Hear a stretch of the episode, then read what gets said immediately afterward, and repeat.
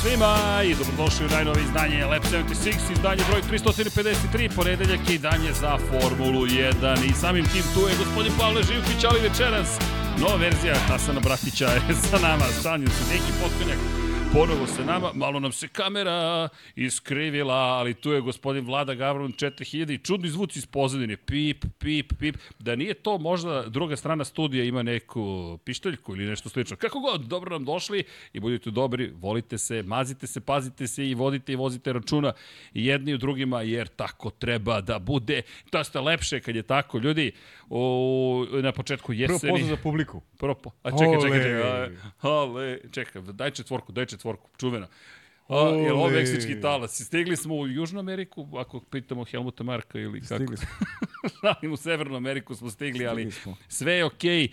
To jest, ljudi, šta god da se događa oko nas i na svim mogućim meridijanima, ja nemam pojma šta pišti, ali ćemo valjda do kraja podcasta ustanoviti šta se to uvuklo u studio. A to počelo sad. Skoro... Neka ptica u skorije vreme nešto počelo da se javlja. Ok, nadam se da ćemo ustanoviti. Ako ne ustanovimo, pa morat ćemo svi zajedno da slušamo pip, pip, pip, pip i to će biti neki novi zvuk koji će da nas prati. Mi ćemo u ritmu tog pip, pip, pip nešto da pričamo. Kako god, ljudi, budite dobri. Volite se, vozite računa jednim drugima, mazite se i pazite se. Naravno, u mesecu oktobru, pogotovo devojke, pozivamo vas da povedete računa o, o, o sebi. Roze majci su tu, trudimo se da podignemo svest o borbi protiv raka dojke i u to ime vas pozivamo da se prekontrolišete i sad već moramo da rešimo pitanje ovog zvuka, pošto je potpuno bizarno, ali nemam pojma. Ali je simpa, potpuno. Ali je simpatično, da. A, dobro, vidjet ćemo na koliko će često da se javlja radio, nije telefoni, nisu, računari nisu da se vratimo u zbiljnosti poruke. Molimo vas, prekontrolišite se, najpre samo kontrola, potom idete kod lekara ukoliko, nažalost, nešto postoji, možda nije ništa, zato se ode kod lekara, proveri se. Ukoliko jeste nešto i detektuje se na vreme, moguće je izlečiti. Tako da molim vas da se potrudimo da svi zajedno budemo jedni s drugima što je duže moguće, zato što je lepo biti na ovoj planeti i jednu jedinu poznajemo za sada i deki mi ovde malo odmahuje glavom, ali ne dam ti te mlake misli Cezareve, jer jednostavno lepo je biti. Ljudi, Formula 1 nam stiže, stiže nam trka u Sjedinim američkim državama, šta god da se događa, koliko god je izvesno ili neizvesno, uvek je zabavno i zato smo i mi tu večeras. I kada ustanovimo dakle nam dotiče ovaj zvuk, nadam se da ćemo uspešno krenuti Ajmo da ga ignorišemo. Da ga ali ćemo ga ignorisati A, za sada, tako je.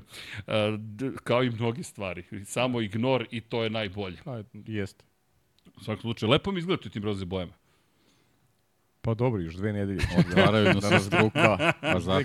Vidi, ja imam najbolju poziciju, sakrio sam se, znaš, za ono, da, frontalno i imam računar i onda to je super ispalo. Ne moram, mada na 99 yardi uopšte nije prijatno, mogu ti reći baš je onako čudno i bizarno, a potrudit ćemo se da ignorišemo ovaj zvuk koji se javlja u pozadini.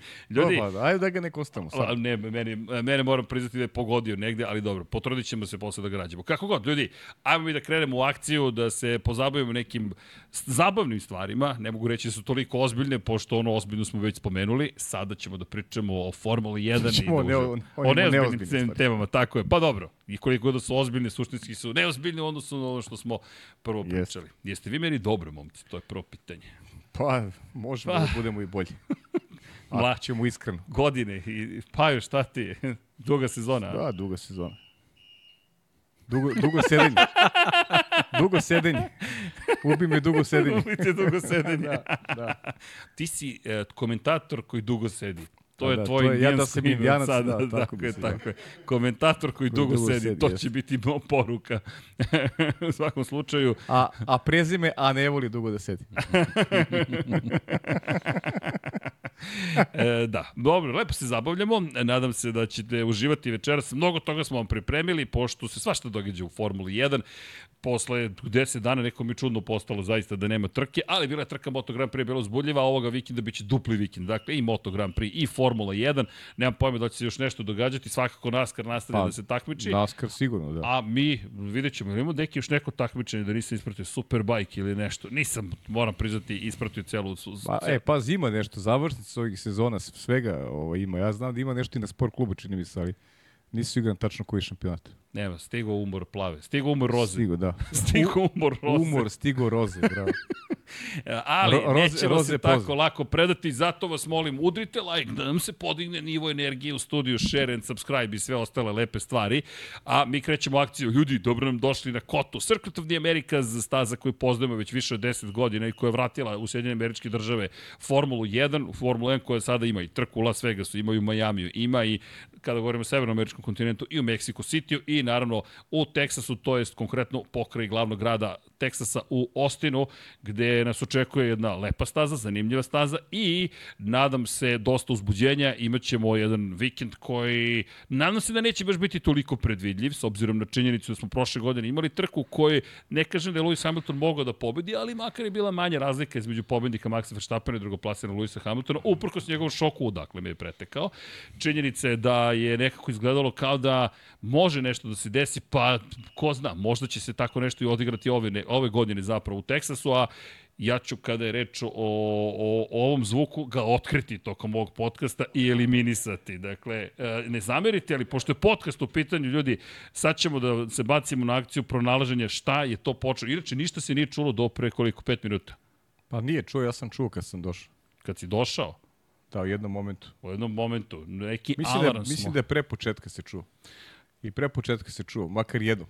Makar jednom, da nije Da. USB, USB, USB, US, USP, popularni uh,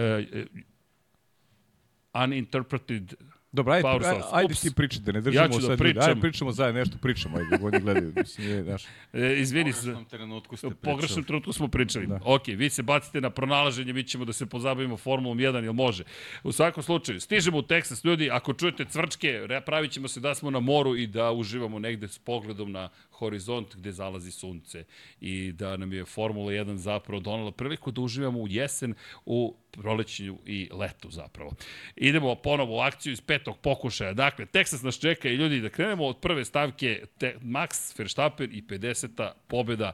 Pre toga i iskoristio bih priliku da vas pitam, pošto smo zajedno nas dvojica, mi smo pričali o tome, ali prošle nedelje čovjek je postao trostruki šampion sveta, jedna od redkih stvari koja se postiže kada je reč o 34 šampiona sveta koliko smo ih imali u istoriji i neku na zajedničku smo vezu našli, makar vas dvojice imate zajedničku vezu, ako mogu da iskoristim.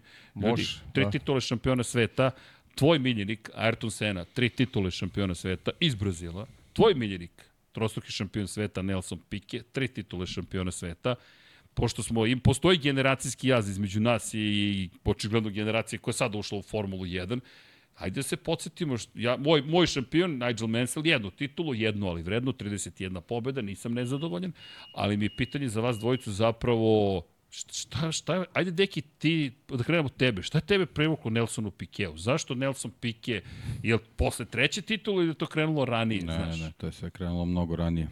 Pa generalno, ovaj, još jedan trostruki svetski šampion je u principu kriv za sve. Da, Pošto je moje interesovanje za Formulu 1 krenulo sa Niki Laudom i njegovim udesom na Nürburgringu.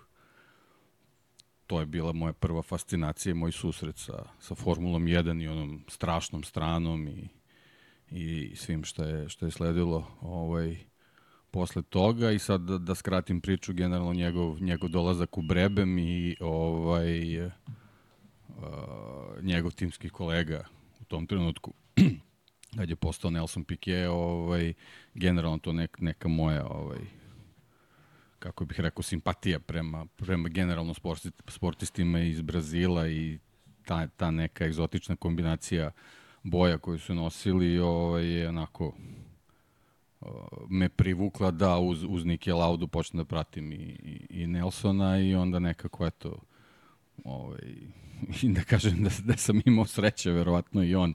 Ovaj, odmah, smo, odmah su krenuli ti neki dobri rezultati, on je jako brzo osvojio svoju prvu titulu svetskog šampiona i, i generalno je ovaj, tako sve to krenulo, ali, ali generalno eto, više stvari, više nekih detalja su doveli do toga ovaj, da, da se na kraju konačno predelim za njega, ovaj, mislim da, ne znam, možda bi ovaj podcast bio i suviše kratak da, da sad obrazložim i pričam o tome, ali eto, to je generalno nekako ukratko priča, ono kao neki klinac koji se ovako, da, kažem, zaljubio u, Formulu 1 i počeo da, da, da otkriva te neke ovaj, i lepe i, i ružne stvari vezano za, za taj sport i sve te opasnosti koji su se tu dešavale. Ovaj, eto, generalno nekako svi ti vozači koji su pre njega bili u Formuli 1 su eto, nekim putem doveli doveli do toga da, da ovaj, počnem da ga pratim, a onda naravno tu kroz njegovu karijeru, ta ne njegova originalnost, jedinstvenost, nekako drugačiji pristup ovaj, tim trkama, eto, doveo, doveo do toga, eto, slobodno mogu da kažem da je on bio taj idol zbog kojeg sam u stvari ja i, i dublje počeo da pratim Formulu 1. Dobro, sve je krenulo od Niki Laude. Za sve pa, kriv da, Niki da, Laude. Da, da, opet. I zahvaljujem mu se na tom. Dobro, rodila se da. strast koja traje i dan danas. Tako je. Ostala je nekako je. ta veza sa, sa čovekom koji je poslednju titulu osvojio koja? 1986 ili 87? 7. On je o 7. Mislim, trebao je i 86. ali... Ali Alan prosto... Tvoj, ne, ne, tvoj, tvoj brka je ovaj, kriv za sve, ali Kukla nećemo, nećemo guma. sa, ne, ne, ne, nema to veze s tim. Nego? Nelson Piquet dovedeno Williams za osvoji titulu svetskog šampiona, onda se desio udes Franka Williamsa i onda Patrick Head počeo da misli drugačije, ali nećemo sada o tome. Nije, nije to tema. No, Nije moj, to moj tema. Nigel Mansell kriv. Nije to tema. Ne, ne, ne verujem. Najlekše je optužiti brku. Ne, nisam ja optužio, samo sam, brka, samo ne, sam a brka ne može se braniti. A brka ne, a Da, ja da, da, mogu da, jadan branim brk. brku. Jadan brk. Da, brka, to je dobro, bilo je to žestoka bitka. U Adelaidu mu je pukla guma i Nelson je izgubio takođe šansu, Alan prosto se Ne, ne, otvorio Nelsona su ovaj, preventivno odveli u boks. I jako je malo nedostalo da prestigne prosto. Bukvalno da, da su dva kruga ranije ovaj, To uradili, da. Verovatno bio svoju titul te godine, ali Dobro. nije bitno. U principu, kroz istoriju se videlo sve to nekako svemir na kraju namesti i svako dođe do broja titula koje treba da osvoji. Dobro. Pajče, a ti kad si ti krenuo, kad je reč o Seni? Pa znaš kako, meni to je krenulo iz kuće. Znaš, to je krenulo iz kuće. Ja sam, ja sam bio klinac, moji su ovaj, moji su bili onako, volili su da gledaju formulu i, i, i nekako je iz kuće krenulo ta neka da li Brazil, da li Brazil što je eto neka neka egzotika, vo- volili Brazil, pojavio se Sena i ja ga pamtim još još u tom crnom lotusu i, i, i to su bila ovaj bilo navijanje za za Senu još iz tog perioda. Dakle i dakle moj recimo majka mu ona je baš volila da ovaj volila Senu, ona je baš bila veliki veliki fan. Volila da gleda formulu. Tako da sam eto tu sam negde, znaš imaš ono od roditelja neke stvari e, ignorišeš ili ti ovaj udaraš im kontru, a u ovom slučaju ja sam ovaj postao postao ovaj veliki navijač Ayrtona Sena i meni je Sena i uveo u taj u taj svet, u neku, ne u neku ruku, nego definitivno mu u taj svet. I jedino, jedini period kada sam navijao intenzivno, kada se nervirao, kada sam mrzeo sve oko njega, to je bilo to vreme. Tad sam bio pravi navijač. Svi su mi bili ovaj, Loši. loši, svi su bili katastrofa, samo on i to je to, to je to je to neko klinačko vreme, ali se na taj način razvila i ljubav prema prema Formuli 1. Onako prava ljubav prema Formuli 1. I kad je otišao, ja čak jedno vreme nisam ni pratio najiskrenije. On, on, onu recimo eru Mihajla Šumahera, ja tu nemam mnogo dodirnih tačaka i to nisam mnogo ni gledao. Gledao sam onako sporadično, nisam gledao intenzivno. Teško mi je bilo da prihvatim da gledam ovaj, u, u opciji da njega nema više na stazi. Tako da sam kasnije, kasnije sam se onako vratio, što se kaže, ovaj, intenzivno, pogotovo od perioda kada smo počeli ja da radim. Ali imao sam, imao sam jedan vakum, imao sam jedan vakum jer stvarno nisam mogao da, da, ovaj, da iskendlujem, da, da gledam nešto gde, da nema neko koga sam ja onako voleo, istinski navio. Voleo, baš voleo. A mislim, pri, pričali smo već i način na koji mi smo, Peđa Milinković i mi smo gledali tu posljednju trku ovaj, zajedno u, sportskom žurnalu i, i onda išlo to upisivanje u ambasadu i mislim ja sam stvarno definitivno u tom periodu sam ovaj sam stavio neku tačku na na neku emotivnu priču kada je ne svesno sad ja sam kao odlučio, bio sam klinac, ništa nisam imao odlučio, nego nisam mogao prosto gledam, ono, nije mi a, neke emocije mi nisu dozvoljavale da više gledam. Tako da, tako da u, u mom slučaju priča je krenula iz kuće. Pitanje evo za publiku, kako, za one koji navijaju konkretno za Maxa Verstappena, mada za bilo koga, kako ste i zašto vi počeli da gledate konkretno Formulu 1? To jest zašto Max Verstappen za one koji sada slave trostruku titulu čoveka koji juri 50. pobedu i uskoro će da stigne baš do Alana Prosta, mada i to govori nešto o, o broju pobjeda koje je ostvario Prost u toj eri. 51 pobjeda u tom momentu je to izgledalo gotovo nedostižno. Uvek ta nekako lestvica izgleda nedostižno. Onda je došao Mihael Schumacher, pa se to pomerilo, pa je onda došao Sebastian Vettel kao neko ko će možda doći do Schumachera, pa nije uspeo, pa je došao Lewis Hamilton, pa pomerio tu granicu za još 12 pobjeda sa 91 na 103 i sad evo ga Max Verstappen na koti 50. Ja ne mogu da se pohvalim velikim brojem titula kada je reč o mom miljeniku. A zašto si ti A- najviše za Mansell, ajde? Je- Ba, nema, nema tri titule, ali malo ajde, zašto Mansell? Zapravo je počelo od e, ekipe iz, e, u to vreme ulice Matije Kupca u Zemunu, danas Karamatine, drugar mm -hmm. naš Kole, njegov čale bio strastveni obožavalac Formule 1 i Marko, Marko Kole i ja smo diskutovali o Formuli 1. Nijedan ni drugi ni treći nismo mnogo znali, ali smo slušali Ćaleta i onda smo počeli da ulazimo u taj da. svet. Ja čak nisam ni znao da moj brat paralelno gleda Formulu 1. Nisam imao pojma da moj Ivan zapravo je takođe zainteresovan, jer u to vreme ja sam bio persona non grata, ne razgovaraš sa bratom mlađim dve godine, to, to, to se sretneš ga i ne javljaš se na ulici otprilike ali kasnije je to bila veza i onda smo počeli, ovo je za Sena, ovo je za Prosta, znaš, nekako tražiš nekog svog junaka i onda ta diskusija ko je u ko nije, to su tačno tad, tad 11-12 godina, baš taj period. I onda kao, pa, kao ajde Mansell, znaš, ne- neki izbor je pao i onda nekako ne može da osvoji titul, ode u Ferrari, ništa se ne desi, ode u Williams, ništa se ne desi i onda doći 92. E, ja sam uživao 92. godine, uopšte mi nije smetala potpuna dominacija, tako da pro porazumevanje, znaš, kad ne, hoće da pobedi, ne, ne, ne, čak mi je prijelo to što izvesno znam da će Mansell da pobedi. Prva pobeda, druga, treća, četvrta, e, ja se nervirao u Monaku kada izgubio od Sene, jer sam bio ubeđen i kad su mu promenili gumi, ma sad će, ma sad će, ma sad će, kao, šta hoće ovaj Sena, nije, nije, ali ta ciklenac, ne razumeš uopšte šta se tu događa, onda iz retrospektive kad smo pogledali, i naravno 94. godina koja je sve promenila, ta pogibija koja i dan danas odjekuje do celom planetom, ne samo Formulom 1, a inače svi smo, sva trojica smo zapravo potpuno nezavisno bili u brazilskoj ambasadi. Ta neka potreba da odeš da potpišeš Pa da. knjigu žalosti, Znaš, kad, ja sam imao osjećaj kao da je neko koga poznajem. Pa mi se u to, stradao. u to vreme se u suštini nismo ni znali. Ne, nismo se poznali. Mislim, možda smo se znali na onako, na, na, na čao, čao. Ja ali bio nismo se, nismo se, pa ni da, da, Ne, nismo ni- ni mogli se da se znali, znamo. nismo se znali. Ti, ti si bio u osnovnoj, zato. Ja sam u osnovi. Da, da, deki, deki je počinio Ja da radi. ne, ja sam već radio. si već radio. Ja sam jedno trka koju sam najslabije ispratio je trka u Imoli 94. zato što sam ja a, noć pre toga proveo na Beogradskom sajmu gde se održavao koncert rock and roll zauvek. Ja mislim da to nisam siguran. Mislim recimo da to bio poslednji nastup uh, EKV. EKV u Ja, Beogradu. moguće, moguće. Onda- I ja sam celu noć praktično bio tamo i onda čitav, čitav taj trkački vikend mi je bio onako ovaj, prilično konfuzan, zato što sam dobio, dobio te informacije prvo, Racen, u stvari Barrichello, Ratzenberger eh, i onda na kraju Sena kao... Ja, ja se uopšte ne sjećam zašto šok. smo mi to gledali preko satelita. To vrlo moguće da nije uopšte Nije bilo moglo na da. Ali na Eurosportu je Samo Eurosport. Da li na prikazivao. Eurosportu, tako? Jeste, Da, da. Ben Edwards Ja je znam da smo gledali Ben preko Edwards satelita. i da. I John Watson. Watson. Tako, Čuvena da. rečenica Johna Watsona, ono čisto u očajanju. I, I've seen movements from Ayrton Senna u trenutku kad je... Kad je glava, da. Da, da. Da. Ali nažalost ni da svi smo Ali svima je, svima je bilo jasno. Da. Da, mi smo... Mislim da i njemu bilo potpuno jasno da, da je to to. Ja se ne sjećam kod koga smo bili.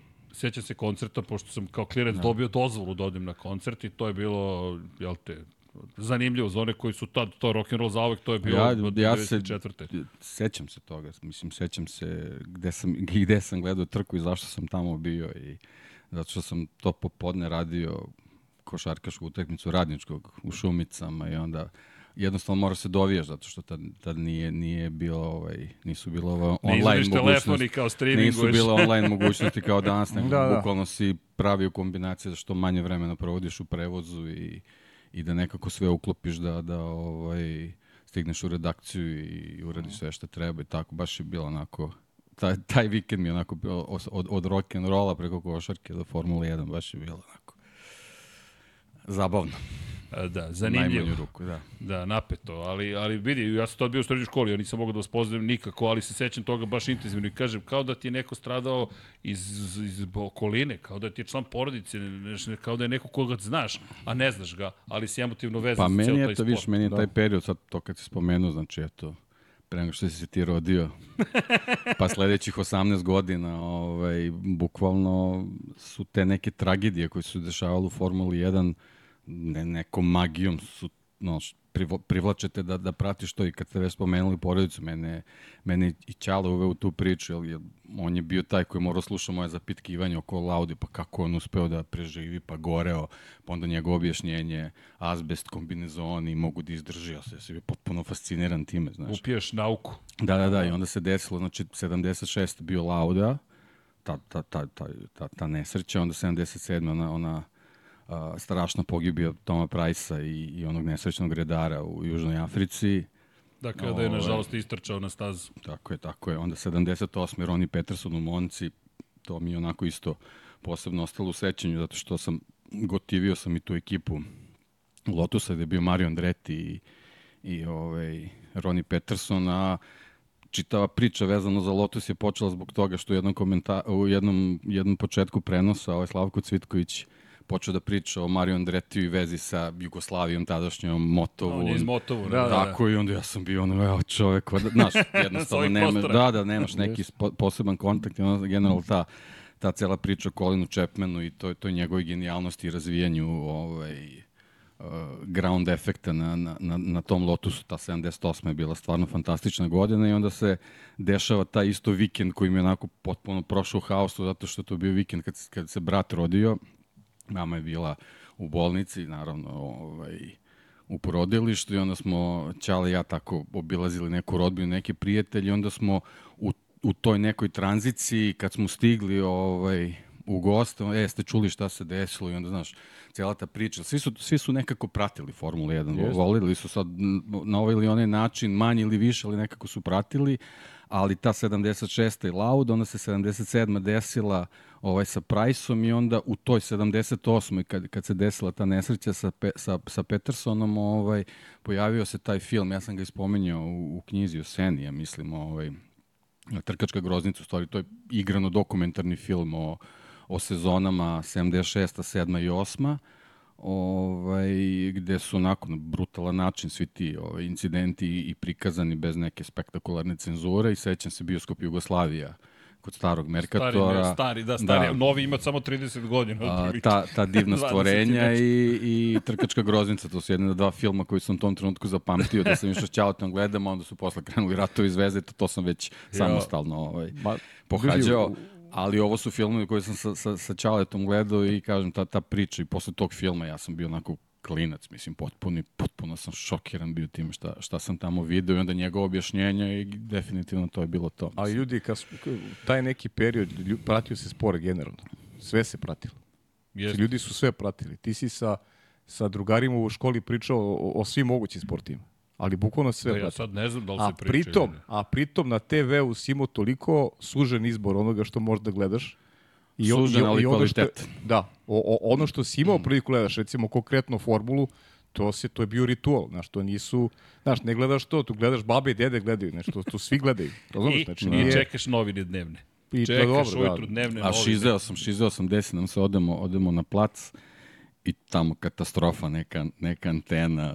znači, prvo, Loga uopšte 3. ne znaš da li ćeš imati mogućnost da, da, da pratiš trku, onda u stvari najvažnija stvar bila da li su uopšte roditelji i ostali na placu uopšte zainteresovani da, da tebi pronađu, ti to gledaš, ali Bože, došao si na vazduh u prirodu, kako sad opet, opet televizija? I onda, znaš, nekako uhvatiš neka kriva slika, onako crno-bela, naravno, uvek je na placu neki televizor koji ti ne treba kući, pa ga doneseš tamo, znači već, već onako katastrofu najavi, da ćeš uopšte moći nešto da vidiš i kao, ono, uspostavi se nekako slika, ti sad srećan i onda kapiraš da prenos kreće u drugog kruga, zato što eto, takva Tako programska kreće. šema bila i naravno nes, nesrećni, nesrećni komentatori, pošto pričaju iz studija, ovaj, naravno, bez, ikakvog, bez ikakve pripreme, nemaju pojma ko je na pol poziciji, pola vozača ne znaju. Pa dobro, to je... I to, to je to onako baš, baš bilo mučenje. Nisi imali ni pripremu nikakvu. Ne, ne, naravno, ne, naš, mislim, ne, baš... ne napadam ih samo, samo da, eto, pričam, da. pričam kakve su situacije bile vezano za nas, za nas gledalci, onda naravno, ja sam imao sreću, ovaj, moja tetka je radila u američkoj ambasadi, a sa druge strane Čale je bio potpuni fanatik za magazine. I ovaj, imao je prijatelja u, u, u kiosku tamo lokalnom i naravno sve što je kupio. Plus to objašnjava mnogo toga. U, ostalo pride, preglede, pročitajte pa vratite. Znaš, objašnjava tako da, njegovu ljubav prema, prema magazinu. Da, da, magazinu, da, i da, onda je da. bilo naravno, znaš, ono prvo, prvo to što je kupljeno na makaze pa seci, a onda ono što nije kupljeno ja i sečem, onda on mora da plati i tako. Mislim, tako, Deki- tako sam, ja, ja i dan danas imam, to ću mi jednom pokazati, ja i dan danas imam isečke iz novine iz 76. Ali čekaj, 7, to svi 8. smo krenuli, zapravo roditelji su nas svi navukli na ovo. Pa, što, pa to ono što pričamo, bavimo. to ono što pričamo Kao stalno, Maksa što je navukao Pa Jos Tako je, na znaš, nije, niko ne priča o, o strolu, tat, ma, tatin sin nešto pogrdno, nego prosto, znaš, nije se, nje, taj se pelcer neki nije primio, a svi smo mi negde nije. krenuli. I ja sam, znaš, odrastu u porodici gde ujutro se kupi sva izdanja novina, znači to se podrazumevalo. Moj, I onda često moj ćali ne otvori te novine koje je kupio, ono, znaš, ostanu negde... To je ritual kupovine. Ostanu u automobilu pa kupi sutra nova. Neka se desi četiri dana se ne otvore, ali, ali to je ritual, to je, to je nešto što je dnevni ritual. Kupiš novine pa ideš dalje. E, znate šta sam ustanovio još šta nam je zajedničko? Jel znate da su sva tri naša šampiona vozila za jednu ekipu? Za Lotus. Da, pa da, A Lotus nam je veza svima. Pa veruj mi, me- meni, meni i datira još i još iz Lotusa. Pa, Lotus i iz još tog jedna ekipa. Ko je? Williams. Williams. Williams, ja, Williams, da. da. Da, da. Vidiš kako ja zanemarujem Seninu Da. sezonu u Williamsu. Da, Da, pa i je- Williams. I, mislim, i treba da je zanimaruješ. Da, jer uspomene su sa crveno-belim bolidom zapravo, to su uspomene. I Jesu. ne zamerite malo što smo se vratili u prošlost, ali razmišljamo šta je nas privuklo, jer gledam sada iz perspektive... Pa i McLaren. Pa, da, McLaren je... Sva trojica su vozila za McLaren. Jel vozio Mansell za McLaren? Jeste, jao, deki, kako ga izlučiš sada, i odakle si I izvukao? Nelson za- Piquet vozio za I McLaren. Nelson je vozio, jeste. On je vozio na početku, ne znam koliko trka, ali je vozio. Jao, još, a znaš u kom McLarenu je bio Mansell? McLaren Peugeot. Da, da, nije mogao da sedne. Peugeot nije mogao U stvari je sedne. zbog kokpita je završio karijeru. Ali i, i zbog još jedne stvari, što su tada uveli Zato zapravo ti- zato kvačila. tvoj idol. Zato je moj... zbog gabarita. e, ova majica je L, nemojte ništa da vam govore da je ovo 3X ili nešto slično. Vlada kao malo smanjio zoom otprilike da bi bolje stoji. Ali, da, hvala neki. Ali znaš zašto je još odustao? Zato što su kvačilo tada prepacili sa pedala na, na, na ručice. I nije mogao niko da se navikne i stalno je, kako, je, kako hoće da promeni brzinu, on pritisne kočnicu. Pa zapravo. mnogo, mnogo vozača je ovaj, izgubilo na svom kvalitetu, da to tako kažem, kad su, kad su ovaj, eh, ručicu menjača prebacili na, na, na, na ručice na upravljaču i to je, to je jedna od veština koja je izgubljena zbog te, da kažemo, ovaj, tehnološke revolucije u Formuli 1. E, Velika promjena je tu zapravo bila. Iako je ironija da je Mansell zapravo bio čovjek koji je prvi počeo da koristi poluautomatski menjač u Ferrari. To je, to, to je John Barnardov čuveni Ferrari. I eto, kad se tako prisetimo, znaš zašto pitam? Pitam baš zbog Maxa Verstappena. Znaš, gledaš za sezonu dominacije i gledam navijače Maxa Verstappena koliko uživaju. I onda se razmišljam samo kad provrtim film, meni 92. bila jedna od boljih sezona. Potpuno dominacija, ne bi mi smetalo da je Mansell pobedi u svakoj trci. Meni I je to svaka, svaka bila onako prilično napita. Dok kod tebe je bilo napeto, niste imali baš 81. puno u pobjeda. poslednjoj trci sezone za jedan bod. 83. Uh, je stigao četvrti na cilj jedva, a četvrti treba da završi bio za titula. 87. je jedva završio sezonu, pošto on u Tamburelu imao, Jeste. Udeson nije vozio trku, imali Pike, mislim, Na zato što je na istom mestu. Da. A, da, da, da. To je i Pokojni, pokojni doktor Sid Watkins mu je zabranio da vozi trku u Imoli, a on po svojoj tvrdnji i kasnije po tvrdnji lekara nikad posle tog incidenta nije bio ist, isti, izgubio je, nije imao diplopiju kao, kao, Kao Mark Marquez, Marquez, da. ali je imao problem uh, dubinu vida. Kaže, bukvalno izgubio markere za kočenje i na trkama je bio dobar samo ako prati nekog. Ako povede, nije bilo šanse da, da, da može da održi svoj trkački tempo i to je bukvalno krio do kraja karijere. A opet je osvojio i titulu i zabeležio još pet pobjeda. Šest zapravo. Imao je i onu na poslednjoj sezoni. Imao je 91. Zahvaljujući tvom majstoru što je mahao u poslednjem krugu, pa mu su gasili U. Kanadi. Hvala ti. Vidiš da smo vezani. Znači, Kako ne? Nigel Ima neka i- tajna veza. Njih dvojica, ne, ne, njih dvojica su sad dobri drugari, naravno. Ne. Dobro, sve, godine sve to što je bilo, svoje. ovaj, ono, da kažem, u tom nekom takmičarskom dobro. periodu, Da, da, drugo to vreme. se zaboravi. Tako. Pa ne samo to, Tako je. Borilište sportsko je i treba Bor- da bude borilište tenzije, nemaš sportsko, ti tako tu je. da se kao drugi pajtašimo sa Ne, ne, jednostavno ono što smo pričali, pravi šampioni, da bi bio pravi šampion, sve te neke ljudske osobine, moraš da ostaviš van bolide i sa strane, jednostavno moraš da budeš fokusiran maksimalno na, na taj rezultat i da budeš apsolutni egoista da bi, da bi stigao do tog cilja. Ta, taj svet ovaj, jednostavno ne poznaje ovaj, kako bih rekao, fine momke. Ne znam da li je Max fin ili nije fin, ali ljudi, on ide ka 50. pobedi, polako li sigurno. Već sad možemo da ga rangiramo među jednim od najvećih svih vremena. Lagano. Da. Vidiš da kaže Hasan da je fin. Da. Uh, e, zaš, uh, ali to mi je bilo zanimljivo, na primjer, ako gledaš kada vozi simulacije trka, ne znam da ste to nekad gledali, njegov Twitch kanal, i kada vozi sa drugarima, i kada dođe Penel, Penelopa, Penelopi, zapravo čerkica njegove lepše polovine i krene da mu gura plišanog, plišanu životinju u glavu dok on vozi. I sad ti vidiš njega koji pokuša da se skoncentriše i da je zamoli da se skloni, ali je nežan. Pa onda ona dođe pa ga poljubi u potiljak, pa on pa, i vidiš da je čovjek drugačiji, nego kad izađe Absolutno, na stazu. Apsolutno, pa naravno. I, I to je ono što treba odvojiti, to je ono što ti govoriš često. Ljudi sportsko borilište je jedno, ljudi u privatnom životu su nešto sasvim drugo. A naravno, to nema veze to... suditi. Znaš, I to je ono poturanje mikrofona dok su, dok su pod adrenalinom. Pa to, to, to jednostavno ne, ne, ne otkriva njihove prave ličnosti. Ma ništa, to, to su, apsolutno to nije su, to. To su baš budalaštine, to, to ne treba da se radi uopšte, znaš, to je nešto se kosi sa nekom čak i novinarskom etikom iz mog ugla. Znaš. Jer ti da ozvučiš ljude koji su na borilištu i da na osnovu toga sudiš o njima, to je potpuno pogrešna interpretacija svega onoga što je opet neki, neki ovaj, što, što nisu opet neke u dodenim tačkama s nekim ljudskim osobinama koje ko ta sportska ličnost ima. Znaš, tako da, baš, ja se stvarno ne osvrćem na, na te stvari i, i imam potpuno razumevanje, jer možeš da, čovjek, svaki čovjek može da pođe od sebe, kako se ponaša, ne mora da bude da. vrhunski sportista, ali pođeš sebe kako se ponašaš na nekom terminu. Znaš, ako, da li ti je stalo da pobediš, kako reaguješ nekim situacijama, e pa tako, i, i, i, oni su živi, i oni su živi ljudi i oni reaguju i to je, to je potpuno ovaj, da.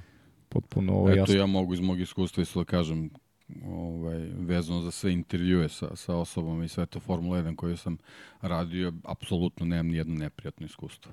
Pa, Tako da potpuno ja imam potpuno prijatni, prijatni, otvoreni, ovaj, naravno fokusirani na svoj posao. U nekom trenutku taj intervju možda i nije legao da bude u dobrom momentu, ali profesionalno se odradi posao bez, bez, ikakve, bez pa, ikakvih neprijatnosti zaista. Pa ne, na sam, šta, šta još je jako važno, svako ima drugačiju pripremu za, za ono čime se bavi. Znaš, nekome treba izolacija, neko možda funkcioniše u sistemu gdje ima mnogo ljudi da, da ga to ne ometa kako bi se koncentrisao na posao, tako da ima i toga. Ako ti se neko nekad ne javi, ne moraš to da živiš kao napad na svoju ličnost, nego, nego prosto, prosto je moment takav da da, da čovek e, ima milion stvari u glavi koje treba da uradi konkretno na stazi i nije mu do nekog ovaj socijalnog aspekta priče, već ima svoj fokus i, i drži se tog fokusa. Tako da i, i, i kroz tu negde prizmu treba a treba ovaj tumačiti sve ono što se možda neka desi, a tumačimo ga kao negativno. Kolege često znaju da preteruju i da ovaj da, da, da taj neki opis osete, znaš, osete se važnim i sad ne znam, neko mi se nije javio. Pa dobro, nije ti se javio nije, ne zato što te možda ignoriš ili neće, nego prosto ima neki fokus koji je trenutno popuno drugačiji od onoga što ti zamišljaš da treba da bude njegov fokus. Ne, ja sam imao neprijatnost sa Andrejom Janoneom, ali nije bilo na nivou, neće da mi se javi, nego baš je bilo neprijatno na kraju prekinuo intervju, pošto je bio prilično... A, do, to, je već, to su već druge stvari. Neprijatan prema nama. To su već druge stvari. Pa sam ja postavio neka teška pitanja i onda je prekinuo intervju. Pošto je baš bio neprijatan, e, pravio je grimase, odgovarao je sa da, ne, ne samo to, ok, da, ne, ok, to je to odgovor, ali je pokušao da kaže otprilike kako ne zna ni zašto razgovara s neme, kako nemamo pojma o čemu pričamo. I ja sam rekao, dobro, daj da te pitam, pošto odlaziš iz Ducatija za Suzuki, šta očekuješ sledeće godine u Suzuki? Bum!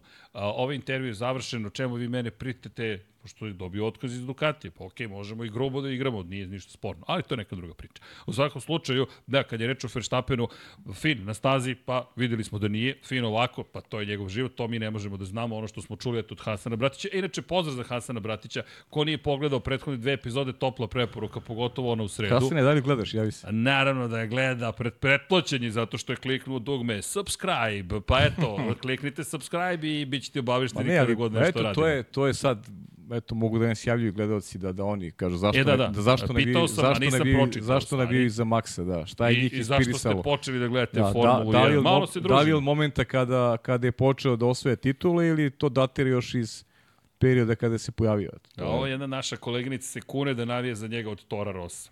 Ne znam da li da joj verujemo, pa je. Pa ja je verujem, zato što znam da je tako. A, čekaj, čekaj da vidim. Ovde neki uvrede na, na račun Nigela Mansella. E, polako sa Nigelom, ali na Naj, Nige, popularni brka. Kaže Muki Alex, Max je ljudina za razliku od e, Starlete. Dobro, nećemo da uređemo pa druge. ne, to, da. Kliknuo sam like, tako je, Kristijane Šestak. Pitanje je zašto navijate za Maxa, ne da poredite. E, Vrednujte sve šampione, svi su za poštovanje. Tako je, evo ga i Aleksa Vučić, to je navijač Maxa Verstappena. Ajde Aleksa, kad si počeo da navijaš za Maxa i zašto? Malo se družimo, pričamo o tome, čovek koji je mnogo toga postigao i već sada sa svojih koliko, 26 godina čovek ima tri titule, juri 50. pobedu, ne znam da li će je ostvariti, mislim da će tu biti zanimljivo, doći ćemo do toga, ali nekako osjećam potrebu da u trenutku kada je čovjek osvojio treću titulu, to ne bude samo, e, prešli smo preko toga, pum, tras, treća titula, A ne, ovo smo i najavili, ovo je stvarno Jesmo. zanimljivo. Zanimljivo iz tog aspekta Deki, eh, Pike, kako smo i počeli gledamo. Zato što ima mnogo, mnogo ima danas navijača Formula 1 koji su zahvaljujući Maxu. I pratit će Formulu 1 eh, verovatno tokom života svojih opet eh, i kad ne bude Max vozio, jer prosto, prosto će im ući to u krv, znaš. Pa evo, odgovor Meni je jedan. malo trebalo vreme, ali ja sam u specifičnoj poziciji kada pričamo o navijačkom uglu, jer eto, je, neko za koga sam ja navio je tako tragično završio život, pa kaži. Da, pa evo, slu- slušaj ovo, e, kaže RN, zato što je Sebastian Vettel vozio Red Bull i zapravo kroz to vidim i Maxa. Znaš, to je to, navijaš za Sebastijana Fetela, počneš da pratiš Formulu 1 i posle 10 godina dođe još neki klinac, uslovno rečeno, koji te osvoji na sličan način. A Aleksa kaže 2017. do 18. sam, i kaže, sam počeo da navijam zato što je bio godinu dana stariji od mene, ja bez dozvole vozačke. Pa da, pa da. To, to, to najviše, to mi neko najviše ide uz, znaš, generacijski klinci, znaš, kli, klinac koji vozi, ne, nije još punoletan. I onda verujem da ta nekako, ta najmlađa grupacija navijača je počela iz tih razloga, verujem da navija za Maxa još, još iz tog perioda.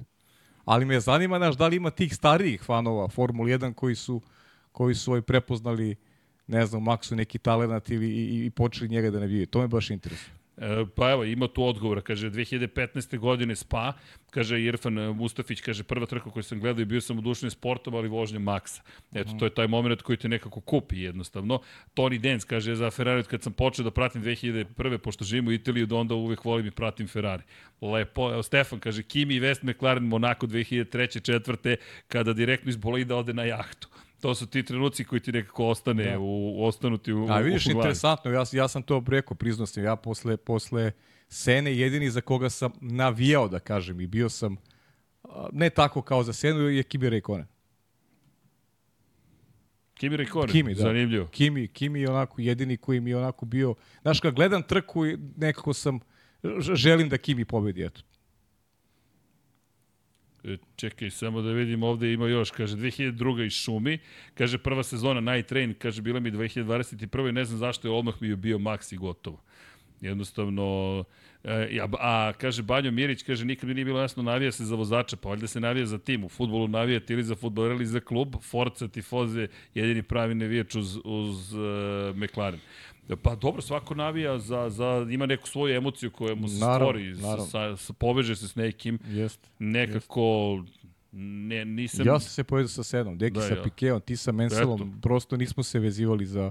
Ali zato, ja mnogo poštojem McLaren, eto. Ne mogu kaži da navijam, ali jako poštojem zato što je Ayrton Senna sve titule osvojio sa, sa McLarenom.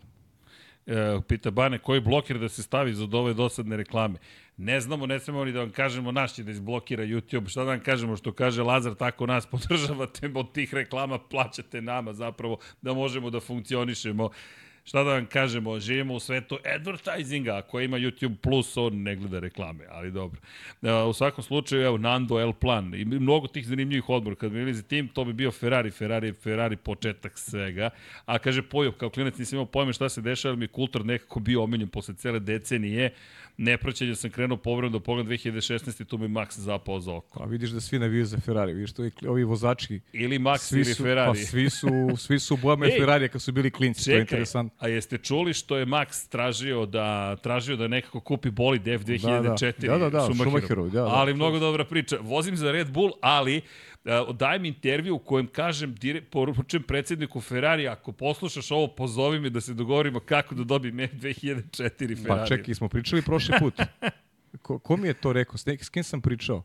Ne znam, možda, možda s Hasanom. Ne, ne, s Andreom S Andreom pričao, se pričao, da. Vezano za to da je, da je prvi put Max dao ovaj intervju za, za gazetu što prvi put intervju za gazetu. tumačiš. E, ali znaš kako možeš to tumačiš? To možda tumačiš i kao neki signal koji su dobili, jer znamo kako su italijanski novinari e, povezani ovaj, sa, sa Ferrarijem i znaš kako to, to možda bude i signal koji je dobijen iz, iz ekipe, jer, jer obično italijani pišu isključivo o Ferrariju. Redko se bave nekim velikim temama uh, kada govorimo o nekim drugim vozačima. Tako da to možda bio neki signal ovaj, iz Ferrarija da se da se ovaj da se pusti tako nešto etar. Tako da ajde malo da golicamo maštu ovaj. Dobro, to je onako možda Ferrari. možda i emotivna stvar, ali je Mihajlo Schumacher ne, nekako indirektno uticao u stvari na karijeru. Dobro, on je dolazio kod njega, da, da, što Jos, Jos je vozio ovaj, sa, sa Mihajlom i ne samo što je bio timski kolega Mihajlo Schumacher, nego generalno je bio u ekipi uh, iz koje je većina ključnih ljudi kasnije prešla u, u Ferrari, Mihajla Šumahera i, i Žana Toda, tako da je Jos tu već imao neku ekspertizu koju je kasnije pretvorio u svoj projekat zvani Max Verstappen, tako da ovaj, i to je u stvari ta, ta, ta razlika koju odvaja Maxa Verstappen od, od, od ostalih od ostalih svetskih šampiona, jer, jer on je bukvalno ovaj, rastao pod, pod, pod očevim nadzorom i, i, i patronatom čoveka koji je, koji je bio u Formuli 1, vozio u, u, u tada jako, jako važnom jako važnom timu, između ostalih ekipa u kojima je vozio, tako da sa, sa, sa kompletnim njegovim iskustvom i verovatno a, nekim pogreškama koje je sam učio kroz, kroz svoje, svoje, svoju karijeru, to jest imao onako prilično skupu školu, ovaj, a, bukvalno je verovatno i na pravi način mogao da usmeri uh,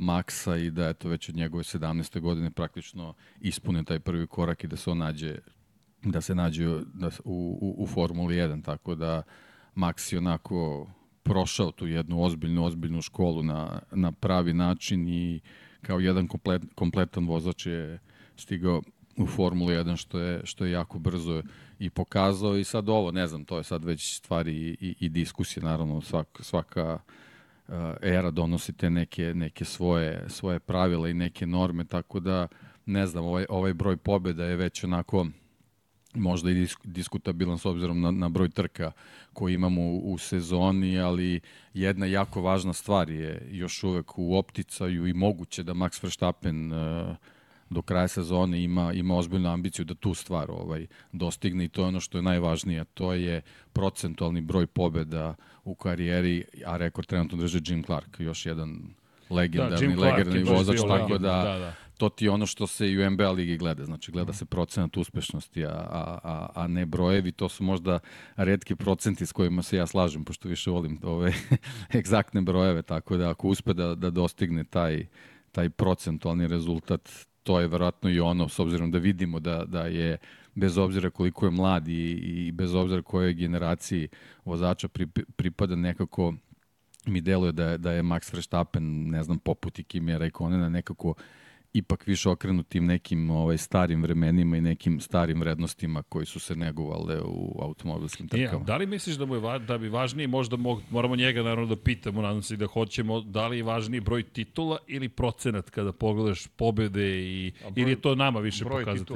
Ja mislim da su titule najvažnija stvar koju, koju Ma, možeš da. da imaš. Znaš, gledam pa, po da. Lewisu Hamiltonu, on je na pa, 31,5. vidi, to je, to je sad već neka individualna stvar, znaš, to je, to je neki, neki afinitet ko, kojeg neko drži i drži ga kao motiv, jer ja mislim da je tu najvažnija stvar uh, kako se ti osvećaš u svemu tome, a ne šta javnost misli. On kao trostruki uzastopni svetski šampion, apsolutno nema kome više šta do, da, da dokazuje. Jako malo vozača je uspelo da, da uzastopno osvoji titule, tako da pa, na šta, to je što je u ovom trenutku uh, merodavno. Sad, da li će on po tim brojima biti najveći svih vremena i da li želi uopšte to da, da postigne, to je sad već, već drugo pitanje. Mislim, ali on je sa ovom titulom i ovom dominacijom ove sezone jednostavno pa. pokazao kakav je kvalitet i nema, nema više potrebe šta kome doka, da dokazuje, čak i ako je ta 21. bila sporna ili 22. sa nekim trkama ovakvim ili onakim po kiši ili bez nje, ova godina je jednostavno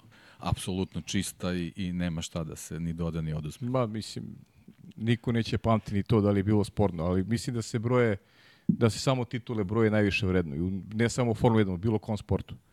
To je ono što smo pričali. Pa ovaj, da li, evo, da li možemo, će, možemo da li će sad Njuje da pamti, da li će Njuje da zapamti istorije kao, kao veliki šampion? Neće pa ne, ali način. evo možemo da, da pričamo o tome. Da li je Ayrton Senna manje važniji vozač u istoriji Formule 1 zašto ima samo tri titula? Pa nije manje važnije, ali... To ti govorim. Ali, meni, ali, meni ali, to nikad nije bilo titule. meru. Nikad mi nije bilo. Znači, evo, da. evo jedan vozač o kojem ne pričamo, a, a ovaj, ove godine je bilo ovaj, 35 godina od, od njegove pogibije Ronnie Peterson. Znači, on je apsolutno ogromna, ogromna vozačka veličina u Formuli 1, kojeg jednostavno ljudi ne spominju iz prostog razloga što nema šampionsku pa titulu. Da. I to su, to su te stvari. Znači, to je pa nešto... Pa i za 35 godina tek niko neće ga spominju. Da, da, da, to je, to, to je to, apsolutno. To su fakti. Ali on je, on je jedan od najvećih vozača koji je ikad bio u, u, u, u Formuli 1 i tu treba da se povlače recimo paraleli sa Žilom Vilnevom. Pa, da, ali, ne, ali mislim da je nešto drugo ovde pitanje. Pa da, pri, ne, ne, ne, jasno mi, jasno mi šta je pitanje. Da, da, to, Znaš pričamo o istorijskom, na šta je najvažnije. Ali kažem, eto, Hoćeš da li je... da ti istorija pamti po titulama, to je najvažnije. Da li je Ayrton Senna manje važan zato što pa, ima nije, samo tri titule? Ali ima tri titule, znaš, ima isto što da. ima, ima isto što ima i Nelson Piquet, da. ima isto što ima Max Verstappen, znaš, to je važan je. To, upravo važan je po broju titula, ali oni koji nisu osvajali titule, njih istorija ne pamti. Pamtimo ih, pa, pamtimo ih ljudi koji su pasionirani ljubitelji sporta. ljudi koji sporta, su pasionirani, to je u principu najvažnije. Oni koji prate zbog mode i zbog trendova, generalno njihovo mišljenje u ovom slučaju nije toliko ni važno. Ne, ali vidi, nešto drugo meni ovde sad u glavi. Titule, titule, ajde ovako, pričamo o veličinama. Titule nekako, kada, je, kada govorimo o brojevima, sad pričamo o brojevima, broj titula je ja mislim i dalje, slažem se s tom, najvažnija stvar. E sad, da li je to mer, pravo merilo nečije veličine? To je teško izmeriti. Nema, to nema se meri. I, I to je kompleksno, znaš, evo ja gledam, evo krenut ću od sebe, 31 pobjeda Nigel Mansell. 31 pobjeda u ono vreme, samo jedna titula. Ako pogledaš, neće Nigela Mansella niko spominjati okolo naokolo i reći jedan od najvećih svih vremena u kontekstu broja titula. Jedna titula, ok, vidi, imaš ih isto koliko i mnogi drugi vozači koji pitanje da li su ostvarili to što se ti ostvario u takvoj eri pogotovo. Ali, s druge strane, i apropo priče o... Znaš koga, mi se seća, e, koga se prisećamo u Naskaru, kako se zove čovek koji, od koga su svi očekivali da će biti jedan od najvećih svih vremena po broju procenat pobjeda? Kako Pearson, David Pearson. David Pearson.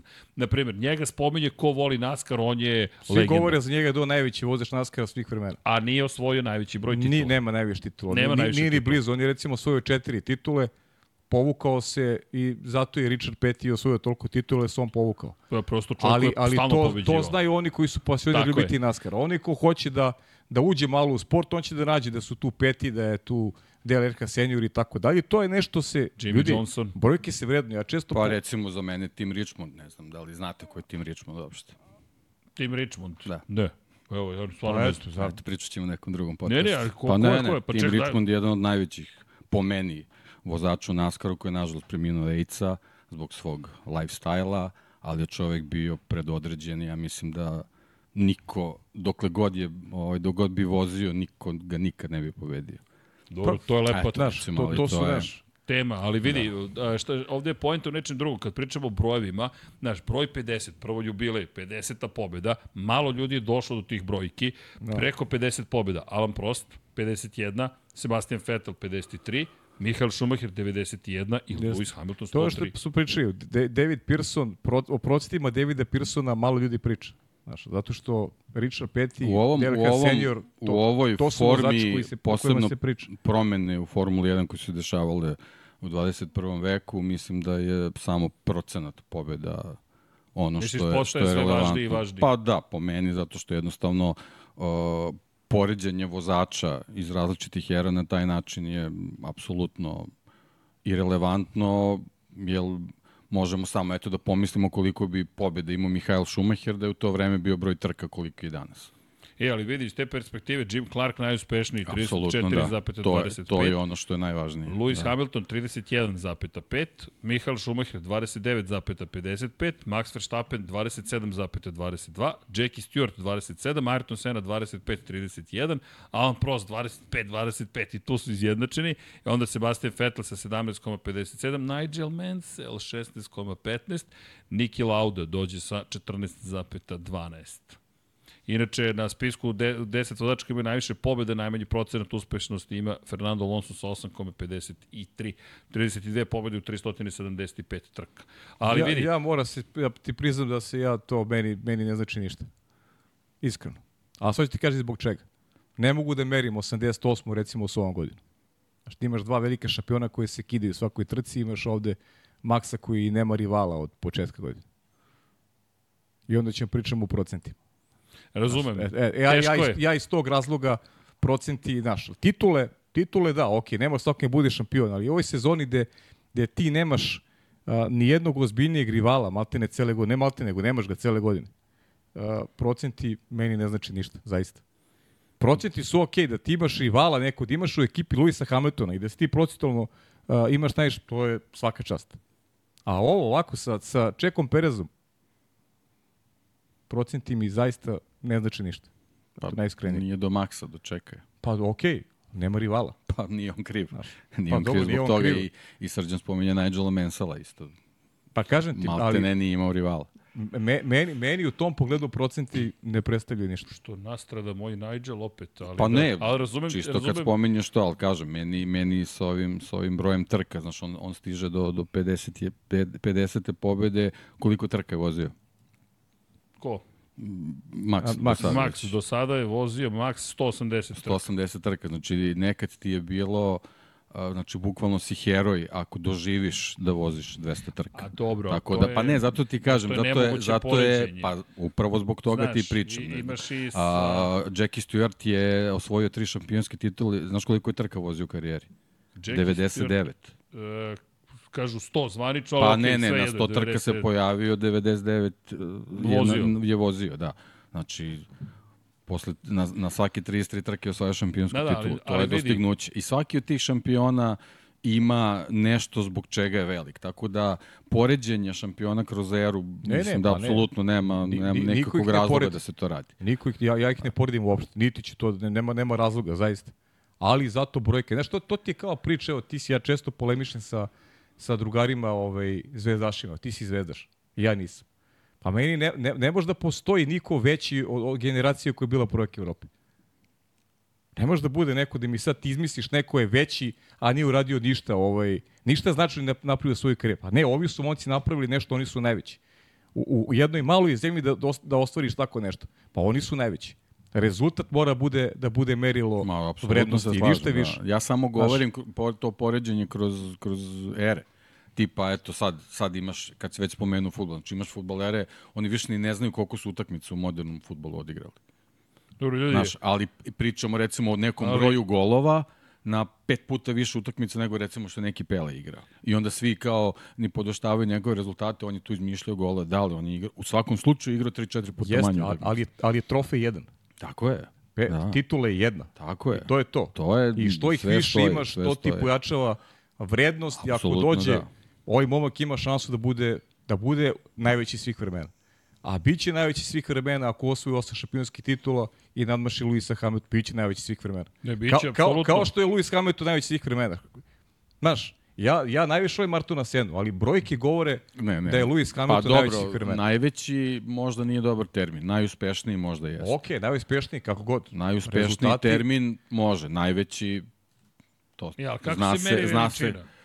Pa, znači imaš emotivno i egzaktno. Mislim, ja, Da, ali emocije je individualno. To je najveći. A najuspešniji to, to brojevi A govori. to je onda samo na ličnom nivou kome je naj, neko najveći. U smislu, Apsolutno ne da. možemo da... da Apsolutno da. ne, ne, to, može, to je može, titula da bude, koja... može da bude ta gradacija, ne mora da bude Okej, najveći, ali, najus, ali najuspešniji je. je negde, negde je i naš. Blizu je toga da je najveći, znaš. Vidi, kako Pa, god ja ti pogledaš, kažem, eto, Ayrton Senna nije najuspešniji, Nije. ali je najveći. Pa za mene je najveći. Ne, pa ne za tebe, mene znači najveći. generalno za automobilsku Mi, javnost. deki- niko ne čekaj, može, čekaj, Mi, niko ne, ne može da priča drugačije. Mi, deki, ne znamo da li bi Ayrton Senna da je, Prvo- Prvo, da je poživeo da bi osvojio još neku šampionsku titulu. To ali, ne, ne ali u možemo da njegovom znamo. slučaju to nije bitno. On je najveći. A, dobro. Vidi, vidi, ali, a, ne, ali vidi, kad to postoji, znaš, Ayrton To ti je Senna- kao, kao u Hollywoodu kako gledaju Jamesa Deana. On je snimio tri filma. Pa znam, ali dobro, da li je da novoj najveći? generaciji najveći? Znaš, Da. pola- Šta, da li? da li je novoj generaciji najveći? Vidi, A upravo ti to Senna- pričam, nema razloga da poredimo njih kroz gener... mi- nove mi generacije ne dolazi i poredimo. ne sećaju. Ja Ne, ti ne. kažem, znači, ti nove generacije kad spominješ Ronija Petersona, oni nemaju predstavu o kome se priča. Znam, znam, nego si upravo rekao da je najveći Ayrton Senna da je to to, ad ali, acta. ali nije najuspešniji. Ne, okej, Ja o ali, tome ali čekaj, čekaj, kako može da bude najveći, onda, onda opet ga izdvajamo iz jedne ere potpuno druge. Ja mislim da niko ne može da bude najveći ako tako gledaš, jer za novu generaciju Ayrton Senna nema emotivnu vezu tog tipa. Ja, ja ne mogu da tražim od nekoga ko se rodi, ne znam, 95. da razume šta sam ja osjećao u Jeste, tom momentu to- kada je Senna izgubio život. Ne traži da... Znaš, da, da, ali da ti kažem, ako Mogu je samo, to brojk, emotivno... mogu samo brojkama da se A rukovodi. vidi, preće se vezati za Mihala Schumachera ili Luisa Hamiltona i za njih će oni biti najveći, ali znaš, ne znam da li iko ikad, jer vidi, za Senu je Juan Manuel Fangio bio najveći i on je govorio, ja bih voleo da dosegnem taj nivo kulture, da budem takav gospodin kao što je bio Juan Manuel Fangio, koga su svi smatrali najvećim gospodinom. Čovjek koji koga su kubanci oteli, on Pa, čovjek se sve je u izvukao iz redu, te ali situacije. Kakav je emotivni šok planeta doživjela kad je otišao Ayrton Senna. Ali ta planeta, ali ta planeta više ne postoji. Planeta danas Pa dobro, je sad nešto možemo drugo. da, možemo sad da brišemo onda gumicom sve šta je bilo. Ne, ne brišem, deki, samo hoću ti kažem, znaš, pa ne, vidi, Okej. a, to, to, emocije koje je probudio Sena su tada bile. Sada neki drugi ljudi bude neke druge emocije Ono i što to je se normalno. desilo Ayrtonu Seni je dovelo da imamo današnju Formulu 1. Znači, on je vrlo utkan u sve što se danas dešava u Formuli 1. A, ali vidi, Jeste, to nije sporno, To nije, to- to... Tako je, ali i Lauda je utkan u to. Lauda, Jackie Pa Stewart dobro, sad je ih, utkan. sad ih tih, opet tih Ne poredim ih. gradi... Pa, Ne poredim ih, ali to ti je kao da se vratimo sad u Mesopotamiju. Ako pogledaš, kultura Pa, kreće još tada. Sve to toga, nasleđe. Što mi sad svi pričamo o nekom ličnom nivou. Tako Šta je. može da bude reper? Pa samo rezultat. a na kraju dođeš do titula, Sa- do samo pobeda, rezultat. do procenata, čega god, I šta kako je, god da šta je motiv to Maxu Verstappenu ukoliko ima mo- ako ukoliko bude E, imao to motiv treba za, da ga za pet godina? Pa motiv mu je da, da pa motiv mu je da postane e, šta, šta je motiv Novaku Đokoviću bio? I šta mu je dalje motiv? Pa- Da osvaja Grand Slam turnire i, i da bude najveći svih vremena. Najveći je svih vremena ukoliko ima najviše a Grand da Slam li svi turnira. misle da najveći svih vremena? Nebitno je da li misle. To mi Ne, ti pričam. ne moraju da misle. Ja ti to govorim. Brojke znači, govore o tome Max da jeste. Verstappenu je bitno ono što je njemu najvažnije. Apsolutno ga ne zanima šta ostali 7 dobro, milijarde ljudi Pa misle. znam, a- ali da ti kažem nešto. I, I zbog toga je specifičan i, i Ako on i dođe jedinstven. do osam trofeja, priča se završava o mišljenju. Ali deki, da. Ne- ne- nema šta da misliš vidi, više. Ne, neš To je kako. Max je mnogo toga rekao da mu nije bitno, ali svaki put je znao, je se sećaš Niko Rosberg kad ga intervjuisao, znao je da je Rosberg imao sedam uzastopnih pobjeda. Dakle, Max, sve ništa mi nije bitno, ali sve znam. I u momentu kada zabeležim 10 go- pobjeda... govorim ovi iz ekipe, Da, da, iz da, ekipe javili su, javio mu je... Pa kako mu nije bitno? Pa, Lambijase mu je pa javio. ti si sportista, naravno da težiš težiš onom naj, najbolje. on ne znaš. pušta volan iz ruku, vozi po ceo boži dan, on svaki dan vozi, non stop vozi, vozi, vozi, vozi, vozi i sve zna, svaki rekord, broj poena, situaciju, znaš, i, nismo ga pitali, slažem se s tom, ne možemo znamo da ga ne pitamo, ali moj utisak na osnovu njegovih reakcija, brojeva i svega što je spominjao, djeluje mi da mu nije baš sve jedno kada se to pogleda. Ma, da li on, ma, mu, da, ma, ne treba Mari- da mu bude sve jedno u trenutku, mu bude sve jedno, on neće više voziti Formula to, 1. ali znaš, gledam Ima s druge strane, da li njemu bitno šta mi mislimo ili neko drugi. Ne, ali to, to je on i to je u redu. Naravno da je u redu, tako bi trebalo svi da razmišljaju. Ali je pojenta u tome da da, da, da deluje da, da su mu važni rekordi. A pazi, 50. pobjeda, obrni okreni, koliko god da ih ima u sezoni, treba ljudi ostvariti 50 pobjeda. Apsolutno, Znaš, to naravno. su, to, su, to su ozbiljne brojevi. Mi pričamo o konzistentnosti. Znaš, ima još jedna stvar. Da, Gleda se sta- stalno koliko ima trka. Da, ali kolika je fizička priprema neophodna u ovom modernom svetu da ti budeš sposoban da dođeš do tih 50 pobjeda. Da ti kon- skoncentrisano ostaneš celu sezonu. Jer vidi, Askari je vozio 8 trka godišnje. Ljudi, ne pogrešno me shvatite, ali pogledajte fotografije Alberta Askarija. Znači, nije se on fizički pripremao kao momci danas. Život nije. je bio lagodniji, drugačiji i opasnije je bilo naravno učestvovati. Ali to je osam trka.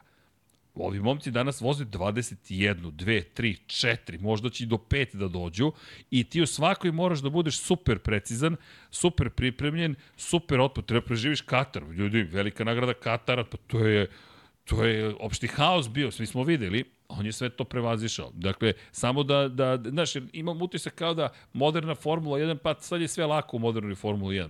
Mislim da nije. Drugo, i zahtevi, pazi, Paskari koji je prezirao da daje aut, autograme. Oni sad su dužni da dele autograme, hteli ne hteli. Moraš da se pojaviš na promociji, moraš da odeš ovde, moraš da odeš onde, moraš da se fotografišeš za Instagram, moraš da daš izjavu, moraš da imaš, ne znam, obavezno pojavljivanje za zabavne kvizove koje organizuje Formula 1. To, je, to jeste biznis, show biznis, ali opet 50 pobjede, ljudi, kako god, šta god je uradio, meni to zaista jedna impresivna brojka. I ako pogledaš i procente, Max je ljudi trenutno četvrti po, po pitanju procenata uspešnosti. 27,22%. On će sledeće godine doći do 200 te trke. Kako je sad krenulo, za tih još 20 trka, Pa ima da ostvariš jedno 10 pobjeda, da je 60 pobjeda u 200 trka kako je krenulo. Ali okej, okay, vidjet ćemo. U svakom slučaju, znaš, lepa brojka, a i dobra priča. Sve stane jednog prosto. dana sad, on uživa u momentu u kome se nalazi, kako Tako se izgleda. je. Kao što je Hamiltonu stalo. Pazi, A, na da. trenutku je delovalo kao da će to da ide, samo da ide, samo da ide. Evo, na 103. koti stoji već dve godine. Sad će dve godine da nije bilo Rosberga, on bi se možda i penzionisao. Pa moguće da je došao do te osme i pretekao Šumahira. A. Ovako te vuče. Znaš, to gledam pravim paralelu sa... vučete to, srđene, vučete. Pa evo, kažem, Delujem. ja ti najbolji primjer. Imamo čoveka odavde, svojih prostora, to ti je to. Šta njega vuče? Vuče ga to, želi da bude da bude najbolji, da pojačava te brojke Grand Slam, to, i to je, to, to je sjajno. Znaš, ti moraš da imaš, da nečim budeš motivisan, da, da, da ti karijera toliko traje. A šta možete motiviš? Pa motiviš te želje da budeš najbolji. Znaš, to je zanimljivo. Da ti istorija smatra najboljim. Jer jednog dana neće bi, nećemo nas trojice da polemišemo za, za 50 godina. Neće nas biti ovde. A šta ostaje? Ostaju brojke. ostaju brojke. Brojke ostaju. I, ostaju brojke. Ostaju brojke. Ostaje. To ne može da poništi niko. E, ali znaš šta? Šta, je, šta bi, a zamisli da osvoji osam titula, ali ima manje pobjede od Luisa Hamiltona. Ja mislim da bi to bilo veće zadovoljstvo nego da imaš veći broj pobjeda i manji broj titula. Pa veći to je samo broj, mišljenje. I moje mišljenje, veći broj titula je vredniji.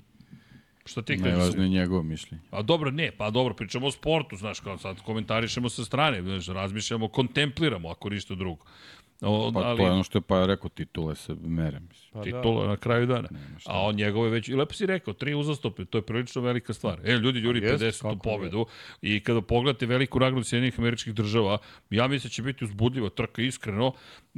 Malo pre spomenu smo da, da čovek želi i Ferrari. Došao. Inače je rekao da želi sve njegove šampionske Red Bullove da ima, dakle za sada tri, plus taj Ferrari F2004, možda ga povežemo sa Midragom Kotorom, da, da ako da, može da, da mu pomogne neki od dođe do toga. Da, da ćemo ti da ih parkira? Pa sad kako je krenulo, cenim da, da, to, to će biti zanimljivo. Ja već pitanje ko će dosvoj titul u sledeće godine. Af. Da ko to zna, ljudi, ko to može da pretpostavi uopšte. Ali u svakom slučaju ovde gde ide, u poslednje dve godine Max pobeđivao. Dakle, njegove su pobede bili 2022. i 21. 21. čuvena bitka protiv Luisa Hamiltona, kada je morao da zabeleži pobedu kako bi se napravio taj korak ka šampionskoj tituli. Posle toga počinje da se menja situacija u šampionatu i prošle godine kažem, nije bilo tako dominantno. Dakle, kada pogledaš u jednom momentu je strategija Mercedesa bila prilično dobra, ali na kraju dana bilo je jasno da, da ne može Lewis Hamilton da se odupre, da završi na poziciji 2. Charles Leclerc je bio treći u Ferrari. Čisto se podsjetimo prošle godine kako je to izgledalo. Perez bio četvrti, peti bio George Russell, šesto mesto Lando Norris, McLaren, Mercedes i onda Fernando Alonso Alpini, Sebastian Vettel je jedno od njegovih lepših trka u završnici karijere za Aston Martin 8. Kevin Magnussen osvojio za Haas 2 poena i Yuki Tsunoda poslednji poen za Alfa Tauri. Čisto podsjećanja radi da, da na ovoj stazi bilo, bilo, je, bilo je svega. Baš je bilo, bilo je uzbudljivo u jednom trenutku i djelo, ok, Mercedes ponovo, Hamilton, međutim to pa, se da, sve završilo. To je period godine kad si Mercedes Malo probudio. Malo poravio, da, i izgledao dobro. Ili imamo Nes... neka očekivanja da bude drugačije? Pa šta imamo? McLaren, ako da vidimo da li može da da nastavi ovaj, ovaj ritam koji ima, pa možda Lando i Piastri. Negde sam, negde sam video da Piastri ima priliku da postane rekorder kao po broju osvojenih poena u debitanskoj sezoni. Da mu nedostaje nekih 20 i kusur poena. Šta, šta, šta da postigne? Da postane rekorder uh, po, broju broju osvojenih poena, poena. Kao, kao debitant. Jasno. I to je stvarno super, ovaj, super ostvarenje potencijalno za Pjastrija i negde McLaren, ja vidim McLaren kao sudeći po onome što se dešava u posljednje vreme kao eto jedinog, možda ne, ajde jedinog, najvećeg rivala Maxu Verstappenu u toj, u toj borbi za njegovoj borbi za 50. pobedu. Ali sve upućuje na to da, da je Max naravno najveći favorit, pa ajde vidimo šta će se dešavati, da li može McLaren da da uradi nešto više. Ne znam, ja imam utisak, ne, sad časkamo, nemamo pojma. Pa časkamo, Ali ja imam utisak da, da ovde ipak McLaren može nešto da uradi, iskreno. Pa- Dakle, mislim da su smanjili razliku, ne kažem da ukružavaju sad odjednom Red Bull, ali da uz dobru strategiju, uz pre svega dobre kvalifikacije, mislim da mogu da odrade mnogo, mnogo bolji posao. Ja mislim da je Max kontrolisao trku u prošlu, da to baš i nije neko realno vreme. Da. C2, To je moj C3, utisak, C4 da, su mislim, gume. Da. Bilo je dosta problema sa gumama prošli vikend, mislim trkački vikend i nisam siguran da može da, da parira neko, ali ja bih volao, ja bih volao da Lando pobedi. Da konačno probije Lando ovaj, tu, tu barijeru i i tipovaće da Lando, eto, čisto igre radi. Neke naše, Dobro, malo, malo nagađamo sad, prilika je. klasično nagađanje. Deki, hoćemo posle da vozimo ili...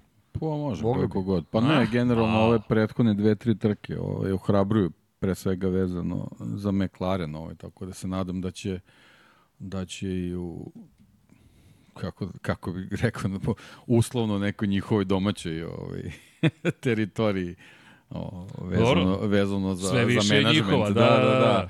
Tako da, ovaj, eto, ovaj, nadam se da, da, da, da će ostati u, ovaj, u, u takvoj formi, čisto da, da se malo začini, da ne bude baš baš tako jednostavno Maksu, s obzirom da njegov timski kolega nije u mogućnosti da, da parira.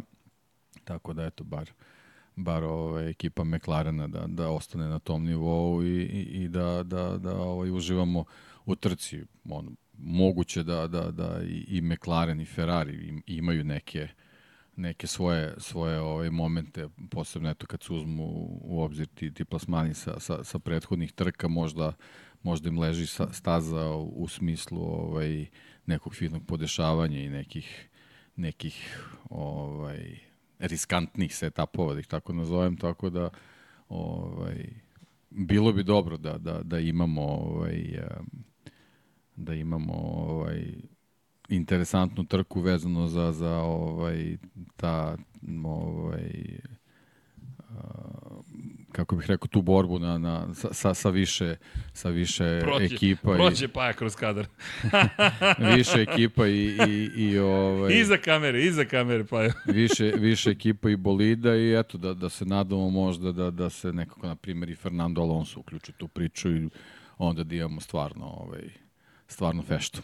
E, pazi, mnogo toga dolazi iz Amerike od informacija, međutim kada je reč o napređenju bolida, čini se će Haas najviše da da, da zapravo radi na, na napređenju bolida, što nam ne menja bitku u, u samom vrhu. Pa jeste, jeste. Ovaj, ne verujem da, da te promene sad mogu da budu ne znam kako sad impresivne, ali naravno nije, nije njima motiv uh, borba za pobedu, nego da, da, da probaju da, da se priključe tom nekom nekoj sredini ka, karavani da su da su ovaj češće tu tako da svaki pomak na bolje se pozdravlja, ovaj, a onda naravno uvek sledi da vidimo na koga će to najviše da utiče od ostalih, ko će, ko će napraviti korak nazad. Tako da sve to ovaj, se, se vrti u krug, tako da uvek neko ima motivaciju vezano za određenu stazu, eto što se Hasa tiče, oni su ipak domaći tim. Jest, tako imaće i da- posebne boje za ovu trku, Da. spremili su se da nastupaju. Inače, zanimljiva izjava Hasa, kaže, sad su američki timovi u fokusu, pošto Andretti i Cadillac kombinacija. Ima, ima tu mnogo priča zanimljivih. E, samo da ne zaboravim, Hasan se javio,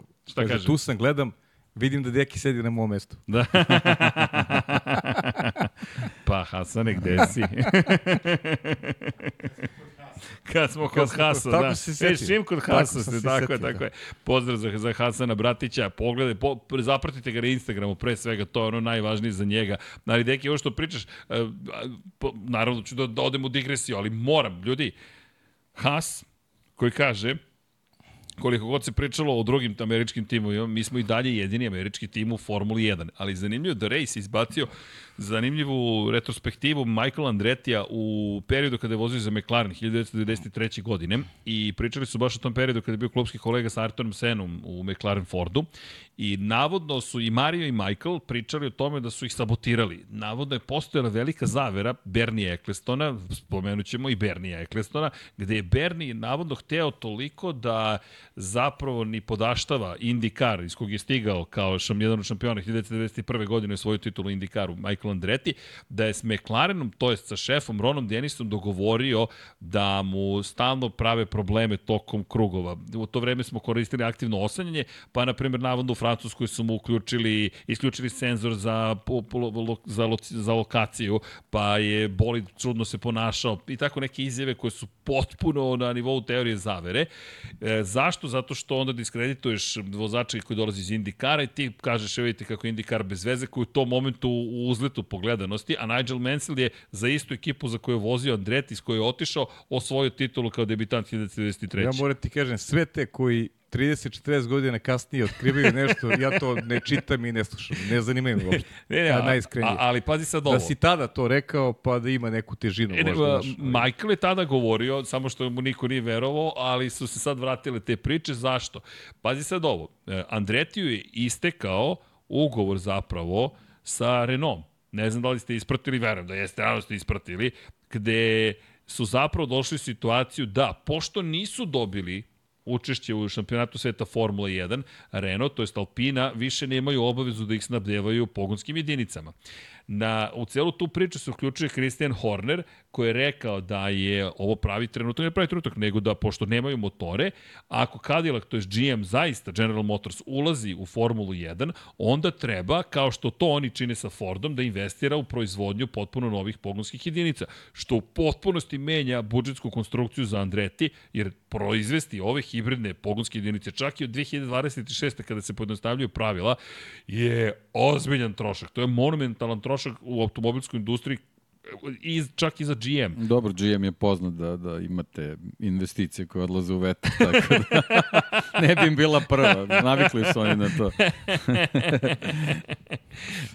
Ali je zanimljivo, znaš, odjedno sad se pojavljuje ta priča i sad spajaju sa tom celom pričom o sabotaži Andretijevih koji su kao u borbi protiv Golijata i tako dalje. Vidi, znaš kako, to su uh, u, u neku ruku veoma ozbiljne optužbe koje, koje su mogle da ugrože, ne, ugroze nečiju bezbednost, tako da ako to tek tako izjaviš, onda ono, bila je prilika onda iza neke sud, sudske postupke, pa tamo dokazaš da li... Misliš da Andretija pre 30 godina? Tako je, tako ne je. znam, sponzore koje si doveo, pa zbog tih rezultata oni nisu možda dobili benefite koje su očekivali. Znači, to, to ne može da prođe onda tek tako kao priča u vetar. Jer to su vrlo ozbiljne stvari i vrlo ozbiljne optužbe. I, tako da, ali da niko ih nije potkrepio pro tim potezima, tako da to i dalje deluje kao klasična teorija zavere, ništa više od toga. Ali vidi, da, da, da doveze Ma nije teorija zavere, nego jednostavno ono, priča bez dokaza. Pa to je kleveta. Da. da. To je klasična Dobro, kleveta, ja malo tako. lepše. Pa vidi, ako ćemo, da, ako ćemo da. Pa da, čak, čak direktno. i nije, lepo da. kažeš deki, čak i nije teorija zavere. Ne, nije teorija zavere, to je kleveta već. A. Ali se niko nije oglasio, niti su njih tužili, niti su oni tužili, to ostaje neka priča iz nekog drugog perioda Formule 1. E, ali znaš šta je zanimljivo? Evo sad imaju priliku da se dokažu kao, kao proizvođač. menadžeri, vlasnici ekipe, pa... Pa da onda ćemo imati prilike da, da čujemo i te priče ovaj, od pre 30 godina, da. što kaže Paja, da li je, da li je tačno. E, ali zanimljivo i dalje žele da uđe u Formulu 1 i inače Mario je kritikovao... A nema Bernija više. Da, da, zbog Bernija. Sad im je čisto, sad im je okej okay sve, nema e, kad si, kad si izustio ime Bernije, već treći put se spominje... Pos, ćemo sad u Bernija. Pa što odmah završimo, ljudi, ajde, to pa pričamo, ajde, pa podcastujemo, družimo se, pa da... Završimo pa, se Pa šta, kao imamo klasične teme. Ljudi, Bernie Eccleston, Deki... Pa nije žao mi kako je prošao čovjek. Teška priča. U cvetu mladosti, još sam mori nanogicu da ima. Za one koji ne znaju. Osto bez novca, šta će sad da, da radi? Bernie Eccleston je zapravo sakrio preko 600 miliona funti koje treba, ne, 400 miliona funti koje trebalo da plati na ime poreza državi, jel te, to je Ujedinjenom kraljevstvu i otkrili su ga da je zapravo sakrio u fondu u Singapuru taj novac i onda su mnogo tražili da plati poreze koje duguje i pored toga kaznu na te poreze, sve ukupno to izašlo na nekih tričevih 800 miliona dolara američkih. Za to je izbegao kaznu zatvora, to jest dobio je uh, uslovnu kaznu i nanogicu da znaju gde se kreće čovjek koji ima 93 godine. Čovjek u desetoj deceniji. Bukvalno u desetoj deceniji, pri čemu, par stvari, dobro, Jeremy Clarkson koji se našao i rekao, pa dobro, ostali su mu samo 2 milijarde. Jeremy nekad, nekad ga volim, nekad ga ne volim, to je to. da, da, kontroverzna Ali- ličnost. Da, da. I svet automoto Ima, sporta. ima stvari koje volim baš. Ali, ali da, rekao je to za Bernija, pri čemu Berni se to dogovorio sa vlastima kako da izbegne zatvorsku kaznu. Međutim, ono što je meni fascinantno, ljudi, on je sakrio 600 miliona funti, sakrio ih je, 10 godina im je bilo potrebno da ga uhvati da je sakrio 600. Koliko Decenije nije su to sakrio? Da. Da, Ali a možete de, zamislite- A de, de je ovo još što je sakrio? A pitanje? to je zamisliš koliko je novca bilo u igri, a Kad je Formula to 1 je sakrio. sada bogatija tipa 10 puta u odnosu na to vreme. Čisto da znate zašto ne želi niko da vidi Andretija u Formula 1, pa ko će da deli ovaj kolač. I Williams je rekao, ako Andreti ulazi, nema problema, ali mora da nam se kompenzuje svaki gubitak koji ćemo da pretrpimo. Prošle godine, ljudi, Mercedes je bio u plusu 400 Nego- miliona. Nego, kaži mi, hoćeš da, da se organizujemo da pošljemo neke pomoranđe ovoj Berniju? Ko želi da Ne- podrži ne može- Bernie, šta, da patreon.com. Ne može da izlazi čovjek da mu neko voće ovaj pošaljemo. Ove godine je 60 godina od velike pljačke voza. I ozbiljne glasine su još tad kružile da se ne zna ko je bio vozač. Ko ovaj, je bio, ma- ko je bio mašinovođe? Znači, jedini, ne, ne, vozač Šalim se, šalim se, automobila šalim se, ovaj, koji je bio umešan u tu čitavu pljačku i svi kažu da je tada sve još počelo. Tako da šest decenije iskustva, nemojte se šaliti sa, sa Čika Bernijem, on vrlo dobro zna šta radi. E, niko se ni ne, Ne, šali, vidi, se samo Berin, ja konstatujemo. samo pitan za voće, da li hoće da čoveku. Prošao sam nanogicom za... Ne, ali Aj čekaj, ti- ti, aj ti ne proneveriš 600 miliona funti poreza. Ne i... plati ti jedan račun za struju. Ajde, ne plati. A da li veruješ da je to urađeno tek tako ili ima ogromnu grupu Ma, savjetnika naravno. koji su mu rekli da to Čekaj, naravno. koji su debelo Čekaj, plaćeni. jeste, to. naravno, naravno, jeste deki, čuli za pa. ovaj slučaj što je Aj otpušten? malo se šali. Ja, ja, ja ne znam kako drugačije pričam o ovom, nego da se ne Pa šalim. naravno, E, vidi, naravno. ali vidi, ovo, Kako vidi, ovo. mislim, znaš. Je, znate što su otpustili, da li u Češkoj ili gde, e, čoveka koji je otišao na službeni put i e, kupio je sendvič za dvoje i dve kafe i pri, tražio je da mu vrate troškove sa službenog puta u City grupi i otpustili su ga zato što su ustanovili da je lagao jer je i kafu podelio sa ženom a tražio je u okviru 100 evra budžeta planiranog za putovanje da mu refundiraju. I pošto je slagao, sudija je to naravno podržao jer si lagao da si zapravo dao sendvič svojoj ženi i podelio kafu sa njom, jer nije point u, toli, u količini novca, već u principu. Vidim, princip je neviđeno primenjen da, na da. Bernija. Sve je tu sva princip. Sa- Samo nego, principijalno. nego mi ne razumemo naš. da, da, nije, mi, nije nam jasno kako Ne, to ne funkcioniše. razumemo ovaj, Da, ali eto. pa- za malo da lanem nešto. Ali Idemo dalje, ajde, ajde, ajde, ajde. da se vratimo Andretiju. Ajde, Ele, se vratimo oglasio Andretiju. se Mohamed Ben Sulaim, predsednik Međunarodne automobilske federacije. Za one koji ne znaju, dakle, tu smo mi, dakle, a pojnta je da po pravilniku Formule 1 nijedan tim ne može da ostane bez pogonskih jedinica. Pravilnik nalaže da jedan od proizvođača mora da obezbedi pogonske jedinice za ekipu koja je u šampionatu sveta. E sad oni nisu još u šampionatu sveta, ali Mohamed Ben Sulam koji gura 11. ekipu, svim silama gurao 11. ekipu, je rekao da sigurno Andretijeva ekipa neće ostati bez pogonskih jedinica. Dakle, neko će obezbediti motore za ekipu Andretije. To su najnovije informacije. Ako?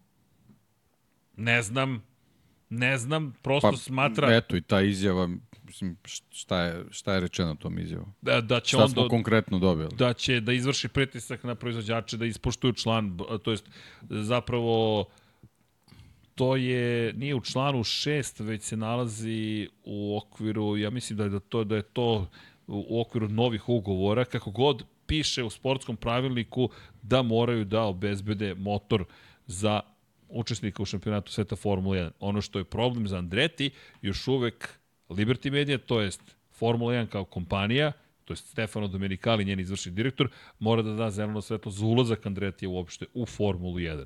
I sada, kada nema motora, Misliš ovi timovi moraju da daju dozvolu? pa, pres, pa sad, od, uh, Domenikalijeva je poslednja. Domenikali je izvršni direktor kompanije. On što kaže tako mora biti. Ali to su pregovori. Domenikali iz svih iskustava koje imamo, mora da se dogovori naravno sa ekipama. Šta radimo, kako radimo, zašto radimo. I dolazimo do toga da sada je Andretti u ozbiljnim problemima. Nemaš motor, zašto bismo te mi pustili u Formulu 1 kad ti nisi obezbedio motor? Pri čemu Horner vrši ogroman pritisak, što je logično, ti želiš da otežaš život novom konkurentu, pogotovo američkom konkurentu, jer Nemoj zaboraviti, Haas govori o tome da je Haas jedina američka ekipa, ali nije jedina američka ekipa. Red Bull je takođe postaje polako američka ekipa, jer kada ti nosiš badge Forda, ti nisi evropski tim više. Dakle, ti jesi britansko, na Britan, u Britaniji stacioniran, ti si Ford kompanija. Ford kompanija je velika kompanija i veliki brend u Americi. I oni su prošle godine, ili ove, ne, ove godine, svoj bolid predstavili u Njurku. Dakle, za njih je američko tržište ekstremno važno, najbogatije tržište, i Horner, potezi su dosta jasni, verujem da ne želi još jednu kompaniju koja se bori za američko tlo. Jer ti imaš Haas koji ti ne ugrožava. Haas Ferrari, Haas nije uspeo da dođe do nekog jačeg pozicije, čak ni zahvaljujući činjenici da učestvuje bilo u NASCAR-u, bilo u Indikaru, ali kad ti uđe General Motors, to je već druga priča. Kad ti se pojavi Cadillac, to već menja odnos snaga u Americi. Ima logike. To je moj utisak, da, da je cijela Zato ova igra... Zato nabijamo da uđu. Da malo se razdrmaju da, stvari. Mislim, ja sam za to, ja sam za veći Šta je, broj, smo, veći broj ekipa u svakom slučaju. Mislim, to što sad oni imaju interes i kako beše prvih deset samo ovaj, Dobio, uzimaju no, no, novac. No, znači, tako je. Znači sad je varijanta, krene sezona, ti znaš da neki novac možeš da računaš. Mislim, čekaj, moraš malo se pomoćiš za to, nije baš... Moraš osvojiš poene. Nije danas baš tako lako doći do novca. A tako oni da, dobijaju novac da, da. samim tim što su tu, što učestvuju, što su zapravo svi. prisutni. Da. Svi. Trenutno svi. Ali uđe 11. odjednom opet Čekaj malo, nije mi sav novac za garantom koji mi do juče pa, bio za garantom. Nama bolje, jer će svi da se potrude da budu, da budu bolje, znaš da ne budu... Deset. Naravno, njima, njima to nije u interesu i potpuno je okej okay da. da sad lobiraju da se to ne desi, tako da... Da, baš ovaj, ozbiljna duel zapravo. A, znaš, sad ono kao, to je sad druga strana priče, sad uđeš u Formuli 1 i preko noći si uspešan. Ma da, to ne ide. Nema, evo, evo, Alison iz, iz Mercedesa priča da oni a, pod pretpostavkom da sledeće godine imaju drob, dobar bolid, mogu da računaju na uspešnu 26. Znači, sa, sa dobrom osnovom sledeće sezone oni računaju da će tek u trećoj sezoni biti full spremni da, da, da se vrate tamo gde su bili. Znači, tu preko noći sa ovom tehnologijom nema ništa od toga. Ajmo pogledamo da... Hondu. Koliko je Hondi bilo potrebno da razvije pogonsku jedinicu koja je konkurentna. To su bile godine i godine rada kojima smo mi prisustvovali. Došlo do tog do raskola između McLarena i Honde, Alonso i Honda, Alonso tu je Alonso McLaren. pokvario procenat uspešnosti. To je, to dobro, Alonso svojim potezima ozbiljno pokvario procenat pa dobro, uspešnosti. To, to su Ali tu pogotovo. To su opet njegove, njegovi, njegovi potezi. izbori, naravno. Tako, je, tako, je. tako da sada Cadillac da kaže danas, sada, potpiše ugovor i kaže krećemo u razvoj, ti nemaš skupiš ekipu do početka, do marta otprilike. A, a treba ti ali, ali pet godina kako, kako Mercedes već ima osnovu za boli za sledeću godinu, a da ne pričamo o Red Bullu a oni da. nisu ni počeli. Ne, nisu, nisu počeli, pri čemu W15 Mercedesov je navodno povratak korenima u smislu nema eksperimentisanja sa novim filozofijama, već ono što funkcioniše Mercedes planira da primjeni i da bude konkurentan. To je makar ono što je Toto Wolff, šef Mercedesa rekao. Ali 100% konkurentan 2026. Da, kad, da. Kad, se, kad krenu sa primjenom svih onih novih pravila i svega. Uz nadu da će 24. 25. biti dovoljno dobre da mogu A da uskoče u bitku. A još nije ni blizu da uđu, tako da to je baš na, onako, A, ja. na dugom štapu. Šta, da, pitanje šta će biti uopšte sa Mislim, Andreti. generalno i Andreti je zainteresovan naravno da, da se ta priča diže na što više nivo, on je, on je u potrazi za sponzorima. To, mm. to je najvažnija stvar, tako da sve to potpuno razumljivo i ništa nešto što se već nije dešavalo u Formuli 1, tako da ovaj, što se nas tiče, samo navijamo da imamo 11 daj Bože, 12. tim. Jeste, a para je sve više. Evo, American Express je postao regionalni partner u Americi za Formulu 1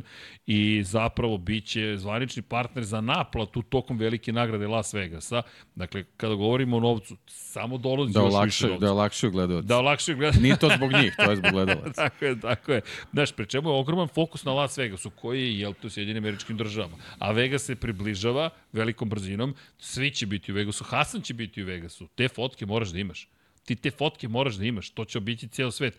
I, to je jednostavno sa onom sferom u pozadini, znaš, ti želiš da imaš u noći u pustinji. Jel on zna ovaj, šta se dešava da? u Vegasu da tamo i ostaje? Da. Zna za to.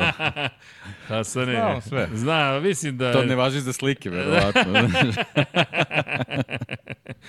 da, ali, ali, ali, ali cijela priča je, znaš, sve više, se, sve više novca dolazi dande i, i kada pogledaš ovu situaciju, raskol je zaista veliki između FIE i Formule 1. E, a kada pričamo o raskolima, Raskol, da li zaista da verujemo u priču da Christian Horner pokušava da izbaci Helmuta Marka iz Da, Red da, Bulla, to je tamo sad. postoji Baš sam- baš sam kao teo- rat Da. u Red Bullu. Yuki Tsunoda i to. A? Ne. Kako vam to zvuči? Ne, ne zvuči Pa mi. dobro vidi, zvuči kao to su, to su neke stvari gde možda i rivali pokušavaju da uzdrmaju Red Bull Tako je. posle, posle odlaska Dietriha Matešića, mislim, to je Zvuči kao naučna gde, fantastika. gde, možeš, gde možeš da udaraš nego u, u, u čelne ljude i da pokušaš da među njima izazoveš taj, taj raskol pre svega što je Helmut Marko čovjek već u godinama i više nije toliko im prisutan na trkama, ovaj, a opet s druge strane, ako u tom ima ima neke istine, ovo što je, što je i Srki rekao, Red Bull slovi da je engleski tim, ali to je generalno austrijska ekipa. I, Sa ozbiljnim američkim interesima. Tako je, ali, ali Christian Horner kao čovek koji ima verovatno te engleske lobije oko sebe pokušava da možda okrene ovaj, sve na svoju stranu, ako u tom ima istinu. Tako da, nemamo e, poređenja. može u ovom trenutku, što se nas tiče, možda bude verovatno jedno i drugo, ali ne bi bilo ovaj ništa iznenađujuće da jednostavno rivali ovaj seju to seme zla iz, iz prostog razloga što što Red Bull na način kako kako sad funkcioniše može da im mrsi konce već nekoliko sezona ispred nas tako da, da treba treba raditi na svim poljima. Veći problem je sa onom izjavom ovaj, Helmuta Marka nego, nego sa ovom celom pričom, a imam problem zbog S kojom izjavom? Izjavom o Čeku Perezu? Čeku Perezu, Pa da. da. ali samo iz konteksta onoga što se dogodilo Juriju Vipsu i znaš, tu možda pa eto tražim neku neku ovaj uh, možda priču gde, gde neko pokušava da diskredituje Helmuta Marka, ali, ali da ima neki da među njima postoji neki problem, zaista sumnjam u to. Posle toliko godina, Ja mislim Ne da igraju igru. ali najbliže sam ovoj, ovoj Dekijevoj teoriji. Da. Iskreno sam najbliže ovoj Dekijevoj teoriji. Jer kako da povediš rivala, da ako malo seme razdora uneseš, Pa, pa, da. pa vidiš, ovaj, znaš, da, da razmišlju jedan, jedan i drugi, da li zaista ovaj, ovaj, ovaj hoće da me smeni, znaš, ono, da, da, eto, malo seme razdora gurneš, pa, pa ovaj, vidimo kako će priča dalje da se razvija. To, je- to, je, to je i boja teorija isto. Pa da, ima i priča o Serhiju Perezu da će navodno u Meksiku da saopšti da se povlači iz Formule 1 i da odlazi ranije iz sporta. Porekli su tu u njegovoj ekipi, ali e, znaš, Ali mnogo- pritisak je veliki. Ogroman je, pa i A Christian mislim, Horner. ono što je rekao Horner, to, to onako jasni impute daje da oni razmišljaju o novom vozaču za 2025. Znaš, da to može da se desi čak i ranije. Tako da, ko zna šta će, šta će biti. Ja rekao sam šta ja mislim. Ja mislim da, da, da Red Bull ima najbolji drugog vozača, u be, da ne mogu nađu boljeg drugog vozača od Čeka Peresa. To je moje mišljenje. A kako se odvijaju dalje stvari, zaista ne znam. U dobroj meri zavisi koliko će konkurencija bude e, bolje naredne godine. Jer, jer e, Red Bull možda upadne u zamku koju, koju je upao Toto Wolff 2021. godine.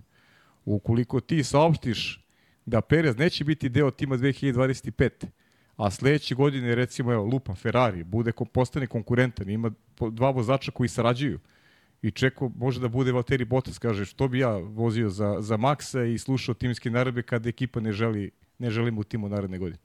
Tako da to možda bude mač sa dve oštrice za, za Red Bull i sve ovo što govori sada Christian Horner na temu nezadovoljstva i, i činjenice da traže novog vozača. Ukoliko Red Bull bude bio dominanta sledeće godine, kao i ove, onda nemaju nikakav problem, onda ih, onda ih baš briga, čekuju mi ne treba. A, najveći plus Red Bullu u toj čitoj priči je što Christian Horner nije menadžer Čeka Pereza, tako da tu je, tu je Mercedes bio, ovaj, mnogo se upleo u, Da. u čitavu priču s Bottasom. Toto Wolff je Tako baš da, ne, ne, verujem da, da u tom depitke. smislu prvi nameran kiks čeka Pereza, njega na sledećoj trci više nema. I... Misliš Da, da, scenariju da. Dani Pa ne, oni su pokazali kako brutalno rešavaju te situacije, tako da ovaj, A, nije, nije, kako bih rekao, nije moguć taj, taj scenarij ovaj, da, da na taj način on to ugrozi, tako da i on je vrlo, to, vrlo svestan toga, tako, tako ovaj, iz tog razloga i on sad odmerava šta u stvari Da, ali, ali da li možeš da nađeš u sred sezone nekog ko može adekvatno da zameni nepripremljenog vozača koji može da zameni uh, čeka Pa Perez. radili O su tome to se radi. već, radili su oni to već. Pa Daniel. Ricardo, izvini se, sad vraća na stazu u Teksasu. On već, Meni već deluje drži tako je, tako dva je. prsta, znaš, tako Dobro, da... Meni Vidjet deluje da oni guraju tu priču Danielu Ricardu, povratnik, velika Pa zvezda. ne, sve je okej. znaš, Mislim, Čeko. Čeko Perez je na taj način vratio svoju karijeru. Ta, ta mustra već postoji. Svaki vozač koji u takvoj situaciji kao Ricardo, to je jackpot. Jeste, deki. Vratio je karijeru, kako je vratio? Da. Podijumom, dobrim trkama. Jeste, pa ne, nema veze kako to sad teže. Vratio je, znači Ricardo ima nadu da opet može nešto da uradi. Ok, znaš. ali a, ako, ako on ne, nije u toj formi i ako ne može da parira a, timu koji će imati dva konkurentna vozača koji će se boriti za To je, titulu, to je druga priča, to je to je, već problem. voda u ušima. Da, Znaš, to je, a, to je a sad ovako već... u situaciji kada je Red Bull dominantan, pa tebi ne treba, tebi svejedno ko će da bude da. timski kolega Max Verstappen. pazi, tebi, tebi danas situacija, Red Bull je obezbedio titulu ovaj, konstruktorsku, Max Verstappen je obezbedio titulu, samo Čeko Perez treba da bude vice šampion. Znači opet je sve na njemu. Da, da. Evo, evo da zamislimo da- situaciju. Evo sad smo imali sad smo imali na prošloj trci Max i imao si dva McLarena. Aj zamislimo da su, da su McLareni od sledeće godine konkurentni i mogu se Red Bull. Ti imaš automatski prednost u strategiji. Imaš dvojicu protiv jednog. Pritom vidimo kako su radili, pogledaj kako oni rade pit stopove. jed- jedan osam. Oni ozbiljno su ozbiljnu Rekord ekipu formiraju. Jedan da, osam. tako je. Znači ti sa, ti sa takvom posadom uh, u pit stopu svaku taktiku možeš da sprovedeš u delu. Upravo to. I zamisli da su konkurentni, a da, a da Red Bull nema vozača broj Nema vozača koji može da, da razbije da taktiku parira. od drugih. Da. Tako je. U ozbiljnoj si prednosti. Tako da Horner i ekipa imaju zaista Imaju, imaju. temu, Nije- temu nije za razmišljanje vrlo ozbiljno. Da, nije, da. nije jednostavno uopšte. Da, ali moraš da nađeš dovoljno brzog, dovoljno poslušnog. Upravo to. To ti je, to. Valtteri Bottas, kogod je prošli put u četu rekao da angažujete Valterija Bottasa, je u pravu, ukoliko bi Bottas bio u onoj formi koju nekad imao, to je savršeno rešenje. Bottas zna šta ti je posao. I to ti je to. Sergio Perez trenutno izgubio brzinu. Kako ti tumačiš njegovu trku uopšte u, u Kataru? Pazi, on je baš grešio na sve strane grešio, deki. Pa, znaš, ne, ne znam, prvo, meni je, meni je nevjerovatna ta teorija da, a, da bez obzira koliko vozač ima drugačiji stil, da on ne može da se prilagodi poboljšanjima na Red Bullu, kakav god da je njegov bolid. Zai- Zaista ne, ne mogu da, da, da, da imam dokaze da je to identičan bolid koji vozi Max Verstappen ili je potpuno drugačiji, ne znam šta, ali kakav god ti imaš, ti imaš neki, neki pobjednički aparat kod sebe koji u nekim procentima možda se razlikuje, ali toliko loš da budeš, toliko van ritma, van forme, Toliko puta. toliko puta. Znaš, ti si to je pogrešio stvarno- gde god si mogao. Jeste. Znaš, razumem pritisak i, te raz- ok, ogroman je, verujem. Pritom, ali znaš kažem, gde dolaziš. u Red Bullu više pritisak ne postoji. Max je uzu titulu, Red Bull uzeo. oni su osvojili, znači oni stvarno nemaju nikakvog razloga da, da njega sabotiraju ili šta god da rade sa, sa, sa tim bolidom. Ali toliko grešaka u takvom automobilu, stvarno mi je neverovatno. Mislim, ne, ne znam kako bih Vidi drugačije to o, opisao, a da sad ne znam, ne, ne ospem neko drvlje i kamenje po njemu, ali stvarno I sad si me- ti rezultati... Sad, ti si me sad inspirisao da razmišljam, da pomislim, ovaj, upotrebio si reč sabotaža. Da li ga ne sabotiraju? A? A? Pa, Ali Da zašto li- bi ga sabotirali? Pa da bi, da Ali bi, da cilj? bi, Šta, da, ga bi- unište? Pa ne da ga unište, nego da sprovedu u delo, znaš, da, da nema osude javnosti, eto, pa kao da, ali njima je u ovom trenutku jedino što, Baš što je toga što motiv... ne treba ništa. Jedini motiv ekipe je da Max možda eto dostigne taj neki broj pobedi da on bude vice šampion. Razumem Pajinu teoriju. Znaš zašto? Hoće da dovedu Ricarda, ali koje opravdanje imaju da dovedu Ricarda Znaš, ako je Sergio Perez dovoljno dobar? Ovako, Ali ovako nisi dobar, srušiš, ovako Znači, nisi... ovo je nivo ovaj, ovog Michael Andretti, jel tako? Pa, Pa da, da. da, da, da, da. to, znači, to, za, to. 30, Ti- ti- za 30 godina ćete saznati šta je bilo. Ti si me inspirisao, reč sabotaža i onda, znaš, Sa 80 godina intervjušao Za Naravno, 30 Serhija. godina ćete saznati šta je, Pa šta se naravno, desilo. mislim, mi pričamo u prazno, ali, ne ali pričamo, znaš, izvini, pričamo, e, podnji studio. pričamo u prazno jer ne znamo šta se Ne, dešava naravno, tamo, ali, naravno. ali znaš, možda bude ta logika, kao ako smo se nameračili da mi njega Ali vidi, sklonimo, on je, on je prošle godine u Teksasu orao, sad kad smo već kod, kod Ostina, je tako? Leteli su tu neki U, spoileri, bilo je svašta bilo je nešto, svega. nikako da Jeste, pogodi jeste. stazu, mislim, jeste, malo je kačio i druge, ali čekaj, pa koga je prošle godine onda sabotirao? E, da, ali, Ček, ali Čeko ga je ček- sabotirao. Čeko, ali Čeko ga čekaj, je čekaj. sabotirao. Ali ajde ovako, ček, sad si pao zagolici si mi maško. A ne, pa, ali Ne mislim... vidi, ali dobro. A Ali, Deki, ali, ali Deki čekaj, čekaj, inspiris- čekaj, čekaj. Ali da li je Red Bull uopšte potrebno da to uradi? Pazi, I- ti i na Pa, Helmut- teore, pa Ne, generalno nije. Čoveče, Vidi i na kom pa nivou, znači, to nije. može da bude ono, Ljudi, sad da kažeš neka priprema za trku onako određena po nekoj checklisti i okej. znaš zašto? Da, Ali izvini. baš sad neko da se posveti tome. Čekaj, Ljudi, ja, ja, sam Daj. rekao, ja sam rekao će on pobedi u Meksiku. Pa, mi- Okej. Čeko. Okej. Ja ću tipujem na njegov Ali Meksiku. čekaj, samo, aj samo sekund. Jedna stvar. Zašto bi ti pravio celu teoriju zavere ili sabotirao svog čoveka kad imaš, neka mi ne zameri dr. Helmut Marko, ovo je poređenje samo na nivou filmskih metafora, imaš Darta Vadera u svojim redovima. Njemu ne treba nikako opravdanje te otpusti. Dakle, on je otpustio Danija Kvijata pod izgovorom napravio si grešku u trci. E, ćao. Pa da li, bio sam na pobedničkom postoju trku pre? Pa, Meni treba da mi otvoriš mesto, dakle što ti kažeš prvi kiks, ako sad nije imao dovoljno kiksova da ga... Ne, znaš zašto? Ricardo se povredio. Da se Ricardo nije povredio, možda bi već Čeku i rekli, ej, Čeko, Jesmo, na nivou. sad Ček, smo na- ne, ali na nivou teorije zavere. To, stvarno, ne, ali, a, jel možemo da nastavimo? Možemo, ajde. Znaš, sad mi je baš... Ajde. Može, ajde. ajde. Da li, da li da Aston ne. Martin ovaj, uh, sabotira Strola? zašto da, Da, prodaju nije, ekipu? zašto šta? to rade? Ma, mama Stroll, hoće da, mama Stroll Da sabotira da on izađe iz, da izađe iz formu. Da tati bude Da, svega da, dosta. pa ne to, nego da dete bude bezbedno, konačno. Ja sad, znaš, kad pogledaš performanse prvog vozača, Dakle, o čemu se radi? Znao sam, Logan Sargent je super, samo ga sabotiraju u Williamsu. To sve za sve je kriv Williams. da, vidi, daš kad se Znači, tako loše rasplete performanse priča. drugog vozača pripisujemo od sad sabotažama. Sabotažama. Tako je. Pa, pazi, po- otvorili smo priču, Andreti je pričao i šta se dešavalo pre 40 godina, evo mi ćemo Felipe da... Massa je kriv za sve. Felipe Massa, da. Felipe Massa. Otvorio nam mozgove popuno drugačiji. E, ali slušaj, kad pričamo o klubskim kolegama, ja moram Borislava, našeg prijatelja, da ispoštujem. Slušaj sad ovo. On je čovjek napravio celu tabelu. Znači, potpuno poštovanje za Ovo ovu su, ovo su brojevi, analitiku. ovde nema samota, sabotaža. Ovde ne, Ovo ne, da, da. slušaj sad ovo. A I ovo, nema teorije zavere. Ali ovo je Luis, ne, ma mu ne, čast, stvarno. Ne, ne, ovo, ovo Sjajne video? tabele. Ba ne, sjajne, tabela sjajne mu je tabele. Bajo, dakle, ludilo, ali ono pozitivno. Dakle, pot, ovo, ovo, e, posvetite vreme čoveku, pre svega zato što je čovjek ljubitelj Formule 1. I mi se trudimo svakog od vas da ispuštujemo. Dakle, to jeste pojenta cele priče. Dajte ljudi da se družimo i da iznosimo neke zanimljive stvari. Elem ima šest scenarija o Lewisu Hamiltonu i Georgeu Russellu. Hladno je deki i meni, ako to gledaš. Ja sve gledam. Da li duva promaja ili smo ostavili vrata negde otvorena, ali uh, Vlada je hteo da nas malo razladi, ali nas je potpuno razladio, a i sebe, hvala Vlada, u svakom slučaju. Dok ljudi uključuju grejanje, mi uključujemo klimu. Mi udaramo kontru, svemu, Pa vidiš da nam je, svetu. ovo nam je kontrakast, kontra podcast. da. dakle, ajmo ovako. Lewis Hamilton, Katar, George Russell, kontakt incident.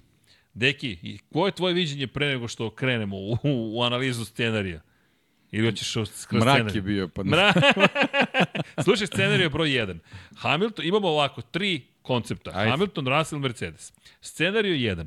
Hamilton nije kriv jer nije ostavio previše prostora. Takođe, Mercedes je kriv za nejasnoću strategije. Ako je cilj bio da se napadne Max, onda Russell zadržava unutrašnju liniju iza Maxa, ne pored njega. Russell je kriv u potpunosti jer strategija soft guma jednog vozača ima za cilj da se proba napasti prvo mesto, što je Hamiltonova strategija. Njegov napad na Maxa u tom slučaju nije timska, nego individualna odluka. A Mercedes u tom scenariju za cilj imao da bude broj 2 u šampionatu konstruktora. Scenariju 2. Hamilton je delimično kriv jer nije ostavio previše prostora. Ako je cilj bio da se Hamilton nalazi ispred Pereza, Aston Martina i Ferrari, onda je strategija soft guma pogrešna.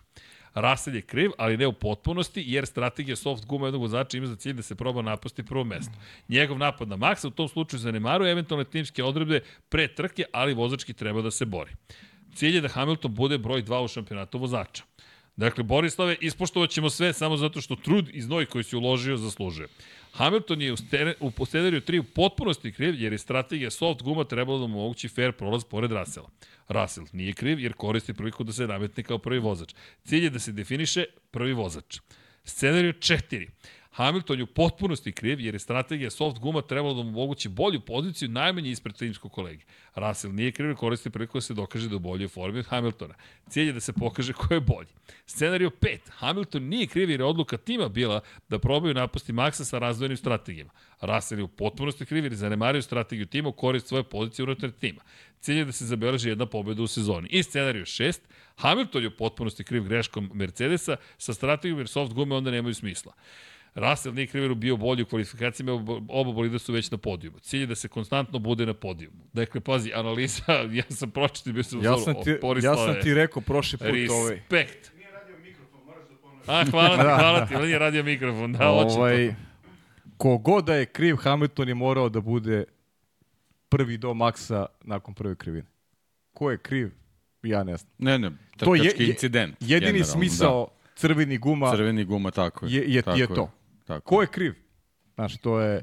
Tako je. I mislim da svesno jedan i drugi preuzimaju krivicu na sebe, ne žele da, i to je okej, okay, da raspaljuju tu sad neku vatru dodatno. Ono što je meni naj ovaj, značajnije, a nadovezuje se na ove neke priče o ovim šampionima od ranije, samo ću reći da George Russell sazreva. I to mi je drago. Vidimo osmeh na licu. Dakle, uživa što Russell sazreva. Da. Dakle, ne, treba nam još jedan vozač. Treba nam još jedan da. vozač da ali, se nametne. Ali greške Singapura pravi često greške. Nikako, nikako, nikako Jel, ne ide. To je ono baš velika Uf, greška. Ogromna greška. Jest, jest. Ogromna greška. U onoj a, situaciji, a na onoj da je Hamilton uradio i svoj deo posla da mu da ga natera na grešku. Pa, apsolutno. A to ti je to. Ali to, to je taj duel. To, to je, pa ne, ne, šta, ne, šta očekuješ? Pa ne, pa neće da ga pustiš. Tu nema babysitterki. U, to, to je Formula 1, 1 ne postoji babysitterki. Lewis Hamilton to zna. Zato se on ni ovde nije naljutio. Ali ovde je poenta, ovo što i Paja kaže, ako, je, ako, ako ste bili na pozicijama na kojima ste redko u 2023. To je ekipa trebala da... Izbalansira, da. Da izbalansira. Nema Toto Wolfa na stazi. Ipak, koliko god je bio zoomom prisutan pritom, ili kojim pritom, Ra god... Russell je trebao da zna da njemu to najviše odgovara. Russellu to najviše odgovara. Jer puštaš Maxe i Luisa se trkaju, a ti si iza, čuvaš gume i, i, i, i imaš, imaš kasnije prednost.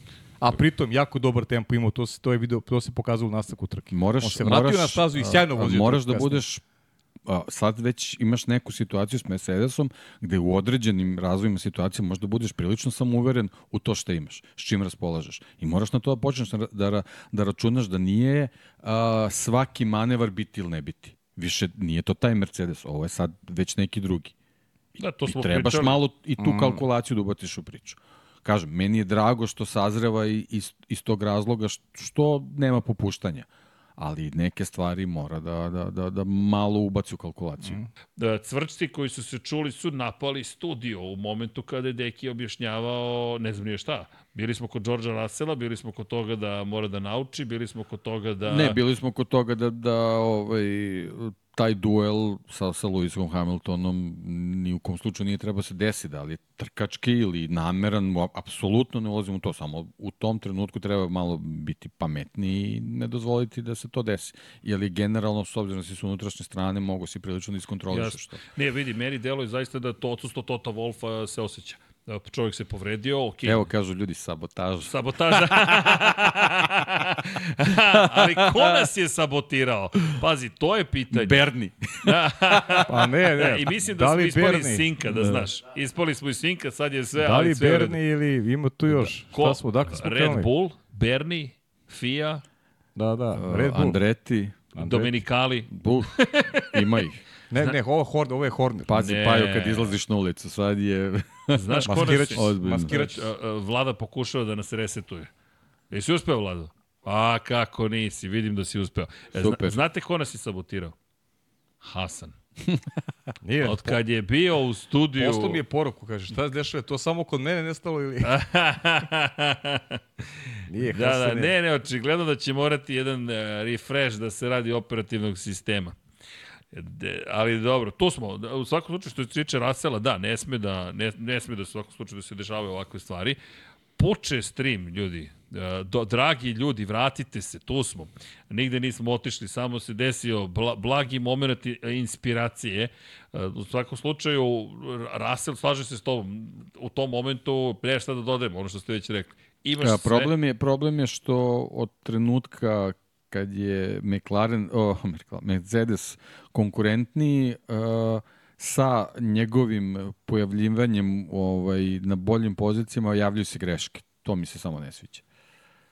A Dobro, vidi, ali vidi, sećamo se, sećamo ali se Hamilton situacija, ne sećamo se, pomaže. izvini, sećamo Da. se situacije u Williamsu kad je bio u prilikama da uradi jako velike stvari koliko je grešio. Ali nije imao pritisak u klubsku kolegi. Nije Ne, ne, ne, na on ima svoj samo. pritisak. To Ne, je problem. sve, da, da, upravo si, u da- Imoli kad je pogrešio po kiši, On ima svoje, Da, da, da. svoje probleme koje, koje u toj fazi sazrevanja mora da ih a eliminiše. da li je onda George taj? Ne, videlo se da brzina je tu, Brzina ali ali glava, mora, glava. mora, mora da, da, da sazri još po, Dobro, po tom pitanju. sve ti se svodi na kraju Da, na glavu. Ti opet se vraćamo kao i kod Pereza, psihički pritisak ko će Ja da nemam problem sa, Onda onaj, sa, onaj Georgeom, sa Georgeom i da. sa Landom. Nemam problem uopšte sa obojicom. Ne, Lando je, Lando je mnogo, mnogo ovaj, dobro. kompletniji. A Lando mi je, Lando je Da. moj favorit, apsolutno. Ali nemam ni sa Georgeom problem uopšte. E, I samo da se na kratko osvrnem na nešto što smo rekli za Pereza i da njegove forme neophodne za osvajanje šampionske titule. Kada su osvojili titulu, Perez je bio četvrti u šampionatu. Perez je žrtvovao svoje trke i svesno kada je bilo potrebe da se to uradi, da se pogura Max Verstappen. Jeste. Dakle, njegovi konačni rezultati u tom momentu nisu bili toliko važni za ekipu. Ekipa čak nije ni osvojila titulu u šampionatu konstruktora, bili su Srki, drugi. Ove godine je Čeko samo jednom ovaj, propustio priliku da iskoristi Maxov hendikep. To je pobjeda Carlosa Sainca. I on je zakazao kad i Max. Mislim, znaš, kompletno nisu drali posao dobro. Ok, Max jeste u drugoj polovini trke. Tako da ima tu i olakšica za njih. Sve ono što pričali smo, ono što je Deki rekao, pričali smo u nekim prošlim podcastima, nedop, nedopustivo je da, da, da tako loše izgleda, zaista. Ali ovaj, ja da se, da se pitam nešto u Red Bullu, on bi i dalje imao moje poverenje. E, da, Deki, da li bi ga ti zadržao? Da, da. Dobro, i sva trojica Da. ima isto mišljenje. A, imaš imaš a, mnogo važnije stvari na koje sad možeš se je. fokusiraš zbog ovog prelaznog perioda koji ti sledi u sledeće dve sezone. Da, da. Šta će ti sada Ja, ja samo Raskol. kažem, on je, on je dalje drugi u šampionatu Tako konstru... tako u vozač, vozača. vozač. E, mislite da će bilo to je bilo jedno pitanje da će ostati na poziciji 2. Pa ne. Hamilton je 30 Pa pa, poena iza njega. Najviše od njega zavisi. Tako je. Znaš, jer to mi je čudno, ne bih verovao da će Red Bull Ne- da ne sabotira možemo sada pričamo o tome da neko- Pa da, da, Srki, to je... Zezamo se. Ne možemo pričamo sada neko u, u, u, u trenutnim uh, bolidima, ne znam, Mercedesa, Ferrarija, raspolaže s nečim više nego on. Kakav god da je taj Red Bull koji on vozi. Ja stvarno mislim da će on pobediti u Meksiku, znaš? Dobro, zašto? Njega, Stvarno? njega, njega jedan osjećaj. takav rezultat Osjećaj, da, osjećaj. obezbeđuje mu, obezbeđuje mu to je. drugo mesto. Osjećaj, domaća publika, znaš, verujem da on, da on žarko želi da pokaže da, da, da je ovo Pazi, neki on, on će period sad ovde forme. imati publiku.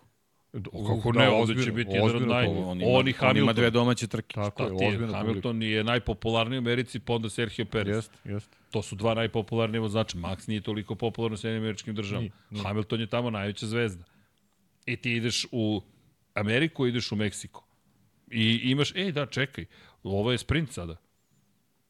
Ovo je sada sprint. Ovo je jedan od tri sprinta, još ostaje u Jest, Americi, jest, jest. ostaje u Americi i ostaje u Brazilu. Pa u eto, Brazilu. šta, onda da pričamo ovaj, o, o broju bodova koje on može da osvoji da, da obezbedi nešto.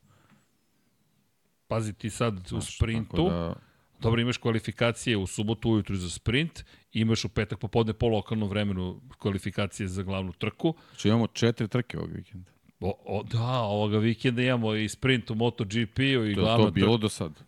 Smo imali tak, Nisam takav siguran da nam se vikend. poklopio Nisam tako. siguran ni ja. Ne, nisam siguran. Mislim da ovo prvi put da se ovako, opa, Živkoviću, čestitam. to je Aruba, Čestitam. Bahama, još malo istorije za ekipu. Kako stalno ovu pesmu krene? A čekaj, Pa ne znam, kako to je jedino nema što neku, znam. neku drugu za, za to happy raspoloženje, nego... A, Pa da. Ne, pa nemoj sad na silu da menjaš, Dobro. mora ti dođe, ne, sve okej. Aruba, Bahama, Sveti Kici Nevis. A, Da. dobro. A čekaj, šta si? Trinidad i Tobago. A Ti se ne, dopisuješ ne, tu sa Hasanom. Ne, ponavi, ne, ne, ne, ne, se ne ponavi, ne, ali sada se ne poklapaju termini, jel tako? Sada ne. Ne, fantastičan će mi biti vikend kada Tebi je da, reč o ali imamo nešto što, kada se pok, budu To je poklapali kraj termini. sezone. Da, da. To je kraj sezone. Nešto Vegas i čini mi se tako nešto. E, pa, e, za Vegas nisam siguran šta se poklapa, ali za posljednju trku da. E, nego evo ovako, za one koji žele da prate ovoga vikenda sve, dakle, krenut ćemo u, u ponoć, otprilike, krećemo. U ponoć krećemo sa Philip Islandom, a znaš kada završavamo? Pa da, ovako. U 11 časova počinju kvalifikacije za Formulu 1, a trening broj 3, Moto trojki kreće u 11.40, tako da ima malog poklapanja. Ja samo kad završim ovo nastavim do, do 6 ujutro da komentarišem Moto Grand Prix. Sve kako treba. Vežite se, polećemo, što bi rekao Paja. Ba, dobro, bit će lep vikend. Ej, vidi, tamo se zahu, za, za, zakuvalo u Moto Grand Prix. Pa kako ne? Jesi ti zadovoljan? Pa stvarno je trka bila, zadovoljan sam, ali trka je bila perfektna. Baš, zaista, baš je bilo uzbudljivo. Uživancije, uživancije je bila Pa baš. vidi, ovde Nije mi što se tiče formule rano. možemo da dobijemo dobru trku. Ja mislim da će Pa biti da, uzbudljivo, da, da, iskreno. jeste. Uopšte ne mislim da će biti tako izvesno za, za Maxa i za celu kom, za A evo, zaboravili smo, Mercedes smo zaboravili, ja sam Da, ga zaboravio. da, da, da. Mercedes smo zaboravili koji mogu da ima, pazi, gledaj samo po Russellovom tempu. Pa, Russell je da bio, Russell je bio fantastičan. Jeste. I ti Sjajna kada trka. pogledaš gde se on vratio, Nevezano za koje pozicije. Da, došao je, čet, bio je četvrti u jednoj vrlo komplikovanoj trci s njega. Ne, ne, Tempo pa to je, to je, ako je nešto ohrabrujuće u toj situaciji, to je da posle tog incidenta ti završiš trku tu gde Da, si da, završio. Tako je. Tako To je. je, ono, ako nešto mogu da kažu, a nema veze, to je taj rezultat. Ljudi, on Pazi, je bio četvrti da. u sprintu i Ljudi, četvrti u glavnoj Samo trci. pazi ovo, on je završio, on je bio pokraj staze i pobedio je Charles Leclerc, pobedio je Ferrari, a završio je pored staze na, u prvom krugu. A to ti je pokazati kakav, kako je Mercedes mogao da ima trku da su bili pametni na početku. Dobro, ajmo da vidimo da li su naučili.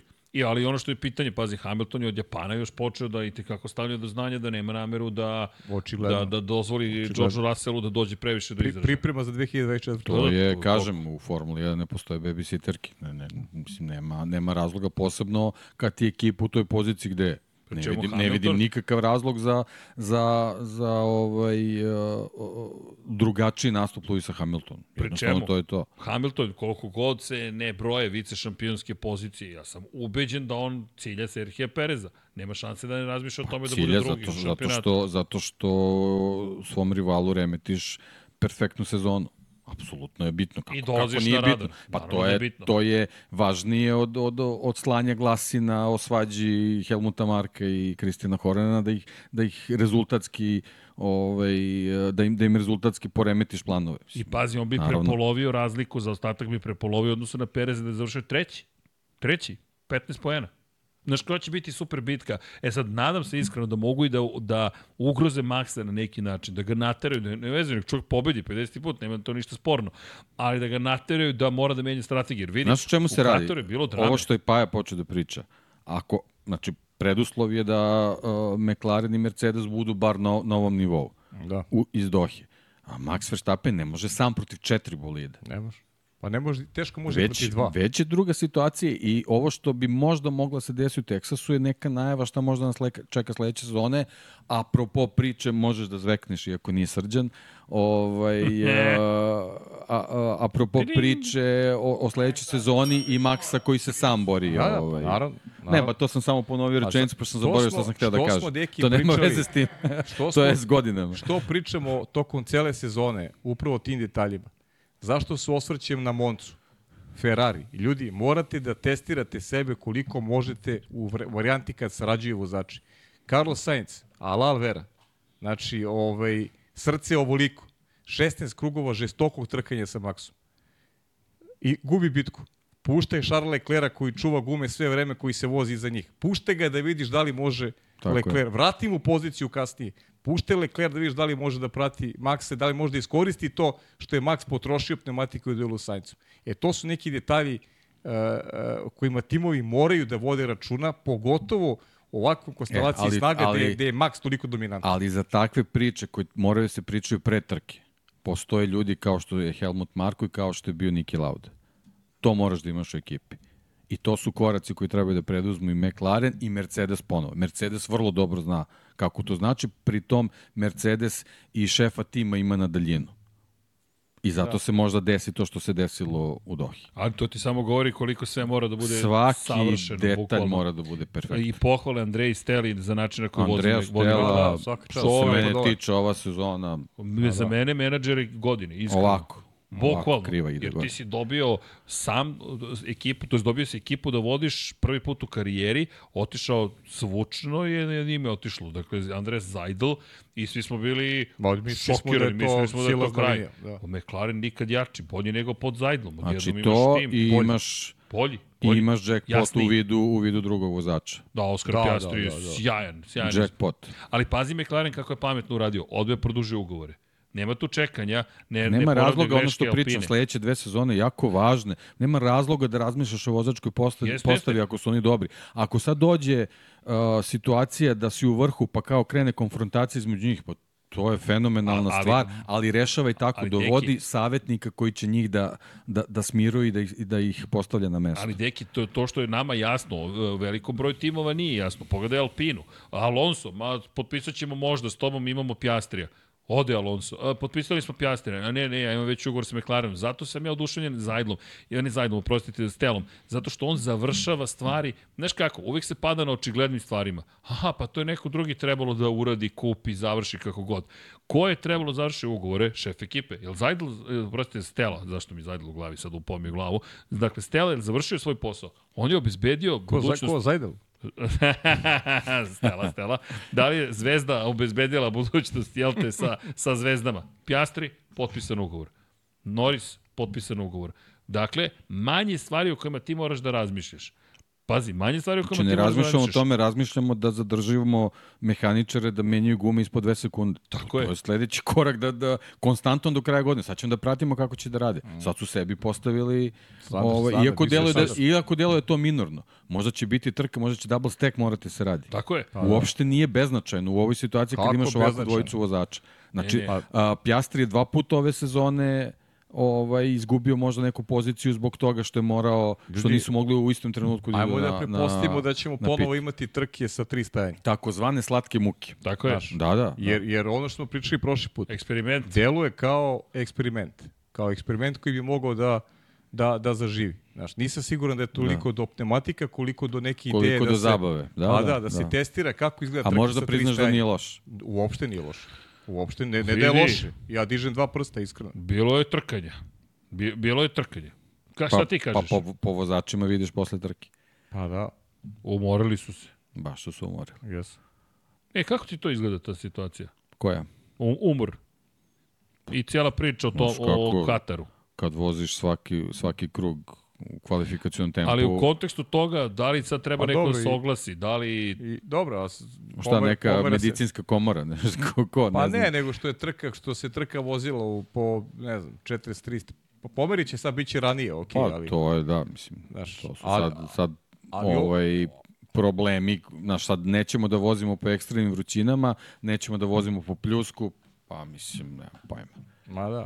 Mislim, kako bih Ne, rekao... ovaj kontekst mi je interesantan, da ne pričamo o tome. O, ovo da, da tri stanja je stvarno... Pa ne, ispalo je interesantno sad samo, znaš, da li je, da li je Formula 1 uh, takmičarska ka kategorija ovaj, koja, uh, koja možda trpi to da, da ti praviš takvo uslovljavanje sad. sad to je to su sad neke stvari za, za analizu, ali generalno meni, meni je bilo interesantno sad, bez obzira na koji način se to, se to desilo. Izvolite. Aha, a, Srđan ima, Srđan nešto, nešto rešao. Da, da, da, baš je, ok, možemo o tome da polemišemo, da, da li sad to treba da bude praksa, ali ja verujem da se dešavati sporadično.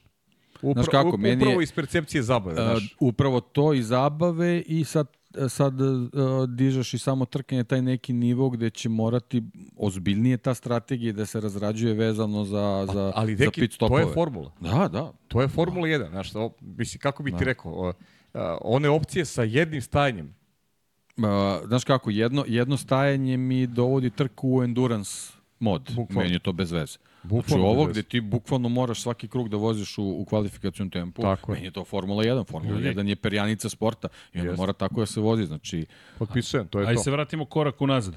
Od COVID-a mnogo toga su zlupotrebili, svi zajedno planetarno. E, zbog COVID-a smo nešto uradili i sada je to ostalo.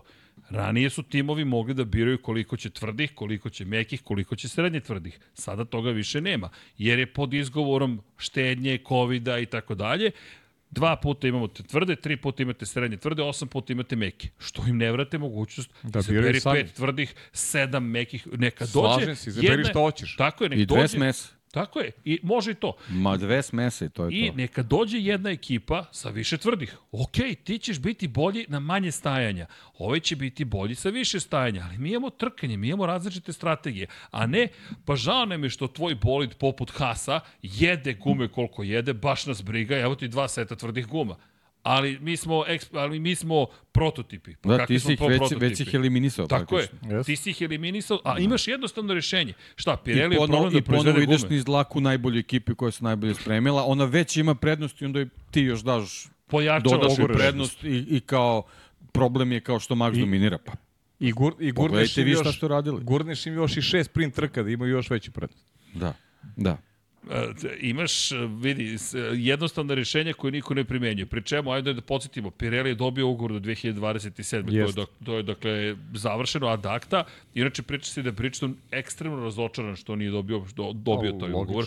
Baš razočaran, ali navodno Pirelli je rekao da će 2027. da završi saradnju sa Formulom 1 posle preko 15 godina i da će neko drugi imati priliku da preuzme taj ugovor. Da vidjet ćemo da li će to biti istina, ali vraća se opet na Pirelli. Pirelli je dobio određeni zadatak da proizvede. Neko je rekao, ok, ovo su gume koje ćete sada, to jest ovo su setovi guma. Meni to mnogo smeta. Pusti, imaš obavezu da imaš jedan set mekih, jedan set srednje tvrdih i jedan set tvrdih. Ako su tri, ako su dva, imaš obavezu po jedan i to ti je to. Snađi se. Ali znaš, ako su oni stvarno ne samo Formula snađi se, 1, nego znaš, dođeš na stazu, napravio si setup, znaš šta ti odgovara, prilagodi se tome, krij malo od, od rivala, znaš, mislim, i, i to je neka vrsta zanimljivosti. Je sad, jedino što to je možda zanimljivost, uh, zanimljivo će biti onim baš, baš tom okorelom jezdu, uh, jezgru fanova, kao mainstreamu nije toliko zanimljivo, ali, ali generalno mi smo sad dobili zanimljivu trku za neke ljudi koji to toliko ne prate, to je manje bitno, ali oni su videli da, da, da je nešto na, na limitu. Posebno kad tebi dođe momak od 20 godina ovaj, onu sobu za hlađenje i legne na podijum. Shvatiš da, da je stvarno ozbiljan tempo bio. E, ali I, I to je Formula 1. Da, ali Jenson Button je reče rekao što se tiče opasnosti, pa znaš šta meni, gde ja imam problem? Pošto je Lance Stroll pao u nesvest čovjek. Čovjek je pao u nesvest u sred vožnje, problem je što se nije sklonio sa staze, ok, želi da završi, ali drugi problem jeste, ako to ne mogu da izdrže, šta mi tu radimo? Button je rekao, ljudi, dok se vozači ne pobune, neće se to nikad promeniti, vozači se neće pobuniti. Poslednji put kad su se pobunili bio u Saudijskoj Arabiji, kad su rakete letele na horizontu i onda su čak bili, a, da, da vozimo, ne vozimo, na kraju su vozili. Dakle, tu promjena nema iz te perspektive, ali ja mislim da ovo što ti pa rekao, pomerit će ga na neki period kada je malo hladniji i to je to. Mislim, vi- više se sad svodi na, na priču o, o, o temperaturi, ovaj, spoljnoj temperaturi, nego se svodi priču Mislim, znaš, na, ne možemo na sad trkanje, nešto- što kaže Deki, Da. kao naš, vozili su kao kvalifikacijni krugove. Ne moramo ni tu sad nešto, znaš, da, da budemo onako baš grubi, u principu mlada je staza, tu tek se uči da, da Ne, se ne, vidi šta će, stazom, šta će nego- da se, da se dešava, tako da ko je mogao i od njih da pretpostavi, mislim, sigurno Da. bi reagovali da su znali da će tako da bude. Ja mislim, momci su imali više problema sa, sa spoljnom temperaturom nego što su morali da voze način na koji su vozili. Pa dobro, te znaš, Temperatura, kvalifikacija. Temperatura. Mislim, mislim da, i- ništa ne, da im ništa neće faliti, I neće konfiguracija smetati, staze, nema, nema da, predaha da voze, tamo, ti da nemaš voze pravce da se trku odmaraš. sa, sa tri A stajanja. i ovo što. Paja kaže, znaš, tri stajanja na, u Kataru, pa u malo nižim temperaturama, to je izdrživo. To, Kako I nije? drugo, ti ćeš Kako? se spremati Oni su spremni put. za to. Da, da, oni su spremni znati. za to. Kao što se spremaju za Singapur. Za Singapur, šta, da. Sainz vrti A i ovo je možda malo problem, znaš, Singapur, Doha, bili su dve, dve jako, ono, iscrplju, iscrpljujuće trke su bile jako blizu. Ne, sad idemo na drugačiju da, stazu. ovo je sad pozadi, Ne, je, zadnji pravac. lagano. I imaš E, vremena da odmoriš. Vlado, ajde iskoristimo priliku. Evo je staza, čisto da se da da da, se podsjetimo. podsjetimo šta nas čeka. Dakle C2, C3, C4. M, Inače C0 nikad nismo videli, ne znam ni što su uopšte ubačeni kao koncept. Znaš, biće C0, to su tvrde od prošle godine. C1 je između prošlogodišnjih tvrdih i srednje tvrdih C1 i C2, ali okej. Kako god, 56 krugova, 5513 metara je dugačka staza. Opterećenje, kao što možete vidjeti, će biti pre svega na zadnjim pneumaticima. Dakle, zadnji pneumatici će kako da trpe. Možete vidjeti i sami da li prvi sektor, da li drugi, da li treći, svugde imate krivine. Dakle, po uzoru na čuvene staze je i pravljena. Bukvalno je skrojena staza i napravljena je staza koja zapravo inkorporira delove Spa, delove Silverstona, delove nekih drugih staza, dobijene su vrlo brze krivine, nema tu mnogo prostora za preticanje u tom delu staze, ali onaj dugački pravac tamo između 11. i 12. krivine, to je baš mesto gde možete da se borite. Tu ja, bit će interesantan sprint. Da, sprint bi trebalo da bude u pravu interesantan. Inače, kada reč samo da spomenemo o opterećenju guma, 4 je od, ocena Pirelli od 1 do 4. Inače, što se tiče bočnih ubrzanja, četvorka, dakle nije da ih nema, ali nije kao Katar, što kažeš, odmor imaš između 11. i 12. i imaš na startu ciljnom pravcu takođe odmor. E, aerodinamički pot, pritisak, to je negativni uzgon na skali od 1 do 5 na 4. Staza se ubrzava tokom celog vikenda, jer je na poziciji koja uopšte nije zahvalna, zapravo ovo je neko močvarno tle koje takođe koristi se staza, ali često imate prljavštine i od prvog treninga, dakle imate jedan trening, ne zaboravimo, pa odmah kvalifikacije, pa onda sprint kvalifikacije, pa sprint pa trka, do trke će zapravo najbolji uslovi biti, abrazivnost asfalta je vrlo visoka, na skali 1 do 5, 4, prijanjanje asfalta je na trojci, a kada govorimo o prijanjanju zadnjih pneumatika, isto četvorka, dakle, Ovo je staza koja zaista troši gume, ozbiljno troši gume, zadnje, kao što sami možete videti, i o tome ćemo i tekako da vodimo računa. Dakle, strategija, pamtit ćemo zapravo ko je šta pripremio za sam pamtiti. Za trku ćemo ispratiti da li će opet Mercedes da se igra. To mi je bilo zanimljivo. Mercedes je i sada pokušao drugačijom strategijom da napadne da. Red Bull. To mi se mnogo dopada. Znaš šta mi se dopada? Mercedes koristi strategiju, McLaren je ubrzao bolid, ima dva jaka vozača i, i oni pokušavaju da iskoriste svaku priliku koju mogu da, da napadnu Red Bull. I isto ono što si lepo rekao, nije Max pod napadom jednog čoveka, sada četiri čoveka ga napadaju i povremeno Ferrari. Pa vidjet ćemo Ferrari šta može Ferrari. Da, misterija. Pa za, loše je bila trka, realno, ovo prošlo. I kvalifikacije, oni čim, čim su kvalifikacije loš, to ti indikator kakve će trke biti. Ferrari ukoliko nije u prvom i drugom redu, znaš da tu, da tu nema, ne, nema leba u trci. Tako da vidjet ćemo šta mogu kvalifikacijama, a na osnovu toga gradit ćemo neku priču o mogućnostima Da, vidjet ćemo kolike će razlike da budu. Pa da, pa to je, to je neka, neka, neka suština. Dobro, bilo bi lepo kad bi bolje, se uključili. Bolje deluju, bolje izgledaju McLaren i Mercedes, definitivno. Ja, ali pazi, ovde imamo, ovde bi, opet, moglo bi, mogao bi, znaš, i ovaj pravac možda može da pomogne, ne znam, Ferrari očekivao sam više iskreno u Kataru, moram priznati. Pa, svi smo očekivali ali, više. znaš, ne znamo šta bi Sainz eventualno učinio, nije da Teško, bio je, više. bio je sporio od, od Leclera u bio da, je spori u nije tempu. Nije delovao kao... Nije, nije, nije delovao da, ka, kao neka, neka ovaj, egzaktna sad ovaj, sila koja bi mogla nešto da promeni tokom trke već. Kažete, bio je, bio je sporiji od, od, od Leklera, šteta što ga nije bilo u trci svakako, ali, ali ajde vidimo šta će, šta će nam doneti petak, pre svega da vidimo kako će ti trenizi biti. Zanima me iskreno Ferrari zato što želim da dobijemo i tu vrstu bitke, ali nekako uvek enigmatični. Za mene i dalje enigmatični Ferrari. Nemam predstav što očekivati. Ali neka ti ga pogledaš s ove ekipe s Vjetkom Red Bulla, mnogo je tu bilo toko sezone amplitude, znaš, ti nikad ne znaš šta možda očekuješ. Znaš, mi sad pričamo o McLarenu i, i Mercedesu, znaš, e, ne bi za mene bilo veliko iznenađenje ukoliko McLaren ne bude na taj način mogao da prati Red Bull kao što je bio slučaj prethodnim trkama. Svi, znaš, ne, ne, reper nam je ono što smo videli u posljednjem vremenu, ali, ali da se ne desi, uh, uvek postoji neka doza, ovaj, aj kažem, neke enigme kada, kada govorimo o, o ekipama koje koji nisu ovaj nisu Red Bull. Jeste Red videli... Bull znamo, za Red Bull znamo da će ovde biti moćni. Će I biti dobro. spomenjamo Ferrari, jeste videli da je Oliver Berman dobio prvu priliku da testira Ferrari? Da, da, da. Pa, Oli je seo u bolid. Pa Oli je... Oli je... Pa dobro, to je neki redosled kakav sa, bi treba da bude. Sad sam zaboravio, da li će ovde biti Oli u, u, u bolidu Hasa ili... Ko, uh, mislim da će, sad, da će biti u Ferrariju. Samo da ne, ne, ne u Ferrariju, Hasu. Da, u Hasu, Hasu. U Hasu, on treba, Hasu. Tas, treba Has da vozi Has. na jednom u treningu. Trebalo da. bi, ja mislim da će da je Amerika između ostalog. Mislim da je, mislim da je Amerika, nešto mi u glavi Amerika, ali nisam siguran. Samo da im, ne, Meksiko. Ipak. Meksiko, je, Meksiko, Meksiko. Meksiko. Meksiko. Meksiko i Abu Dhabi. Na kraju sezone znam sigurno da će biti, ali e, Meksiko. Pa nema baš logike da bude Abu Dhabi, iskreno ti kažem, zato što Abu Dhabi Tako vozi, vozi Formulu 2. Jedino koliko Mislim, naš, vozi Formulu 2, ne znam kako će vozi u treningu. Ne znam, sigurno da je najavljen za, za, za, za, za Abu Dhabi. Ali moguće da je test, ali ne, nije. Da, mora da odveze. Mora da se pojavi. Abu Dhabi sam 100% siguran. Znači, Abu, Abu Dhabi... Je, test je sledeći dan ili... Sledeći, uh, mislim da je utorak posle. Čekaj, čekaj, test vozi. Ne, ne, ne, ne. Trebalo bi da, to, da, da bude za trku u Abu Dhabiju.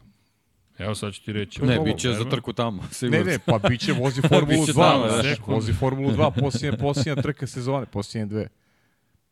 Znači, i trening u, znaš, treba vozi kvalifikaciju u petak u Formuli 2. Ma, evo, u Abu Dhabiju će takođe biti. Pa, Biće u Abu zanimljivo, Dhabiju. zanimljivo. Da, da. Dakle, u Meksiku i Abu Dhabiju. Biće u treningu broj 1. Ok, dobro. Da, ne može sada da bude sigurno u Americi zato što je sprint. Da nije sprint, Da, da, vozio bravo. bi prvi, Tako nego, je, nego bravo, to bravo, je jedini da. trening koji vozači imaju. Jeste, jeste, jeste. Tako da ne može nikako da bude sada. Ali Berman, ono što smo i najavljivali, Pa Berman dobro, ja- ja stvarno- grabi. Grabi. Verujem u tog momka sad. Opet, to ne znači ništa, to je što vožnje u Formuli 2. Opet postoji ono, znaš, ne, nema tu konstantnost. Oni uh, prema generalno imaju 10 pobjeda, ovi, ovi drugi rezultati su slabi. Znaš, ti imaš Art Grand Prix koji bolje stoji, a imaju dve pobjede zajedno. To je ono što, o čemu smo govorili. Nemaju konstantnost. Imaju brzinu, očigledno, i, i Vesti i Berman, ali i dobro za Bermana, mladi još, ovo je tek druga godina njegova Formula 3 prošla, sada Formula 2 ima fore sledeće. E, sledeće godine mnogo važno za Bermana. Da. I, za, Dvojka. i Ja mislim da sledeće godine mora se boriti za titul. pa vadi, ove godine teoretski postoji šansa. Um, jel Berman tako? nema, nema, Ne, Berman, Berman nema, nema šansu. više. Berman nema šansu, imaju samo dva Teo kandidata. Porcher i Vesti. Teo Puršer i Vesti, da. Ok, Pa možda da neće voziti onda. Abu Dhabi. Upravo to ste da ti kažem, možda neće uopšte voziti Abu Dhabi. Možda je to priča, da ne vozi Abu Dhabi. Da dobiju neki da dobiju momci neki iz Formule 3 da dobiju šansu da, Da, da, da. se tu Možda pokažu. će neko i da kupi Vidi, Dino Tako je bio je. najbrži u testu Formule 3. Samo da znate, i baš su ga hvalili u Ferrariju, tako da od Dina Odlično, očekujemo, super. da, baš je, baš je bio dobar.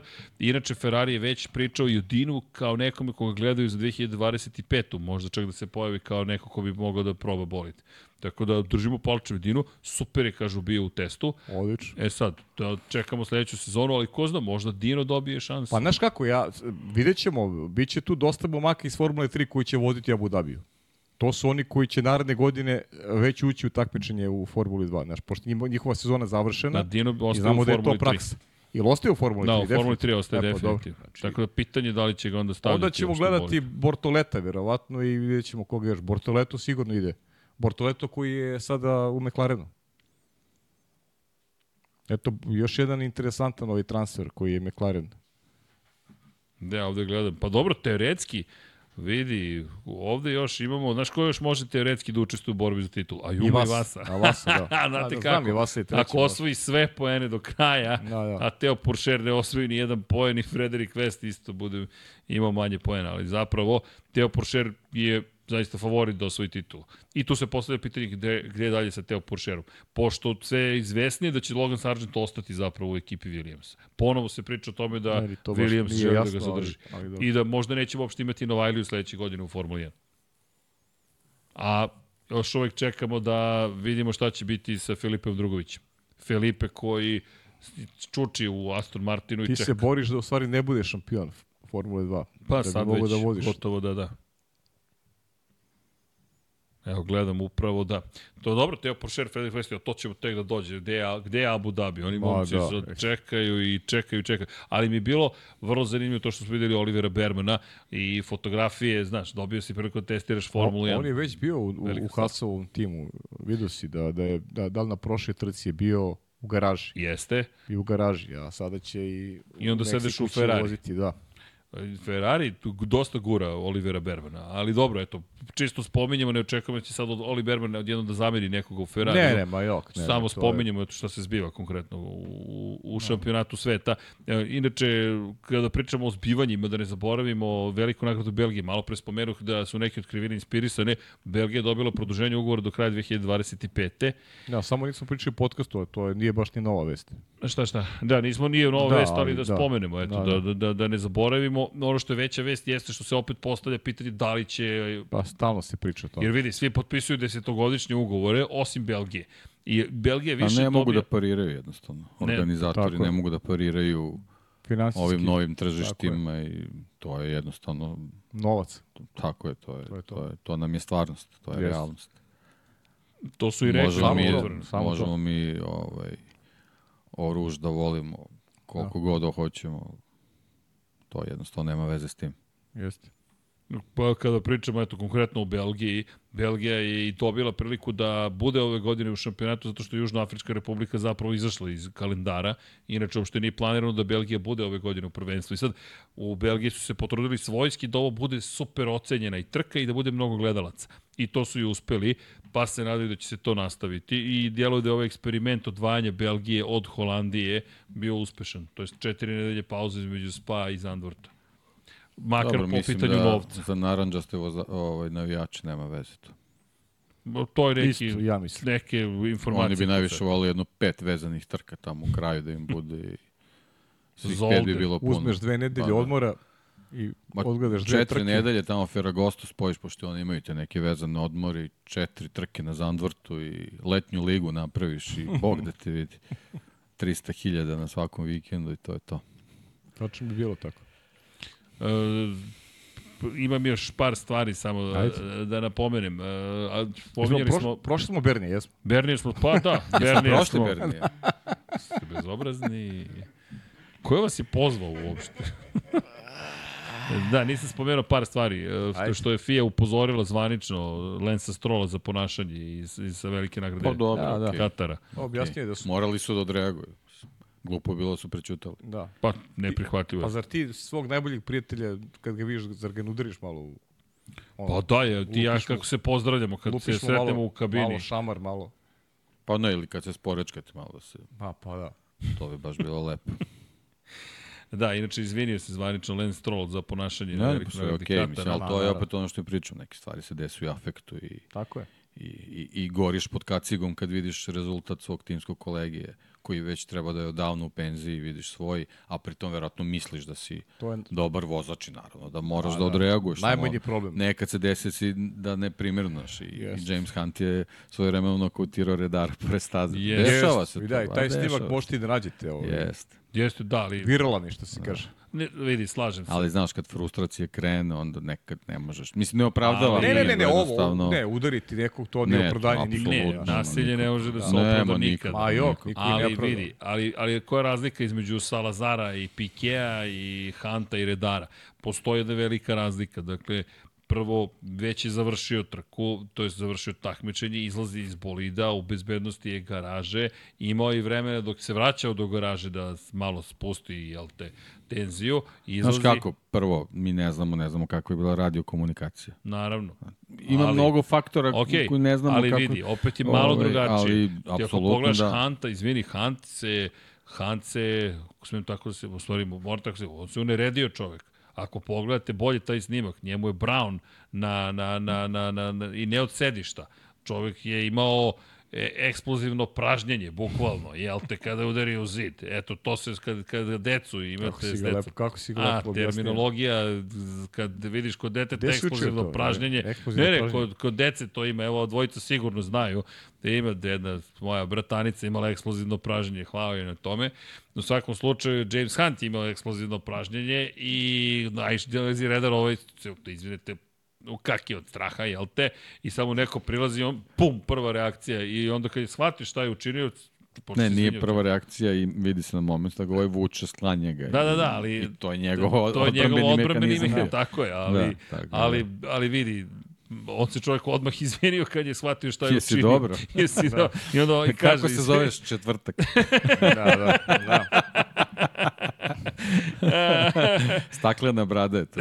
da, da, da. A Pike je imao Salazaru šta da kaže za ceo krug. U Hockenheimu beš. Hockenheim za, za Hockenheimu, ceo krug, ali ovaj, posle su iz Brebema otkrili što ni, ni Nelson nisu rekli otprilike taj motor bi trajao Još dva toliko kruga. taman. Tako da bi vjerojatno prebio nekog u, u boksu, tako da Čekaj. Salazar je bar imao kacigu. Tako Čekaj, da. Salazar iz Čila beše bio. Nije. Mislim da je ja mislim Čilanac. Čilanac, Venezuela, Čilanac. tako Evo, nešto, da, možda i dobro, Čile, da. Zvuči tako čilenski. Da, ali, Da. da. ali da, to su te neke anegdote iz Formule 1. U svakom slučaju, slažem se s vama da u afektu uradiš mnogo toga, prosto malo ipak bila drugačija situacija, ali okej. Pod ogromnim pritiskom je Lance Stroll.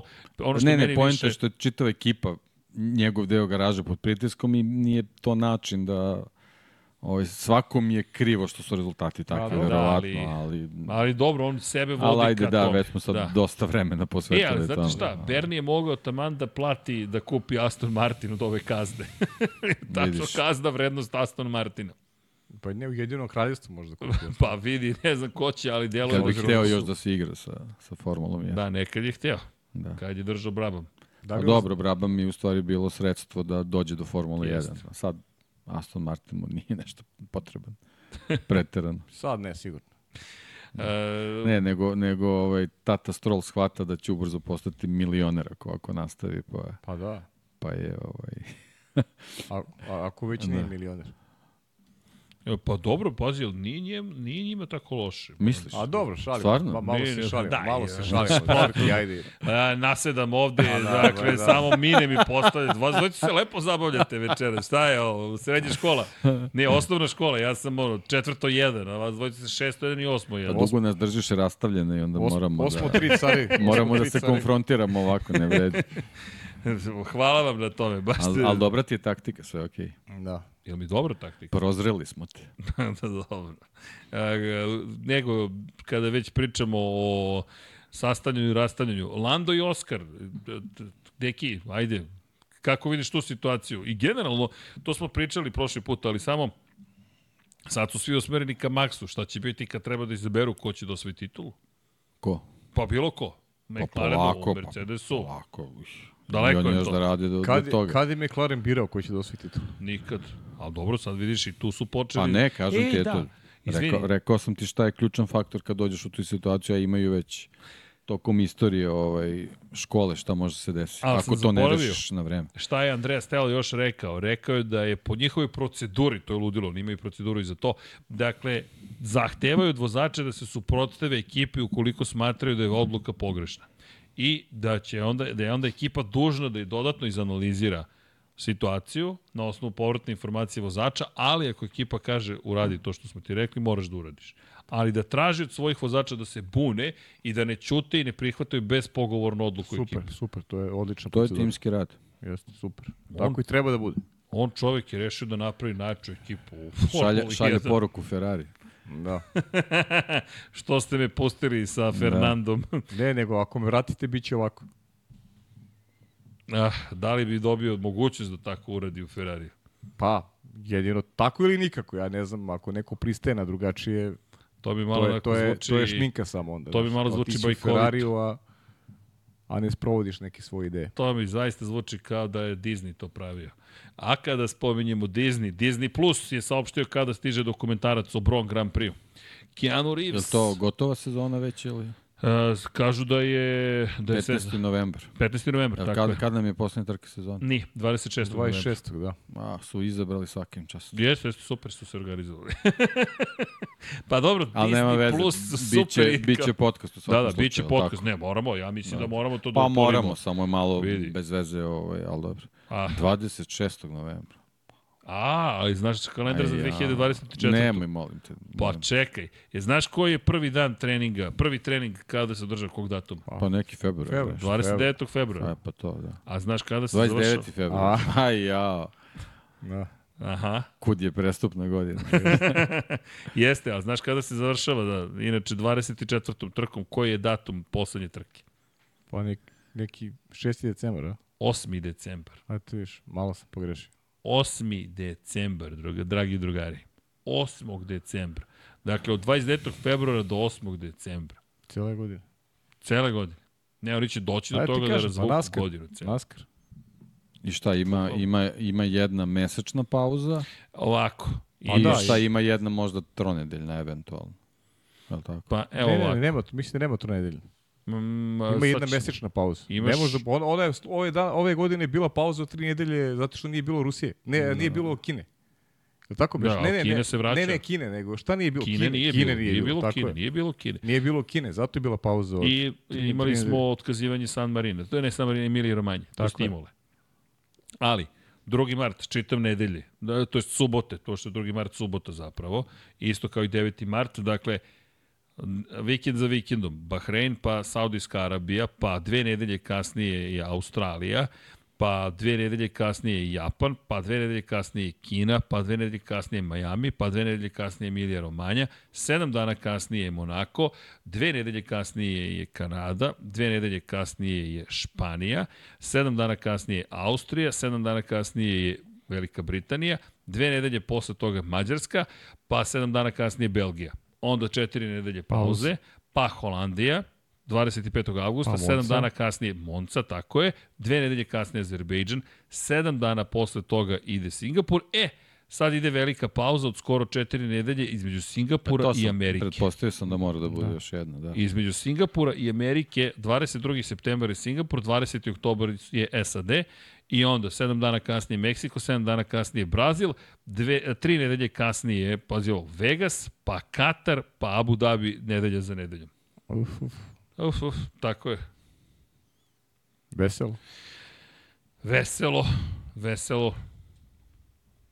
Ali eto, tako da Dobro, znaš. to je mi sad eksperiment. Pa da.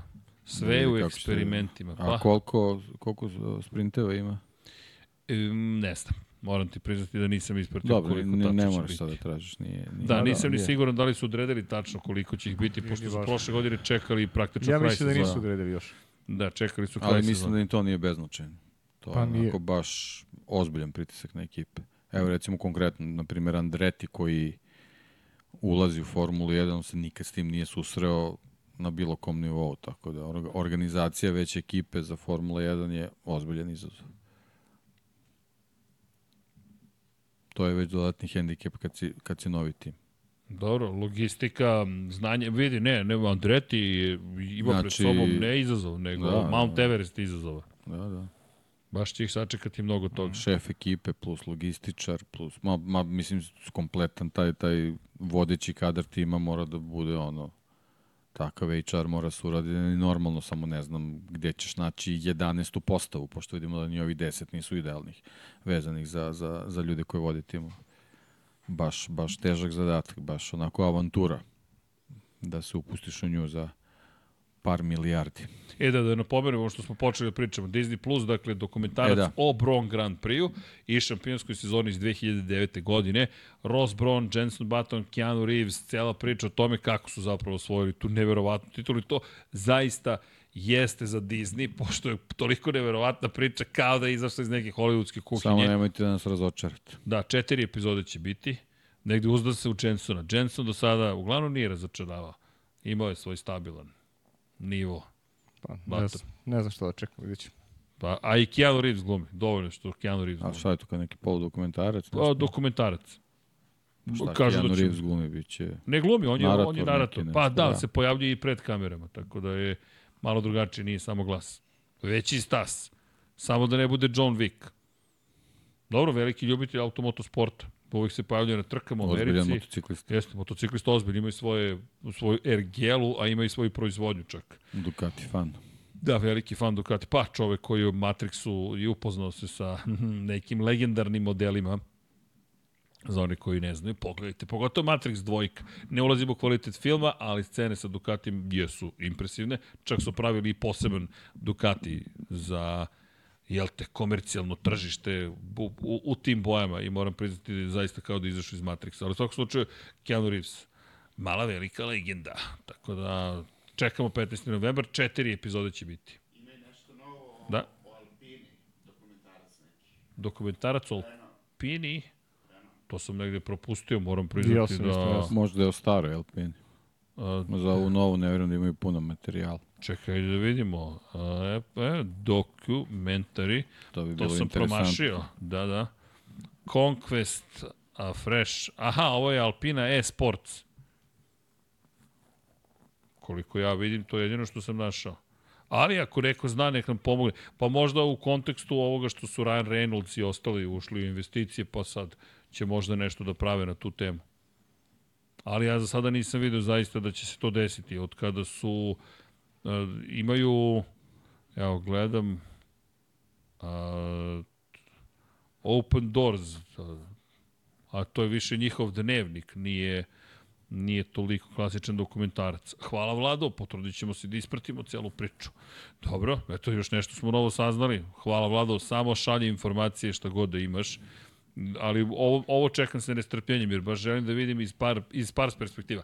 Kako su uradili posao, kako je Disney pristupio celom problemu, Keanu Reeves, ok, ajde da vidimo u ovoj ulozi da će da pomogne da bude još popularnija Formula 1 i s treće strane jeste zapravo u celoj ovoj priči uz ulazak Disneya, šta sad to znači za Netflix i za onu celu priču o Apple-u koji želi da kupi jel streaming prava na globalnom nivou. I pogledaj kako... Pa dobro, ovo je priča o ekipi koja ne postoji, tako da mislim da to je, to je bila ta rupa gde Disney možda može se ubaci u priču.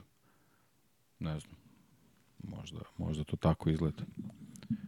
Ne znam, U svakom slučaju, ako ga dobro urade, ovaj, još jedan plus za popularizaciju Formule 1 i onako, da kažemo, edukativni sadržaj. Pa to što, što Već sam... je, već je dosta vremena prošlo. Što me tad. zanima, znaš, Apple, Disney, Netflix, od Netflixa je krenulo popularizacija od američke kompanije, sada je ulaz želi da uđe Apple, ulazi Disney, pazi, to su sve medijske kompanije, ogromne medijske kompanije, tako da me zanima baš i uspeh kako će izgledati i ne zaboravimo Amazon je pokušao da uđe u Moto Grand Prix kroz MotoGP Unlimited.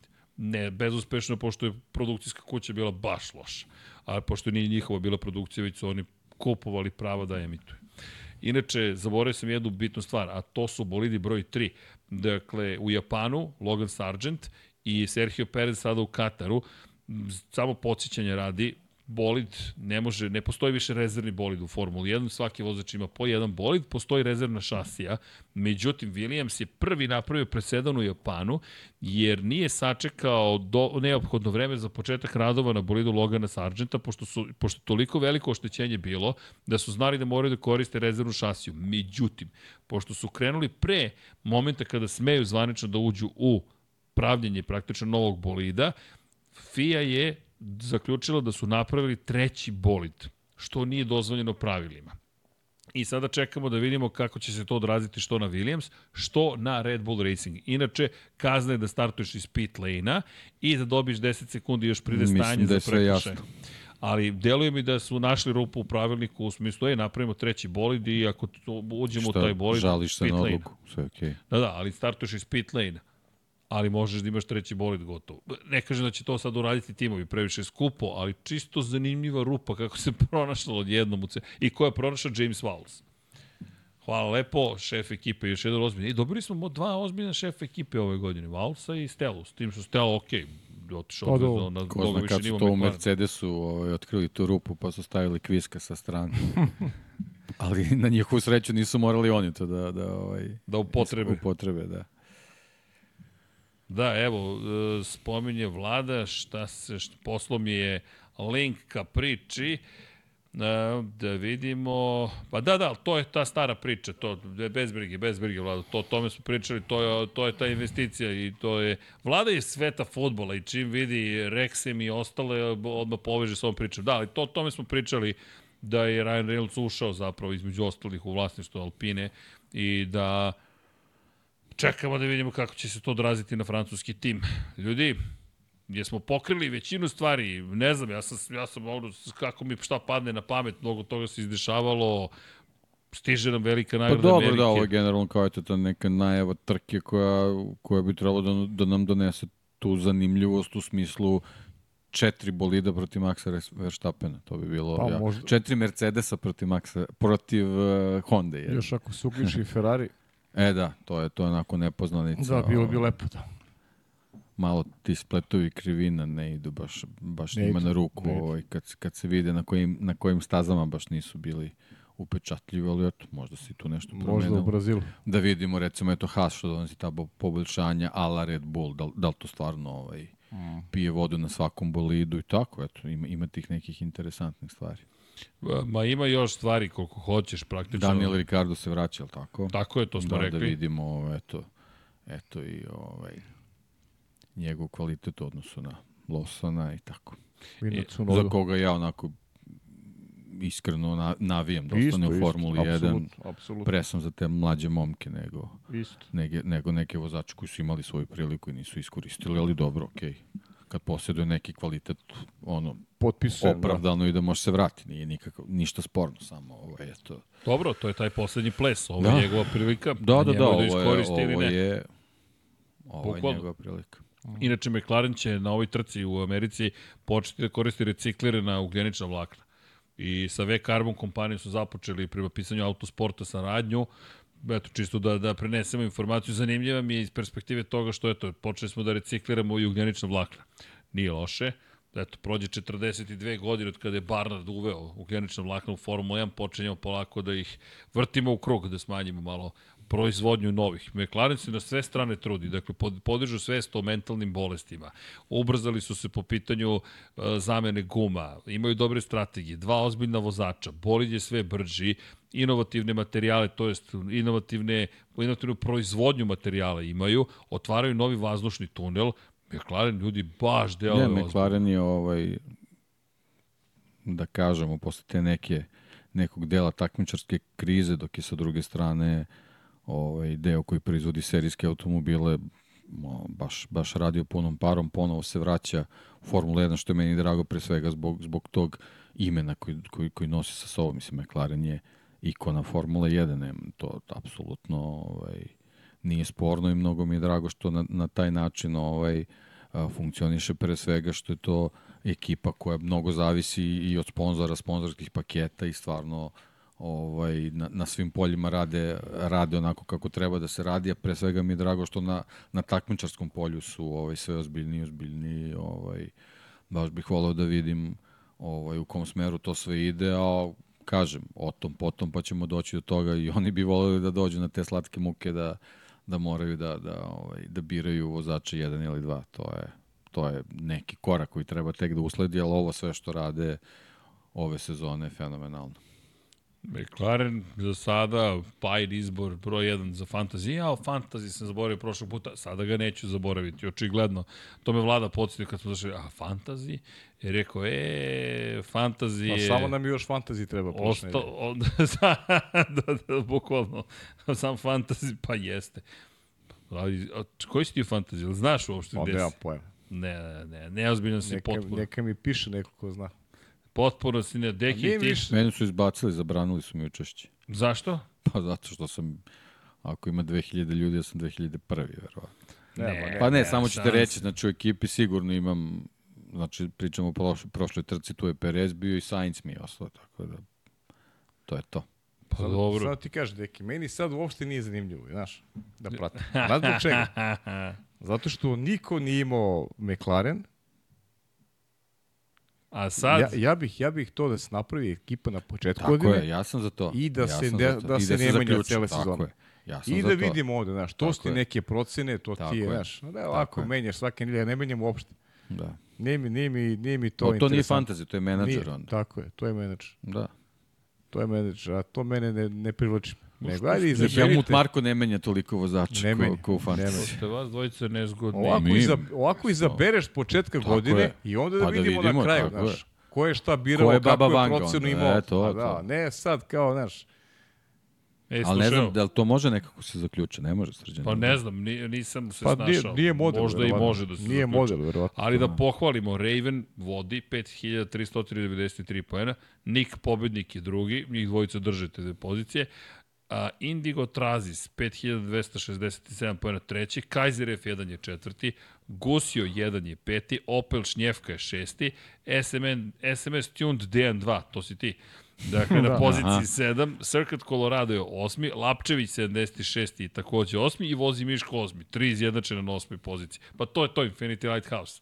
Ne znaš, mora znak večnosti, tako je, momci. A onda Vratolomac, Banjac, Arija Nebeska, Pavela D, Saf F1 i Stargazer. To je vodećih 15 pozicija. Tarik 13 i BH Speed, BH Speed Monster malo popustili. Ajmo, možete vi to, ljudi. E, ali moramo da iskoristimo ove džokere.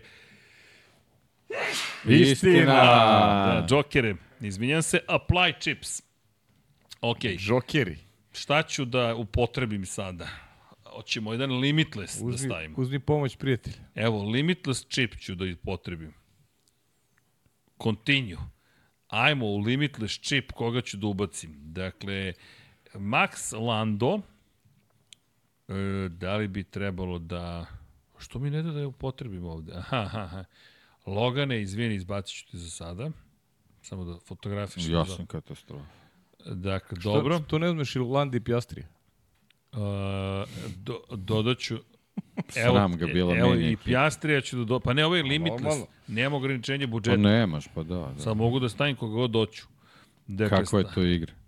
A to su čipovi. Ja sam 2384. I ostaje mi još jedan vozač. Ajmo. Ajmo. Možda si čak i bolji od mene. Jao, da li da stavim Charles Leclerc ili Serhija Perez? 2000 bodova zaostajem za prvi. A imam 2000, Mene niko a ne celoj ovoj 2300. priči. Ja se sam sebe... Šta da uzmeš Leclerc i Pere? Pa uzmi koga hoćeš, da sad ja Pa. ti kažem pa da... Uzmi limitless stavi 5 maksova. ne mogu, ne mogu. Ne mogu. Ali hoće li biti bolji Leclerc ili Perez? A? Hmm. Leclerc danas rođen. Stavi Leclerc. Jeste, Leclerc danas rođendan. Znaš kome još rođendan? Siguran sam da će biti loš zbog toga. Znaš kome je još rođen danas? Danas, ne znam, znam kome je sutra. Kome? Kimiro i Konenu. Danas je Casey Stoner rođen. O, Casey Stoner i Charles Leclerc, dobro. Ali sutra je Kimi Rikonen. A znate kome je preko sutra rođendan? Ne znamo. Ja ne znam niku, ne znam. Dežurnom penzioneru. Ja... Pa što si javno sad rekao, sad to. ne možemo da ga iznenadimo. A, Ne, on nas treba da iznenadi tortu. Pa nije nas Sve iznenadio. otkrio. Nije nas Pa iznenadio. ne, ja samo kukam za Pa tortu. gotovo sad ništa. Pa vidi, Pa ja ne vidim da iznenadio. ja ne vidim tortu. Ja stvarno nemam pojma kak, kakav je to način. Dakle, stvarno. Se sećaš kako je tebi iznadio za jedan rođendan? Ko? Skoro sam pričao, dežurni penzioner. Penzioner? U Yes. saradnji sa mnom. Hvala vam na to. Sećaš? Seća se, kako se ne bi sećao. Ko je ovde Srđan Erceg? Požuteo. Zabavljali se dokori ljudi. Tad je nosio rep još, jel da? Ne, Opala ne, ne, mu ma kosa, nije, jel da? nije, ali požuteo, požuteo. Napravio Boris sjajnu, sjajnu priču.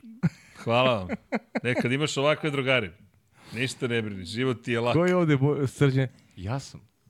Pa Došao, s- srećan rođendan. a reci ko je pitao? Pa čovjek u uniformi.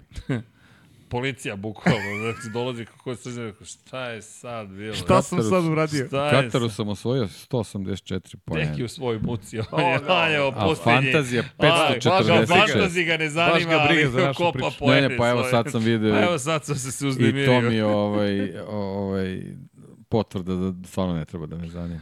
Ja sam za, za ovu pajnu igru. E, jel ti zanima da je Mansell prodao preko 300 svojih uspomene, to je su delo raznih stvari koje su kao uspomene sačuvao iz karijere za 2 miliona funti. Pa treba si da se subscribe-uješ pa da imaš notifikaciju smo- pa da nešto, To nešto smo trebali uradimo na, po to tom smo trebali pitanju. na početku. Pa, da da. O tome. Pa dobro, zaboravim se. Da. Nemojte mi Šalim žaliti. se, Srđane. Šalim se. A šta, je li, je li prinuđen to radi ili ima neki razlog? Pa dao je čovek, to, to, to nisam baš ispratio celu Da, vest. dao je za novac. Da, ne znam da su, da su kacigi bile najskupi, skoro 70.000 funti po kacigi. Vidi, skočila je vrednost i toga. Jeste. Ljudi to sada skupljaju, to je baš ozbiljna vrednost. Jel, spominjao si nešto što sam zaboravio da napomenem na početku, kada se desio incident u Južnoafričkoj republici i redar koji je pretrčavao zapravo stazu, podsjetilo me na, na incident iz Katara sa Lewisom Hamiltonom, Loganom Sargentom zapravo u Japanu i to je Karon Čanduk je spomenuo Logana Sargenta, ali se setio čak si Maxa Verstappena 2021. u Monci da je šetao preko staze. Šta je pojenta? Pojenta priče je zašto je to opasno upravo iz tih razloga. Tada smo imali zaista groznu situaciju da je redar u želji da pomogne krenuo da pretrčava preko staze. Da, bio je parkiran zapaljen bolid Jest. i sa kolegom je pretrčavao stazu. Nažalost, u Južnoj Africi na tom startnom pravcu postoji prevoj, jednostavno bolidi koji su i dolazili bez obzira što Da, da, uopšte to nije videli. trebalo se desi. Tom Price je nažalost naleteo ovaj, mislim, grozan, grozan incident. Jeste. Ovaj, I na više načina je promenio ovaj, Formula 1. budućnost, da, Formula 1, što bezbednostno, što takmičarski. Da, i zato iz perspektive toga da li je nešto dozvoljeno vozačima ili nije, koliko god bili sigurni da će sve biti okej, Da, ne smeju to da rade. posebno, posebno ne ljudi ovaj, takve reputacije Tako kakav je. je Lewis Hamilton koji u principu uzori mladim vozačima, ali i on je bio svestan toga šta je uradio, tako da Da, on se izvinio, rekao sad je ono, da to... ne znam, smanjena je kazna i tako dalje, ali generalno ovaj, Nije, nije čak ni poent u toj nekoj novčanoj kazni. Poenta je da, da su svi u organizaciji Formula 1 shvatili da to jednostavno ne sme tako da se radi. Nije koliko god ti misliš to, to što ti kažeš da si, da si ti u tom svetu i da kontrolišeš situaciju, jednostavno moraju da se poštuju pravila. Pa prosto daješ primjer. Prosto ti si taj i, i navodimo to zato što se to zaboravilo. Srećno se zaboravilo jer takve stvari ne, ne smiju da se dešavaju, ali to je zaista zastrašujući incident. Da, pa eto, ja kažem ti, ti, ti neki moji početci u Formuli 1, ovaj, kao, kao, kao baš ljubitelja od, od, prvog dana su nekako bili obeleženi sa tim incidentima, bukvalno eto do te 82. i Žila Vilneva i Ricarda Paletija, posle toga Elio De Angelis na, na, na treningu, Le Casteleo. Šokovi su veliki stvarno tad bili, to je ono, ovaj, nekako na traci se takve situacije dešavaju, shvataš da je, da je to ovaj, sastavni deo tog sporta, nekako je magična privlačnost ovaj, tog sporta, ta, ta, ta opasnost i ono nekako ti bude drago vremenom, znaš, kad, kad, kad vidiš da se ta bezbednost popravlja. I meni iskreno, evo sad smo pričali, ovaj, šalali se malo o Berniju Ecclestonu, ali sa druge strane Bernie Eccleston je jedan od ljudi koji je među najzaslužnijim što se ovaj, takva situacija u Formuli 1 promenila, što taj taj, taj neorganizovani sistem jednog jako opasnog sporta na tom bezbednostnom nivou se, se pomerio, to je ovaj, prilično je tome kasnije dopreno i Mas, Max Mosley, nažalost, posle, posle tog crnog vikenda u Imoli, ovaj, njih dvojica su onako baš na različitim nivoima ovaj, mnogo učinili da, da, se, da se to promeni, ali eto i ove godine smo pričali o ovim mladim vozačima i, i ovaj, tragedijama koje se dešavale, jednostavno to se dešava, mnogo stvari mora mora da, da se još još popravi, ovaj ali uvek postoje ti neki ovaj organizacioni džepovi gde mogu da se dese ti problemi i vozači su stvari ti koji moraju to doslovce da, da poštuju da bi, da bi se njihov primer pratio. Mislim, oni svojim, na svom primeru moraju stvari da pokažu koliko je važno da se, da se ta pravila prate, tako da mislim da je, da je i Lewis Hamilton vrlo, vrlo svestan da, da je to bio onako, onako jedan, jedan kiks koji njemu kao, kao jednom od najvećih svih vremena stvarno ne bi, ne bi ovaj, smeo da se desi. Ne, pa vidi, to su stvari koje danas izgledaju benigno, ali zapravo i dalje nisu. Nismo imali incidenta u motociklizmu još 1992. godine, nažalost, je jedan od gledalaca stradao zajedno sa vozačem, bukvalno zahvaljujući tome što je kroz pit lane hteo da protrči. Niska brzina relativno, ali to su baš ozbiljne situacije. E, čisto da napomenemo, po, pošto se to nešto, to je nešto što se spomenjalo, ali nekako se nadovezalo na priču o, o, o, istoriji Formule 1, pa čisto da ne zaboravimo i taj detalj, uslovno rečeno. Ljudi, što da vam kažem... Istorija je lepa, spektakularna, opasna, ali zato je ovaj sport takav kakav jeste, zato ga tako i volimo. Mislim, to je nekako sastavni, sastavni njegov deo, samo eto treba raditi na tome da, da se to svede na najmanju moguću meru. Pa da, i da ne bude ovo se lepo rekao što se tiče Bernie Ecclestona i Maxa Mosley, da, da se ne svede sve na, na prosto neke situacije koje su ih obeležile na negativan način. Ne, ljudi su takođe veoma zaslužni za... Bernie je najzaslužniji što je Formula 1 danas ovo što jeste. Jer on je jedini imao zapravo razumevanje i viziju šta ona može da postigne i da, imao je taj jedan prilično tiranski stav prema i saradnicima i pa i vozačima i timovima, ali uspeo da utegne Pa da, celu ali to je bio Formulu 1. period upravo to. To je bio period kad je morao neko da zauzda. Tako je. Jer bukvalno iz trke u trku su se dešavale ovaj, I- jako nezgodne situacije. I ne samo to, i organizacijono. Organizacija nije bila na blizu nivoa koje je danas. Bernie je najzaslužniji što je Formula 1 postala sinonim za dobru organizaciju, za kvalitetne video prenose, za užitak koji malo koji sport može da, da donese na takav način. Na eksperimentisanje i sa kamerama, i sa grafikama, i sa komunikacijom. U jednom momentu je stao sa onda time. ga je Čedo prerasla. da, da, onda ga je Čedo preraslo. Ali, ali je on taj koji je zapravo stvorio Formulu 1 kako, i taj njegov stav da ne sme, nema kašnjenja, nema grešaka, da sve mora da se zna tačno kako se radi, je mnogima bio težak za prihvatiti, ali nas je doveo danas do ovoga što imamo. Iz te perspektive večno zahvalan. Ja sam zahvalan za, za to i pogotovo što si rekao o vozačima, Bernie možda nije, ha, nije mario previše za ugovore i u kontekstu para i znalo se šta je prioritet, ali iz svega onoga što znamo, Berniju vozači nikad nisu bili na, na život vozača nije nikad bio minoran kod Bernija. To je nešto što nije nije hteo gladijatorski sport u kojem ljudi ginu. I to mu zaista služi na čast.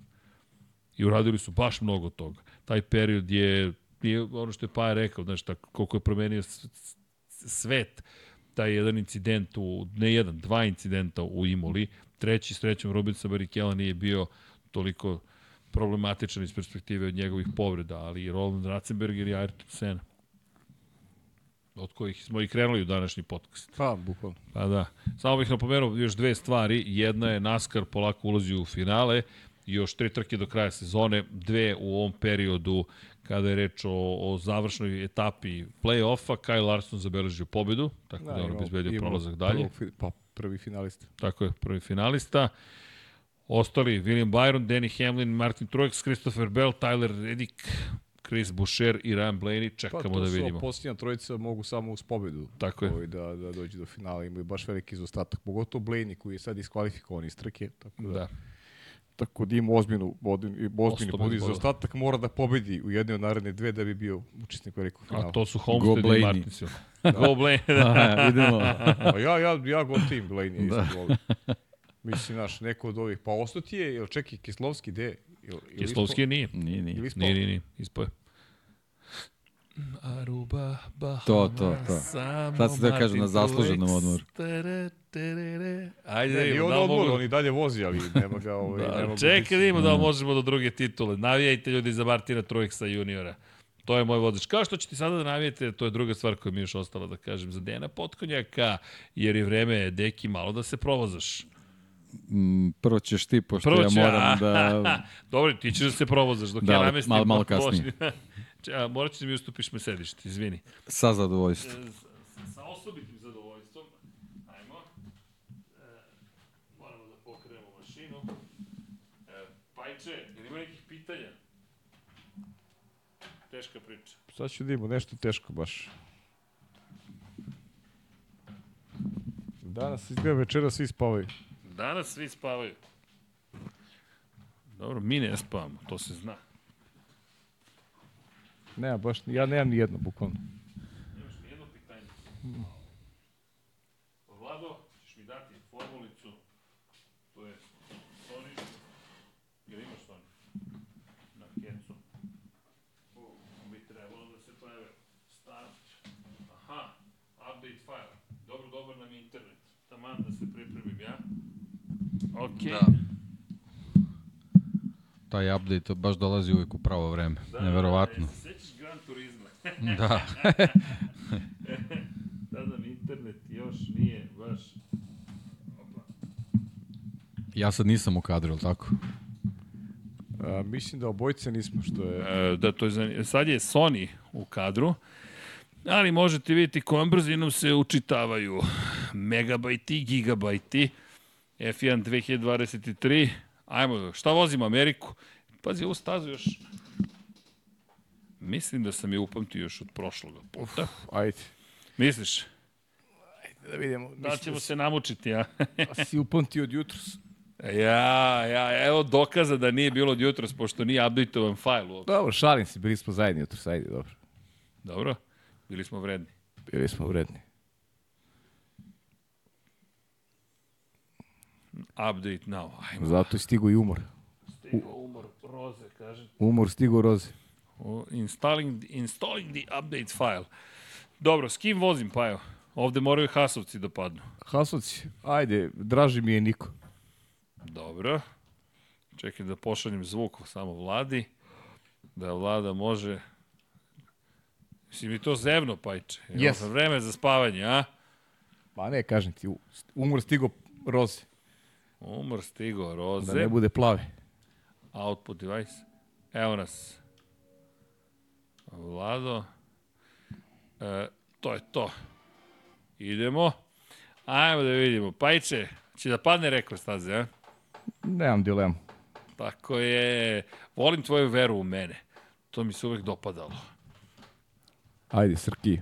Ajmo, srđane. Dobro, idemo.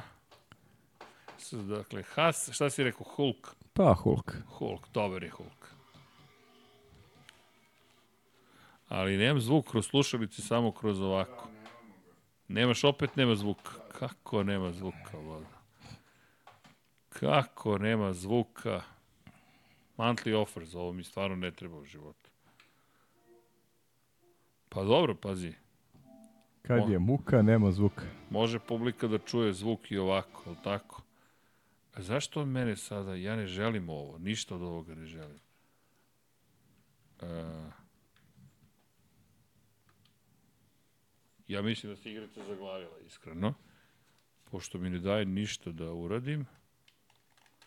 Dobro. Ovo je zanimljivo. Još nisam vidio da se zaglavi.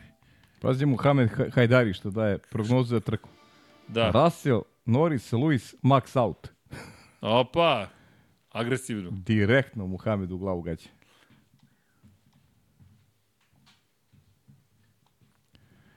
Šta bi još i ovaj, na treningu ja si sam još? za Rasela. I ti si za Russell. Da. Pa pazi. Znači ja sam kako za da Landa, pitanje ti si zvuka. za Russell. A ne znam za koga je gospodin Erceg. A, šta ste rekli? Ja sam rekao Lando, Mhm. a Deki kaže George. Ma šta ja ovde radim? Zašto me ovaj maltretira? Zašto si ti uopšte tu? A, da, ne, ne znam zašto me uopšte muči. Dostaviš ti vožnju za sledeći put, a? A, misliš? Vreme je da se ide kući. Pa ne, ne, ne, ne, nego... Ako Pa. ćeš da voziš, ajde, ali ako ćemo Pa evo, da... dobar sam. Evo nas, nego zaglavila se bila igrica, to se Aha. još nije desilo, makar ne meni. Evo ga, Texas, to ti kažem, pa iče. E, i sada pojačamo. Da publika može da čuje. Zvuk će biti eksterni.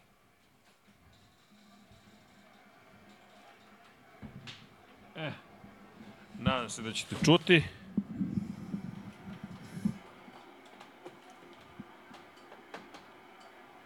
Go to track, flying left.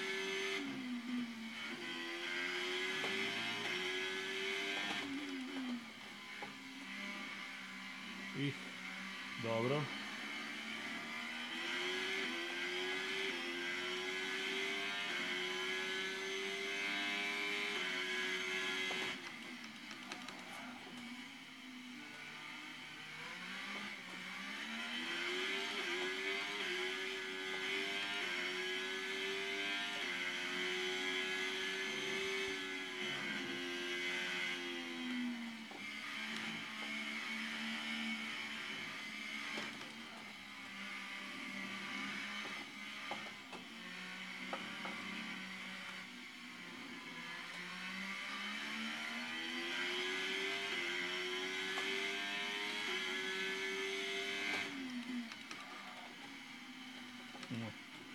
Dobro.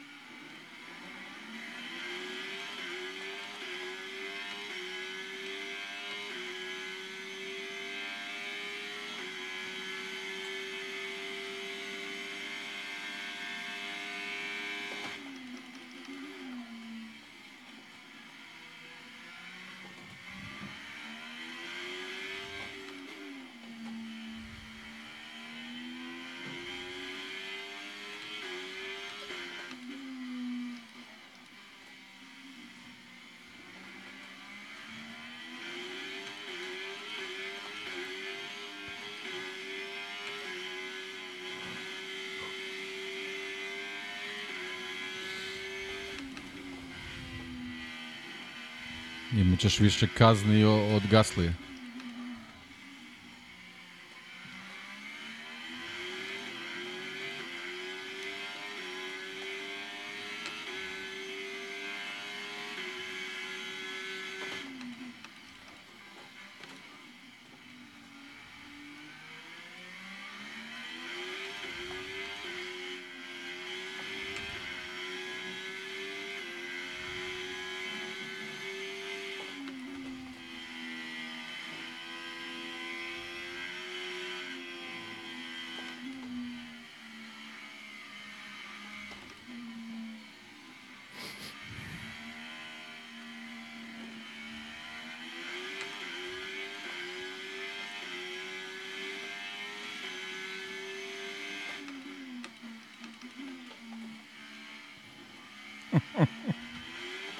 A, dobro.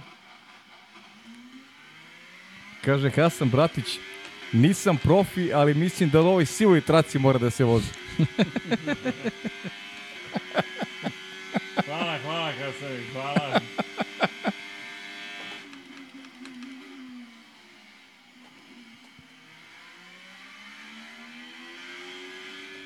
Muhamed Hajdari ima pitanje za vas dvojicu. Da, Kada će kosmos? deki, Kosmos je svuda oko nas. O, kada će kosmos? To je odlično kakva, pitanje. kakva politika za stolom? Diplomatija.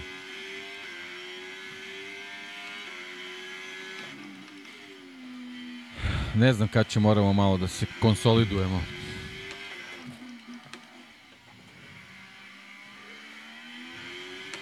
Evo ga, krug.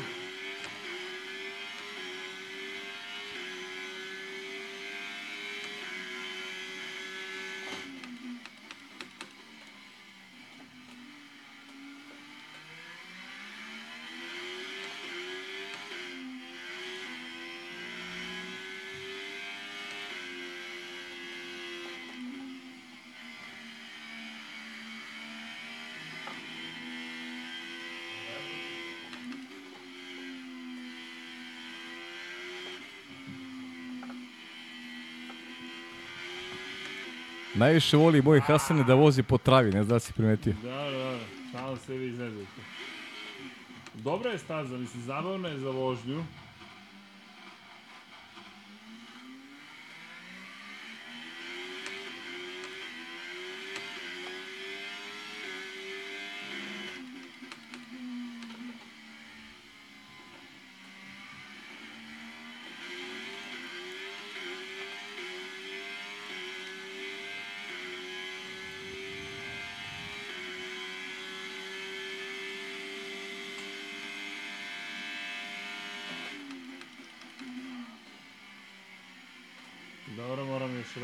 Kočim.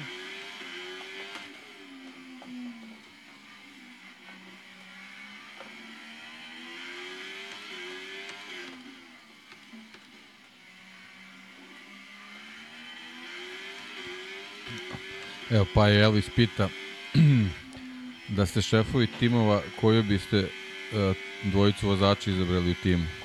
Verovatno u ovom trenutku od raspološivih vozača, pretpostavljam da je Da to. smo šefovi timova koje bismo dvojice vozača izabrali u timu. Uf, to je baš kompleksno pitanje.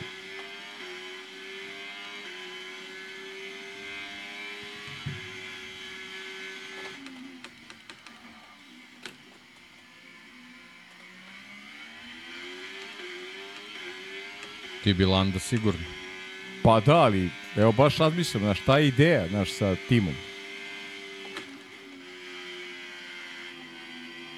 Da li da... Pa, iskreno ti kažem, ja, ja sam izabrao tim s početka godine, tako da neću ga menjati.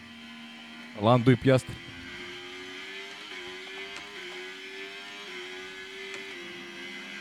Zavisi šta hoćeš od tima. Da.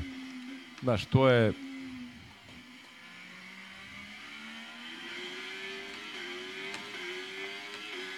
Max i Perez, to je sjajan tim.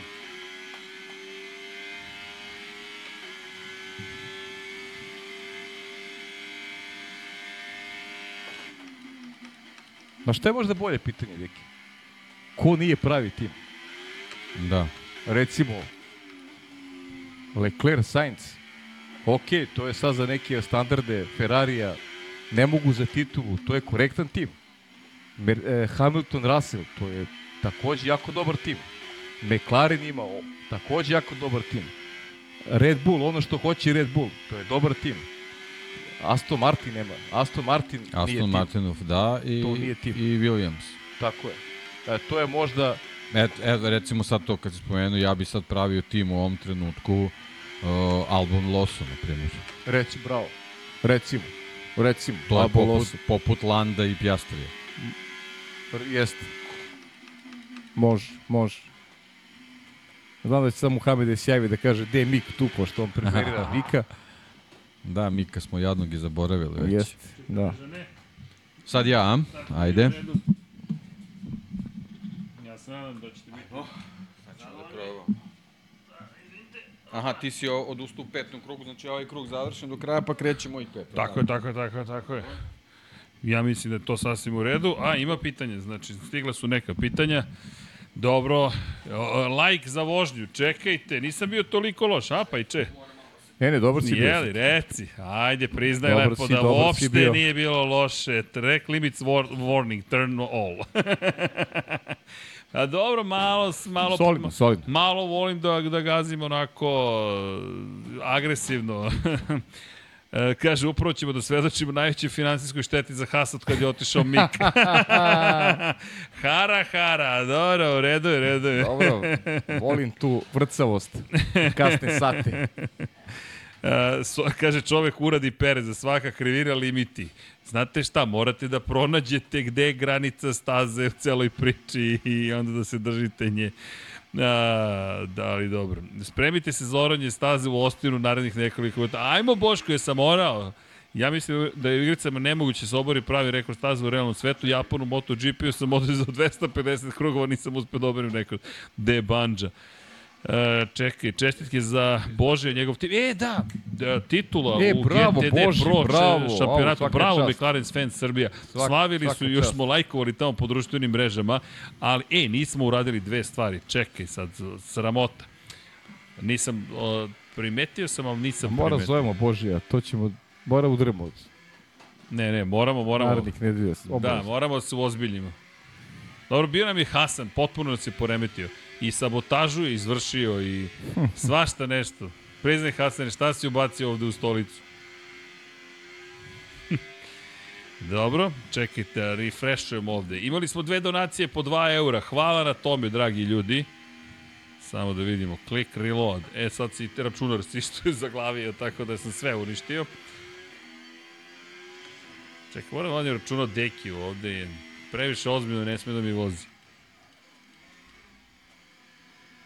Dobro, internet je otišao svojim putem, negde srećom, vi ste vlado na kablu.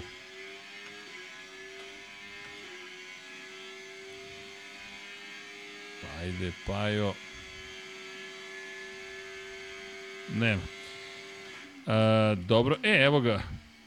Sova, Srki je previše gledao Perezov stil vožnje u poslednjim trkama, ali čovjek je donirao. Hvala najlepše. E, inače, Sena je prvi jedini pravi rockstar u Formuli 1 ikada Peja MD donirao 2, 2 eura. Hvala inače i Sovi na 500 dinara donacije. Ivan Vojsinović kaže Uh, Žil Luciena Andre Bianchi, najveći vozač da je njegov nesreće nateral Fio dovede Orel koliko života spasili svojim nesrećom. Ivane, ima istine u tome. To je još jedan od tih incidenata koji je zapravo promenio Formulu 1. Aurel zaista u poslednje vreme to je nevjerovatno koliko ljudi je spasao. Imali smo mi slične incidente i prethodnih godina, ali potpuno je nevjerovatno koliko puta smo videli Orel kako zapravo u celoj ovoj priči Evo i Dijek sad Učestvuje. spasio. Evo. A, Da, da, dobro. I ovako urika, kako se Max zaleće, znaš, ovako, kao povučeš kad autić povučeš unazad i pustiš ga. Ali ne odustaje. E, da, e, pozi Uroš Čuturilo šta pita. Kaže da. da možete da birate da vozite jednu sezonu. Da li biste vozili Formula 1 ili Moto Grand Prix? Au, Pa dobro, ja nemam dilemu. pa vidi, kad bih znao da vozim, je to pitanje? Pa dobro, naravno. pa ne znam sad. Ja bih voleo formulu, naravno. Kad, kad, hm. Dobro, pa je formula. Deki, bi vozio MotoGP ili formulu? Uh, Uf, pa kako sad, kako se odlučim? ne znam. Ja, ja stvarno ne, ne znam šta bih odgovorio na ovo pitanje. Pošto ne znam da... Vidiš, vidiš kako ne znam formulu. Sad ne, Da, misliš, a? Pa dobro, zamisli da, da znaš. da znamo i eto, to, to je pitanje. Samo pogledaj Tako moj krug pitanje. i tako izgleda kad znaš. To ti u principu šta ti je draže, da je manje više. Pa znam, ali ja meni to stvarno gotovo nemoguće da izaberem. Ne, stvarno ne znam. Da li bih vozio Formulu 1 ili Moto... Moto 3 šampionat. E, to bi bilo dobro. to bi bilo dobro, Moto 3 šampionat. Da se vozi.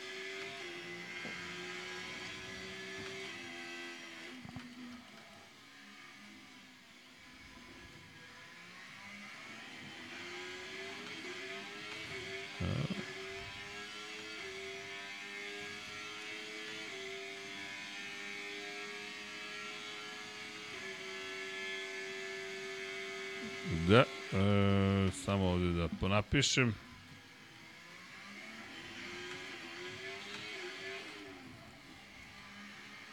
Da, evo pita, pita Miloš Vojsinović, Trki kada će knjiga o F1 šampionima.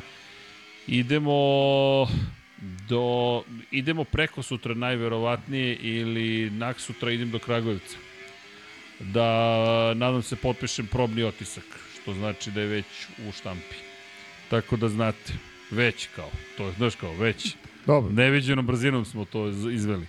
E, reci Dekiju da koristi DRS. Prvo čekajte da. da. da usmeri bolid gde, Zaboravljam gde to, treba, da. ali, ali šalimo se, Deki, da, DRS obavezno.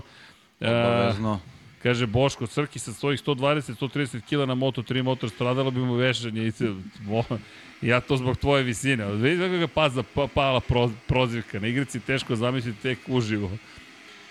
Srki, nisi rekao Pirelli da je potpisao ugovor do 2027. Jesmo, jesmo. jesmo, jesmo, rekli smo, jesmo. Ne znam sad u kom minutu. A, dobro je da ja nisam vežbao, zamisli da jesam. Deki očigledno nije već. Ili ovo namjerno radi. Ja, ja ne znam mislim da ja mislim da se zabavlja iskreno. O, ja, Možda pre, suviše mi sad da. već. Ajde da vidimo. Dobro. Ne, nego voli da vozi na potrošenim gumama, znaš.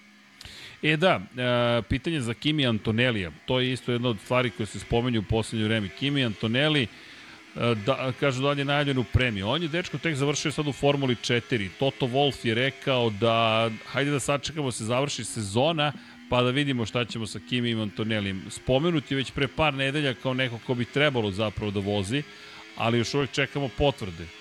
Tako da postoji velika šansa da ćemo ga vidjeti uskoro u, u nižim još uvijek kategorijama formule, samo još ne znamo tačno kada. Ali za Kimi Antonelija da, Jagma je već sada i iz perspektive priprema čekamo eto jednog novog Kimija. Ovo je bio Dekijev uzdah. Deki vozi u kontrasmeru. Dobro, nije...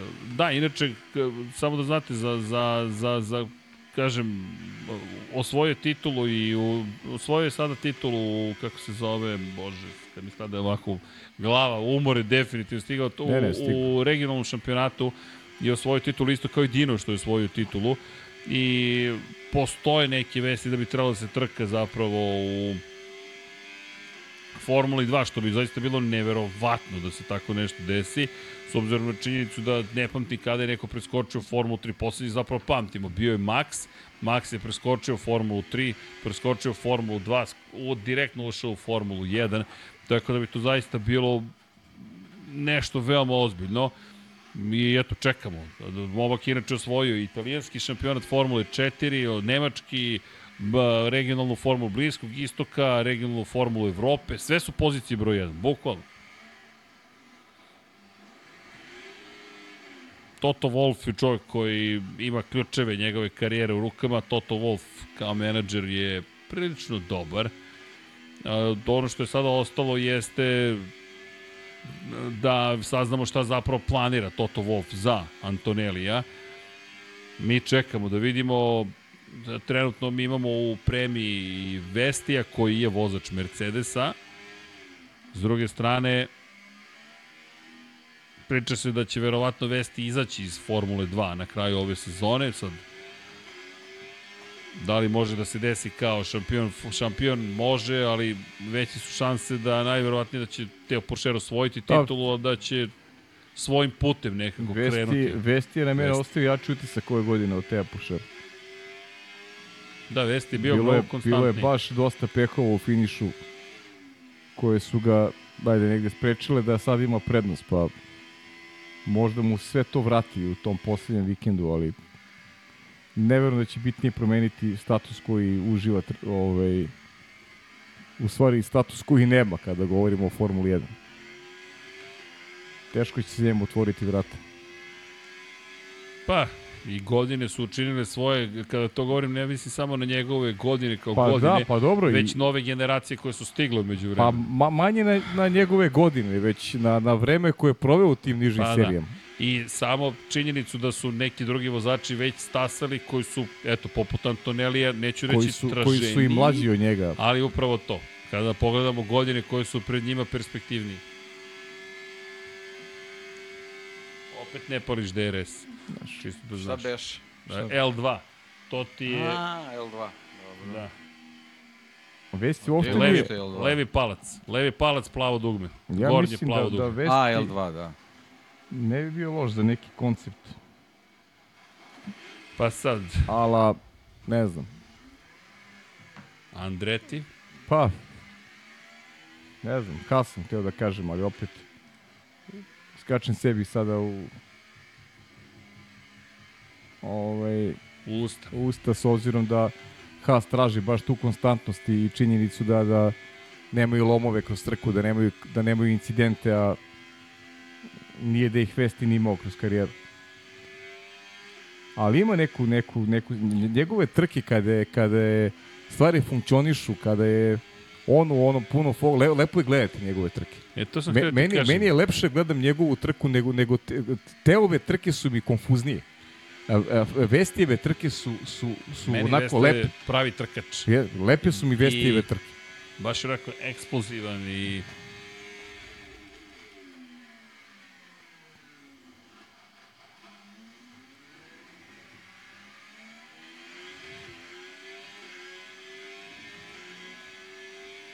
Извини, пратим овде Декија. Уф. Ах. Umoran sam danas za Texas definitivno. Potpuno drugačiji stilovi vožnje. To mi je zanimljivo. Ovo nije vožnja. A dobro. Možda je stil, ali vožnja nije. A, stil nikad ne izlazi iz mode.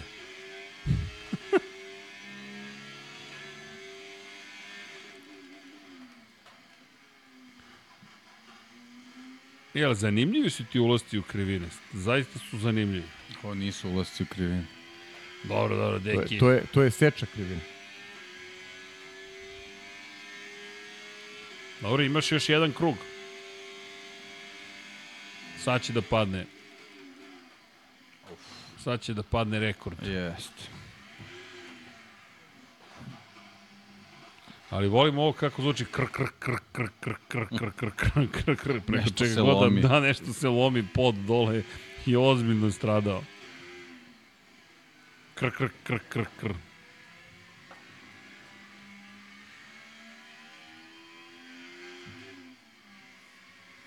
Dobro, Deki, trudiš se. Deki obara rekord Mazepina po broju spinova u trkama. Sova je donirao čovjek još 500 dinara. Vozi, Deki, vozi. Deki slavi Maksovu titulu. da, da, i HRM kaže Deki slavi osvajanje titule. E, Boško, da li Beganović ostaje F3? Po onome što znamo, ostaje Da. u Formuli 3. Botas ili Perez, Elvis Šarić, jednostavno pitanje. Koga biramo A, za ekipu? Za ekipu šta, Red Bulla? Pa ne znam, generalno, samo pitanje Botas ili Perez. Za Red Bull Perez, a meni, meni Bottas ove godine, doduše malo sad se popravio ovaj, veći deo sezone mi je izgledao kao da, da nije zainteresovan previše za ono što se dešava.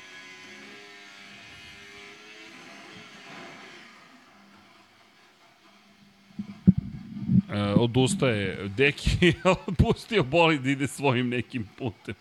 A bar parkiraj Deki se tamo taj has. Krok, krok, krok, krok, krok, krok, krok, krok, aha, hoćeš da parkiraš gde treba. kaže penzioner, kaže kako voze Van staziju naskoro bi dobili kaznu. E sad. E. Deki, mislim da si parkirao, mislim da je to to. Mislim da je dovoljno. Da, da, da, da. da.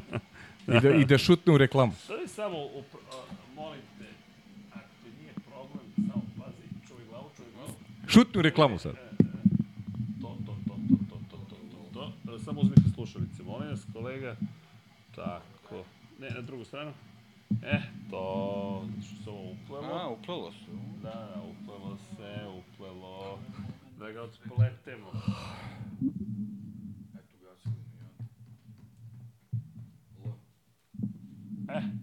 Tako, to bi bila vožnja za večeras. Znači, eh, ja sam...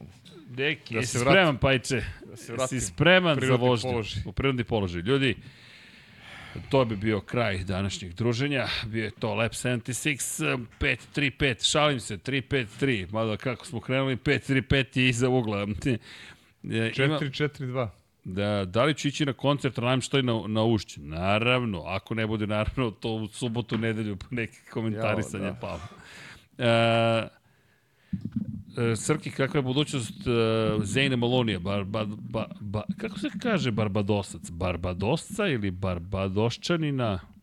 Tako sigurno ne. Pa ne znam. Barbadožanina? Barbado... Ajmo da se vratimo na suštinu. Budućnost kakva je je lepa, budućnost? budućnost Jeste. je lepa ako govorimo isključivo o njegovim kvalitetima. A kakvu on prohodnost možda ima dalje, koliko se računa, to je nešto što mi ne znamo, ali kvalitet posjeduje nesporno. I stavljamo ga u koš. To je ta generacija. Berman, Maloni, Isa Hadjar. Možda Isa Hadjar ove godine nije pokazao uh, onako put potencijala, ali, ali, ali ga ima, očigledno. I, i eto, na, na, na ta tri momka vredi obratiti pažnju. Nisu jedini svako. Evo i Bortoleto koji se pojavio u Formuli 3 osvoje tako ubedljivo šampionsku titulu da vredi sad da, da vidimo da li može Bortoleto da uradi ono što su uradili recimo Russell, Leclerc kada su ujedinili titulu u Formuli 3 i Formuli 2, a delo ima i da ima kvalitet da, da, da sledeće godine Uh, nadam se da se neće ponoviti Denis Hauger u njegovom slučaju. Osvojena suvereno Formula 3 po Formuli 2, evo, Tavori, bukvalno nije, nije u nekom fokusu.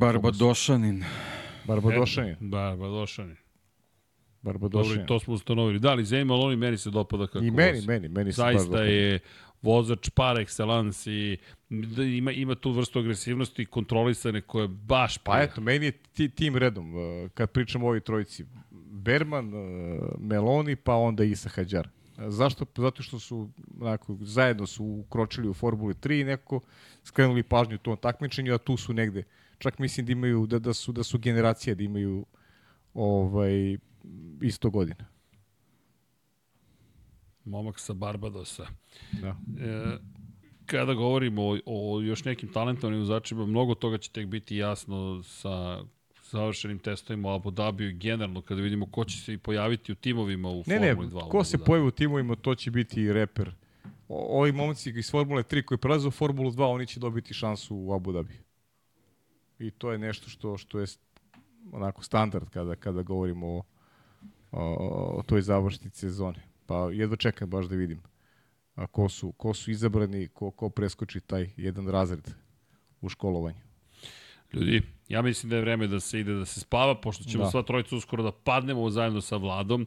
E, obično smo budni ovo vreme, ali čisto da, da, da, da napomenem par stvari, trenutno smo hiperaktivni oko novog prostora, studija i svega i onda ustajemo od jutra do sutra manje više.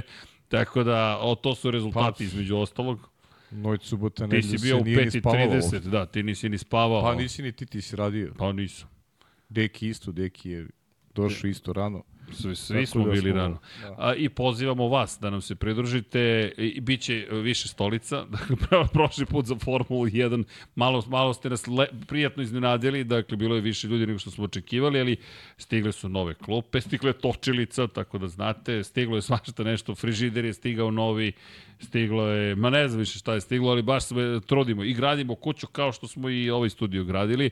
Dakle, jedno po jedno, neke nove avanture naše, pa eto, podržite nas i, i ono što je bitno da vam kažemo za vikend, ljudi da znate, bit će vam toplo ukoliko da, to, to da znate, da, bit će vam i toplo. Ovaj. Da, bit će i toplo, pošto je zima polako, ali sigurno Pa stigla. stiže, dakle, dakle ovaj, bit će u, u, ugodno, ugodno zagledati. Eto, Tako je. To. Trudimo se da naučimo sve ideje, predloge, kritike koje imate, samo nam pošaljite da i mi znamo kako da budemo bolji. Šta da vam kažemo, nego da vam hvala za pažnju i za lepo provedeno vreme. Stiže nam velika nagrada Sjedinih američkih država, vidjet ćemo da li će Max pobediti, da li će se možda pojaviti McLareni, Mercedesi, Ferrari, ko će to učestvovati. Ima zanimljivi bitka dole za niže, za niže pozicije, nismo je ni spomenuli nekako i mnogo pažnje odvukla bitka za vodeće pozicije s pravom, rekao bih, ali svakako tu ćemo gledati duel, zanimljivo i vidjeti Daniel Ricardo koji će formi biti. I samo da napomenemo da će Liam Lawson nastaviti svoju bitku za titulu šampiona u Super Formuli, vraća se u Japan, tako da eto pratimo Novo Zelandjanina. Mi se nadamo da vi pratite nas i na društvenim smo mrežama, kliknite like, share, subscribe, sve ostale stvari. Pre svega mazite se i pazite se i budite dobri jedni prema drugima i prema sebi. Devojke, meseci borbe protiv raka dojke, to je podižemo svest o borbi protiv raka dojke, pa vas pozivamo u to ime da se prekontrolišete i ne samo to, dakle, ukoliko nešto otkriti, odete kod lekara i proverite se, ukoliko se ustanovi na vreme, može da se izleči kancer na dojke, naravno, za to vas i molimo da uradite samo kontrolu, to se ne oseti tek tako, dakle, nažalost, tek kontrolom fizičkom možete da ustanovite, često obično ne boli ništa i zato se i molim i zato i nosimo roze majice da eto uradite nešto za sebe, samim tim i za sve nas, pa hvala vam na tome, a svim ostalima poželimo što da vam kažemo, le, vodite takođe, vodite račun o sebi, laku noć, lepe snove, sanjate trku Formule 1, nećete morati mnogo da sanjate, već od petka krećemo, trening, kvalifikacije, pa potom u subotu kvalifikacije za sprint, sprint i onda trka naravno u nedelju. Ko voli Moto Grand Prix, velika nagrada Australije, jedna od najboljih staza koje možemo da zamislimo i postavimo. Deki ja se sutra družimo od 8 časova i 15 minuta. Lab 76 broj 350 i maždovito 4. Tako da budite spremni, budite sa nama. Mi vas pozdravljamo ime cele ekipe Lab 76 Infinity Lighthouse. Danas nije bilo nikog od gosti. Ovo je prvi put posle mnogo nedelja i potpuno je zbunjujući da je ovako prazno, ali moram priznati da je zabavno biti sa vama trojicom. Ne znam da li je zabavno, ali okay, zabavno je. Ajte. Zabavno je biti, mada padaju mi na pamet i bolje mesto. Šalim se, ovo je najbolje mesto večeras, ponedljak veče, 9, zna se šta se radi, gleda se Lab 76 i ne smeta se za Ligu šampiona, sutra ću Dekiju da smetam, ili se sutra Liga šampiona? Ili nešto? Nemam ne, pojma, nije, nije, ne protim ja to. Ne. Igraju se kvalifikacije. Sva trojica su me pogledali, šta priča ovaj čovjek. Ne znam ja šta se događa, ali dobro, vlada, vladu već počinjem da nerviram, on će me uputiti u, u tajne futbala. Ali, umeđu vremenu će mislim i zahvaliti ljudima koji nas podržavaju patreon.com kroz Infinity Lighthouse. Join takođe tog me pomaže shop.infinitylighthouse.com. Ljudi, hvala još jednom. A sada, Vlado, da pročitamo imena svih dragih ljudi koji doto podržavaju. Inače, samo ti napomenem, u objektivu kamere bi odraz Kimija Rejkonena celo veče i gledam Kimija, gleda Kimi mene. Da se razumemo, dakle, bukvalno si tako knjigu stavio da gledam Kimija u objektivu celu noć. I moram ti reći da izgleda zastrašujuće. Tako si ih hteo, ledeni da me posmatra. Vlado, udri. Hvala Nemenja Jeremić, Mirena Kovačević, Marko Radanović, Miloš Todorov, Lazar Pejović, Vladimir Uskoković, Dejan Đokić, Mihajlo Krgović, Marko Kozić, Branimir Kovačev, Aleksa Vučaj, Kovačević Omer, Stefan Radosavljević, Ivana, Andrej Božo, Đole Kube 4, Milence Babino Pilajče, Đole Cheesehead, da žena ne sazna, Bogdan Uzelac, Antonio Novak, Vlada Ivanović, Ognjen Grgur, Mladen Krstić, Nikola Stojanović, Dušan Ristić, Branislav Milošević, Milan Nešković, Ljubo Đurović, Alen Stojčić, Dragan Nikolovski, Goša 46, Predrag Pižurica, Vladidov Dejv, Sead Šantić, Nikola Grujičić, Bojan Bogdanović, Zoltan Mezeji, Miloš Radosavljević, LFC, Neđo Mališić, Branimir Rijevec, Marko Mostarac, Jasmina Pešić, Vučinić Miroslav, Dušan Delić, Anonimus, Donatorus, Ružica Stefanović, Strahinja Blagović, Borko Božunović, Ivan Rečević, Salim Okanović, Živojin Petković, Ivan Toškov, Vuk Korać, Lazar Hristov, Lukas, Miloš Banduka, Dimitrije Mišić, Marin Antunović, Jugoslav Krasnić, Kimi Rajkonen, Andreja Miladinović, Igor Vučković, Nemanja Labović, Stefan Stanković, Nikola Milosavljević, Jasenko Samarđić, Miloš Rašić, Vukašin Vučerović, Marko Marković, Stefan Ličina, Luka Klaso, Jeca N. Stefan, Nemanja Zagorac, Aleksandar Mitrović, Šefko Ćehić, Crnogorski džedaj, Milan Apro, Bojan Mijatović, Vladimir Filipović, Deus Nikola, Jovan Đodan, Safet Isljami, Matija Binotto, Veselin Vukićević, Predrag Simić, Ivan Maksimović, Danijela Ilić, Nenad Pantelić, Stevan Zekanović, Sava Dugi, Josip Kovačić, Aleksandar Milosavljević, Marko Kostić, Zorana Vidić, Vukašin Jekić, Ognjen Marinković, Monika Erceg, Đorđe Radojević, Peđa Janković, Nikola E, Miloš Rosandić, Igor Jankovski, Simović Sarajevo, Ivan Cigir, Tijana Vidanović, Branislav Kovačević, Milan, Miloš Broćeta, Branislav Marković, Zoran Šalamun, Boris Golubar, Renata Neš, Đorđe Andrić, Nemanja Miloradović, Aleksandar Čučković, Anonimus, Donatorus, Dragan Matić, Jelena Veljković, Mlađan Antić, Milan Kića, Blufonac, Čigi Pao, Dorijan Kablar, Danka, Branislav Dević, Miroslav Cvetić, Boris Kujundžić, Vamblisapa, Bata Brada, Klara Gašpar, Stefan Lešnjak, Milan Ristić, Armin, Luka Martinović, Darko Trajković, Nedim, Saša Ranisavljević, Tina i Ilija, Hrvoje Lovrić, Jelena Jeremić, Alen Vuletić, Inzulin 13, Vladimir Mutić, Ferenc Laslofi, Matej Sopta, Mihovil Stamičar, Andrija Todorović, Marko Blagojević, Aleksandar, Klub štovatelja Ramona Mjereza, Stefan Janković, Ivan Simeunović, Mladen Mladenović, Jugoslav Ilić, Zoran Majdov, Nedim Drljević, Optimistik Josh Allen Fan, Ivan Rebac, Benjo KK, Armin Durgut, Miloš Vuletić, Srđan Sivić, Ante Primorac, Aleksandar Anđelić, Stefan Prijović, Marko Ćurčić, Đole Bronkos, Novak Tomić, Nikola Marinković, Andreja Branković, Aleksandar Antonović, Aleksa Valter, Stefan Milošević, Đerman, Katarina, Toni Ruščić, Ivica, Dejan Vujović, Nenad Đorđević, Andreja, Branko Bisački, Gloria Edson, Aca Vizla, Dejan Avić, Daniel Kolobarić, Ognjen Ungurjanović, Milan Milašević, Đorđe Đukić, Boris Erceg, Luka Savović, Stefan Nedeljković, Dejan Janić, Šmele, Vladan Miladinović, Ivan Milatović, Nemanja, Vanja Radulović, Vojin Kostić, Mladen Tešić, Aleksa Jelić, Luka Manitašević, Damjan Veljanoski, Luka, Stefan Vuletić, Bogdan Mitrović, Stefan Dulić, Zlatko Vasić, Aleksandar Bobić, Boris Gvozden, Nenad Simić, Sean Hing, Đorđije Lopušina, Mario Jelena Komšić, Stefan Vidić, Marko Petrekanović,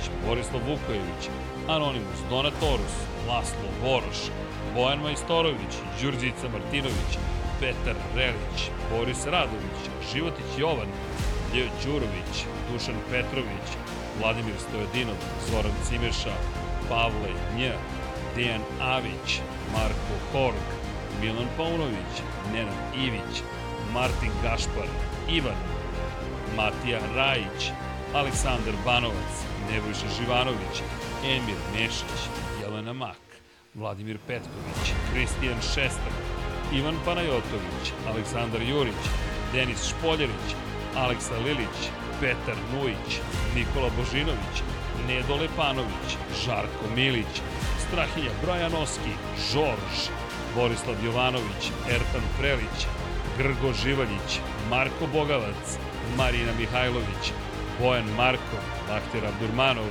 Mirina Živković, Aleksandar Radivojša, Vladimir Jovanović, Igor Gašparević, Mario Vidović, Filip, Marko Trkulja, Andrej Bicok, Ivan Maja Stanković, Ada Sokolović, Ivan Vujasinović, Igor Ilić, Marakos, Sadam Mehmedović, Nemanja Miloradović, Dinstero, Aleks Vulović, Bojan Markov, Vladan Đurić, Bruno Jurić, Tomić Miloš, Đorđe Janjić, Marko Lučić, Ejhil, Blagoj Ačevski, Milan Knežević, Ivan Božanić, Anonimus Donatorus, Tatjana Lemajić, Zoran Baka, Future Graciano Rossi, Ivan Hornjak, Marko Stojilković, Uroš Ćosić, Vladimir Subotić, Aleksandar Kockar, Zlatko Marić, Nikola Božović, Marko Jevtić, Oliver Nikolić, Vlada Ivanović, Jovan Bojanić, Ivan Magdelinić,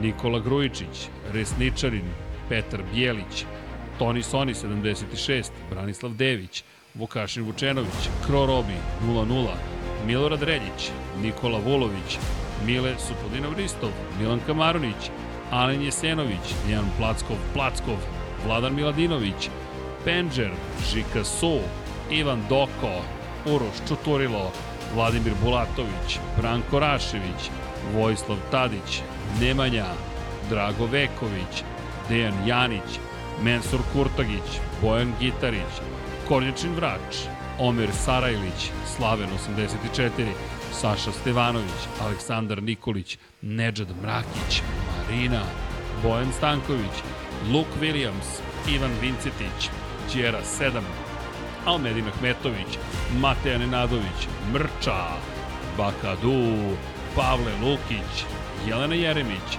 Miloš Stanimirović, Ivana Vesković, Kaleksić, Edin Ustavnić, Nikola Adamović, Miloš Zed, LFC, Srđan Ćirić, Nemanja Cimbaljević, Predrag Zec, Marko Bogavac, Mađar 007, Vuk, Domagoj Kovač, Stefan Škrbić, Igor Ninić, Nikola Niksi, Aleksandar P, Škundra, Pujo, Nikola Grđan, Aleksandar Stojković, Almir Vuk i Nemanja Bračko.